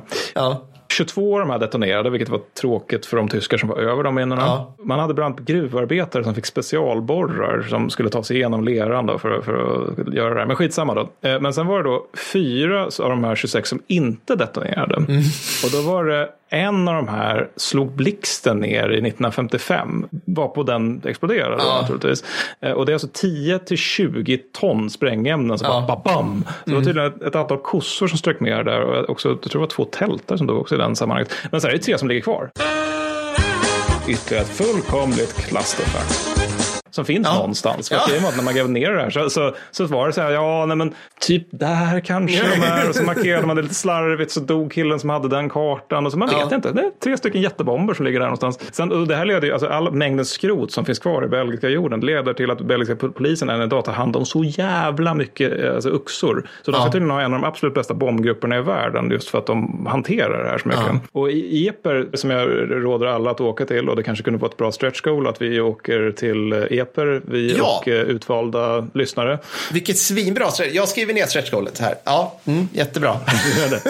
Nej, men, men där, finns en märklig liten bokaffär där man kan köpa väldigt mycket nischad litteratur om första världskriget. Jag hittade bland annat något oumbärligt om hur det här franska landskapet har påverkats av första världskriget och hur ja. landskapet i sin tur har påverkat den franska armén. Ja, det är väldigt, väldigt nischad litteratur. Ja, men där kan man också köpa, alltså du vet de här små stålkulorna som finns i artillerigranater. De, de finns i stora tunnor liksom vid, vid, vid, disken där man betalar. Man kan köpa dem per deciliter där. För att de, de hittar ju så mycket av skiten. Ah, alltså, jag frågade någon gång så här, var, var, vart får ni det ifrån? The peasants come with it. Nej. Och i, i Frankrike så påstod man efter kriget att man hade, eller det påstods men det stämmer nog inte, det påstods att man hade upprättat särskilda pensionat för soldater som hade fått eh, så pass allvarliga ansiktsskador att de inte längre kunde vara ute bland folk. Men Nej. det stämmer nog inte. Men det är en typisk så här, fransk legend efter kriget. Ja, men jag, jag tänkte bara säga det med, med svåra ansiktsskador jag vet också att första världskriget pressade plastikkirurgi liksom framåt. Mm. För att folk kom hem så här utan underkäkar och ja, mm. vidrigheter. Uh, ja. ja, och alltså de, de, det finns ju, det kan man ju bildgoogla om man vill bli lite illamående. Men det, det, fin, det finns ju så här för och efterbilder där, där man visar, liksom, men, så här såg killen ut innan han har som du säger ingen underkäke och ingen näsa mm. längre. Så här ser han ut efter, nu så ser han också ganska läskig ut, men åtminstone lite mer presentabel ut. Men, men precis, men det var ju mycket så här också att protesutvecklingen tog några raska steg framåt för att Ja. det var så många som inte hade några armar och ben längre. Men har allt detta några konsekvenser? Ja, en liten och det är ju då 1900-talet. Ja. 1900 fucking talet är konsekvensen. För att alltså, om man- bara ett axplock. Via kriget inleds som du sa resan mot världskommunismen då. Och det här är en ganska dödlig resa som bland annat innehåller rövhattar i stil med Stalin, Lenin, Mao, Pol Pot, Enver Hoxha, Ceausescu, Mengistu. Kalla kriget skulle man nog kunna säga är liksom en sen konsekvens av första världskriget. Fascismen direkt följd av kriget. Andra världskriget med sina, vad det nu är, 70 70 miljoner döda, Också direkt följd av fucking världskrig 1. Eh, sen har vi då det här med att Frankrike och Storbritannien drar sig tillbaka från världen, eller snarare tvingas göra det, att de, de, de tar, liksom av, tvingas avveckla sina kolonialimperier. Det är också en direkt följd av kriget. De stora landimperiernas död, alltså Österrike, Ungern, Ryssland, eh, Tyskland och eh, Ottomanska väldet. Det, det leder ju också till en mängd nya stater i Öst och Centraleuropa och Mellanöstern som inte fanns innan. Och det här leder i sin tur till en rad obehagliga småkrig i de här områdena. Då I Polen till exempel, för Woodrow Wilson, då, USAs president, han pratade om sina 14 points, där, liksom, där 14 punkter. Bland annat var ju en av, med, en av de här punkterna var ju det här med att man ska ha nationellt självbestämmande. I Polen så kallade man kulhål på 20-talet för Wilson points, för att de tyckte att det var en av huvudkonsekvenserna då av eh, Wilsons points. Ja. Och I kolonierna då, där tar man så här underhållande nog amerikansk retorik om självbestämmande på allvar. eh, det, det är så här. Gotcha! Det gäller ju inte er, ni är ju bruna. Ja, ja. Och svarta, Men det är det gäller ju givetvis inte er. Nej, nej, nej. Absolut inte. Men, men eh, en till exempel som, som tog det här på allvar, och det var skrattretande tanke naturligtvis, men det var ju en ung vietnames vid namn Nguyen Tat Tan som kontaktade både USAs president och Frankrikes premiärminister angående Vietnams självständighet från Frankrike. Då. Han bevärdigades inte ens ett svar. Och Tan han byter senare i livet namn till Ho Chi Minh. Eh, Så att eh, det, det var kanske tråkigt att man inte orkade prata lite med honom om den här saken ändå. I Asien så har, som sagt, då, som jag sa de första tio minuterna här, eh, Japan varit med i det här kriget och framförallt då har de tagit tyska kolonier, då, bland annat Tsingtao och jag tror det var Bismarcköarna också. Och de då, japanerna, de vill ju återigen skrattretande naiva japaner, vill ha en klausul i Versaillesfördraget som förbjuder diskriminering på grund, på grund av citat ras. Eh, Det här tar man absolut inte med. Man liksom bara skrattar åt blotta tanken. Och det här bidrar starkt till att Japan blir än mer alienerat mot väst. Då. Eller från väst. Sen krigets mekanisering. Det gör ju, för det är ju faktiskt en grej i det här kriget. Stridsvagnar och lastbilar är en sak. Även flygplan. Det med, kriget mekaniseras. Det gör ju att olja blir en allt större fråga. Och det här gör att Mellanöstern blir allt mer intressant. För där finns det lustigt nog en massa jävla olja. Och det här får säkert inte alls några följdeffekter. Inga alls. Nej. Nej. Och sen så har vi det här med att de gamla kungahusen som styrt Europa i hundratals år krossas en hel rad av dem i varje fall. Det, grejen är ju liksom att det självklara efter kriget är demokrati eller den näst extrema motsatsen Ja. av de, demokrati. Men, men det är inte monarki. Det är inte Nej. monarki. Monarki som liksom styrelseskick, det är borta. Och på så vis kan man säga att liksom första världskriget också krossar den gamla typen av konservatism egentligen. Alltså den moderna typen av konservatism är ju inte, så här, det är inte så ofta man ser Svenska Dagbladets ledarsida propagera för att CG16 ska ta makten i Sverige. Eller att prästerna ska göra det. det, det Nej. Nej, jag förstår. Vad, vad, vad, är, dag, vad är liksom modern konservatism då egentligen? Är liksom så här, det är det jag har undrat Fan, många gånger. Ja. Kan säga. Det, Välkommen till Politikpodden igen. Nej, men, ja, eh, Ja, avsnitt men modern konservativ, kons- konservatism brukar ju handla mer om eh, värdefrågor och om, Mm. eh, ja, men, ja, mer, mer den typen av frågor. Och, eh, ganska ofta är de också ekonomiskt liberala till exempel, vilket ju den gamla typen av konservativa inte var. Nej. Men så kan det vara. Eh, Sen så en annan effekt av första världskriget är ju då det här med att eh, spanska sjukan sprids av Ah, första världskriget. Eh, ja, den slutar, slutar 1920. Ja. När den slutar så har upp till 100 miljoner människor dödats av sjukan. Ja. Det är alltså 20 miljoner bara i Indien som stryker med på det här. Apropå det här, alltså, ja, mm, så att eh, det, det, var, det var en tråkig grej kan man säga. finns inte så mycket vi kan näsnissna Nej, oss men vad fan ska man det. säga? Alltså, det är så sjukt. Alltså, det är mer än första, än andra världskriget. Det är eventuellt mer än första och andra världskriget tillsammans. Ja. Det är liksom bara de här tre åren som bara slocknar 5 procent av världen. Ja, Det, ja. Anna, men vi kan ta någonting annat också som är liksom Ja. lite mer lättsam konsekvens. Eh, Även också en förödande konsekvens på många sätt. Men det är att sommartid introduceras på bred basis på grund av första världskriget. Be- berätta på vilket sätt det är jobbigt. Eller varför, var, varför är det Ja, då, jobbigt? det, är, alltså, det är inte jobbet som är 100 miljoner döda. Nej. Nej. men det är väl det typiska att man, det alltid stör, stänga av, ställa om klockan och allt det där. ja. Ja. Är det på grund av första världskriget? Är det, står det i Versailles-fördraget? Varför brydde man sig Nej, om nej, det? nej. Var det, var det en Ja, subcommittee? men det var typ, som... det var typ, men det var typ liksom att man vill ha tidseffektivisering av tyska industrin och sen hoppade alla på det där. Ah. Och sen så än idag så är vi fortfarande det här med att vi alltid glömmer att ställa om klockan lagom till att vi ska upp och det är viktigt. Sen då, eh, någonting annat, det som händer det är ju att man, eh, man upprättar en, en eh, ännu mer, hur nu det ens är möjligt, än mer impotent variant av FN, det vill säga Just. NF. Just det. Ja, eh, Nationernas förbund, där alla hade veto. Jättebra idé. Men det kommer säkert leda till, så, kommer säkert leda till bara kloka beslut. Att allt mycket blir gjort.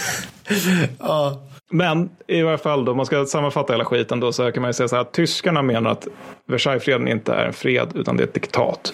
Ferdinand Foch håller helt med. Han ska gå citerad med, med orden det här är inte en fred, det är en 20-årig vapenvila. Och det fick han ju rätt i förstås, för Foch och Foch. Så med andra ord är freden paradoxalt nog, alltså den är för generös för att tyskarna ska kunna känna sig krossade. Men den är för hård för att de ska kunna känna sig väl behandlade. Och det här leder i slutändan då till att det här är en fred som ingen, inte segrarna, inte förlorade, förlorarna, ingen är nöjd med den. Nej. Och jag tänkte låta en soldat då, som utkämpade en bra bit av kriget få säga vad han tyckte om det hela. Så här blir ett litet citat. Den 10 november kom prästen till lasarettet för att hålla ett litet tal. Nu erfor vi allt. Jag var ytterligt upprörd under det kortare talet. Den gamle värdige mannen tyckte skaka när han meddelade oss att huset Hohenzollern inte längre fick bära den tyska kejsarkronan, att fäderneslandet hade blivit republik, att man måste be den allsmäktige att inte neka denna förändring sin välsignelse och i framtiden inte överge vårt folk. Jag tror inte att något öga förmådde hålla tårarna tillbaka, men när den gamle mannen åter försökte berätta och började meddela att vi nu måste sluta det långa kriget och att vårt fosterland för framtiden, eftersom vi nu förlorat kriget och nu var beroende av segrarnas nåd, skulle bli utsatt för svårt förtryck, men att vapenstilleståndet skulle slutas i förlitandet på ädelmodet hos våra hittillsvarande fiender, då stod jag inte ut längre. Jag trevade mig snubbla, snubblande tillbaka till sovsalen, kastade mig på sängen och begravde mitt brännande huvud i täcken och kuddar. Vad som här på följde var förskräckliga dagar och ännu värre nätter. Jag visste att allt var förlorat. För att hoppas på fiendens nåd måste man antingen vara enfaldig eller också lögnare och förbrytare. Under de- dessa nätter växte inom mig hatet. Hatet mot upphovsmännen till detta illdåd. Under de närmsta dagarna kom jag underfund med min bestämmelse. Jag beslöt att bli politiker. Och den som skrev de här orden var Adolf Hitler. Ja. Så att, ja. Första världskriget hade en del konsekvenser kan man säga. En del. Mm. Ehm, Okej, tack Mattis. Eh, Ja. slutat på Ja. topp. Ja, Ehm, nej, men vad fan. Det, jag kanske borde sluta med sommartiden istället. Ja, det borde vi sluta med. Ja, men det här avsnittet, det här var Patreons fel. Eller ni Mm. Ja. blev för många. Ni blev så jävla många. Och vi hade lovat att göra ett avsnitt om första världskriget. Och nu har ni fått det. Och, Mm. och Mattis gråter. Jag känner inte av min stjärt längre på grund av träsmak. Och ja, mina barn svälter här ute. Nej, jag ska bara. Nej, men eh, jag hoppas va, ni va, har vad tror vi är vi uppe i? Fem, sex timmar eller någonting? eh, minst. Alltså, Ja. sex skulle jag säga. Sex Mm. tror jag. Lite drygt. Eh, så att eh, Ja. det blir nog bra. Eh, Mattis, du lägger ut litteraturlistan för den här sen, vilket är alla böcker Mattis någonsin läst. Jag, jag tar en, ett fotografi av min bokhylla helt enkelt. ja, precis. Och bara, här, läs det här om ni vill veta mer. Vi har ju gjort det här blir lite specialavsnitt. Vi kan säga vi har ju gjort en hel del eh, annat i nästan många av våra avsnitt om första världskriget. Första världskrigets Mm. sämsta generaler, första världskrigets bästa generaler och så vidare. Så att om du ramlar in på det här avsnittet nu eh, så finns det mycket i Krigshistoriepodden att lyssna på kring första världskriget. Och vi kommer ju göra en del fördjupningar i största allmänhet också. Det här är ju, det här är ju liksom genomgången. Sen kan man göra ner, nersprängningar på typ vad som helst. Ja, ja, det är inte sista gången vi snackar om första världskriget. Och du, Mattis, har ju skrivit svinbra artiklar på krigshistoriepodden.com. Ja, tack så mycket. Eh, som man kan gå in och läsa också. Om, eh, ja, Konrad, noll. om Konrad, hurra! Men eh, Vi får se när den släpps. Vi, Ja. Det kommer ta tre kvartal att klippa tror jag. Ja, det tror jag också. Sju svåra år och en sjukskrivning för att få ur oss det här. Det är förmodligen. Men eh, det kommer att vara värt. Jag tror inte det här har gjorts. Jag tror inte det här har gjorts i svenskspråkig podcastvärld tidigare. Nej. Eller ens i historia. Det tror jag inte heller. Nej, jag tror fan inte det. Det här är unikt. Det, det, det vill jag också säga. Den lys- lyssnare som fortfarande är kvar. Alltså de som, jag, vill- jag skulle vara, jag skulle vara liksom intresserad av hur många orkar igenom Ja. Hur, kommer ta, hur många kommer ta sig till slutet liksom. Ja, skriv gärna på våra sociala medier om ni ni har orkat med det här. Vi heter Kickstory-podden precis överallt. Ni kan inte undgå att inte hitta oss. Men uh, ja, vad har jag lärt mig sen sist? Nej. Nej, men med det så, eh, det var väl det. Bli Patreon om ni inte är det, för det gör att vi kan göra fler sådana här eh, spexiga, ja. näsmissande avsnitt om roliga saker. Kan betala amorteringar, det är bra också. Det kan vi också göra faktiskt. Bra, men tack för det här Mattis. Nu går vi och lägger oss. Tack själv Per. Det gör vi. Bra. Ha, ha det bra. Hej då. Hej.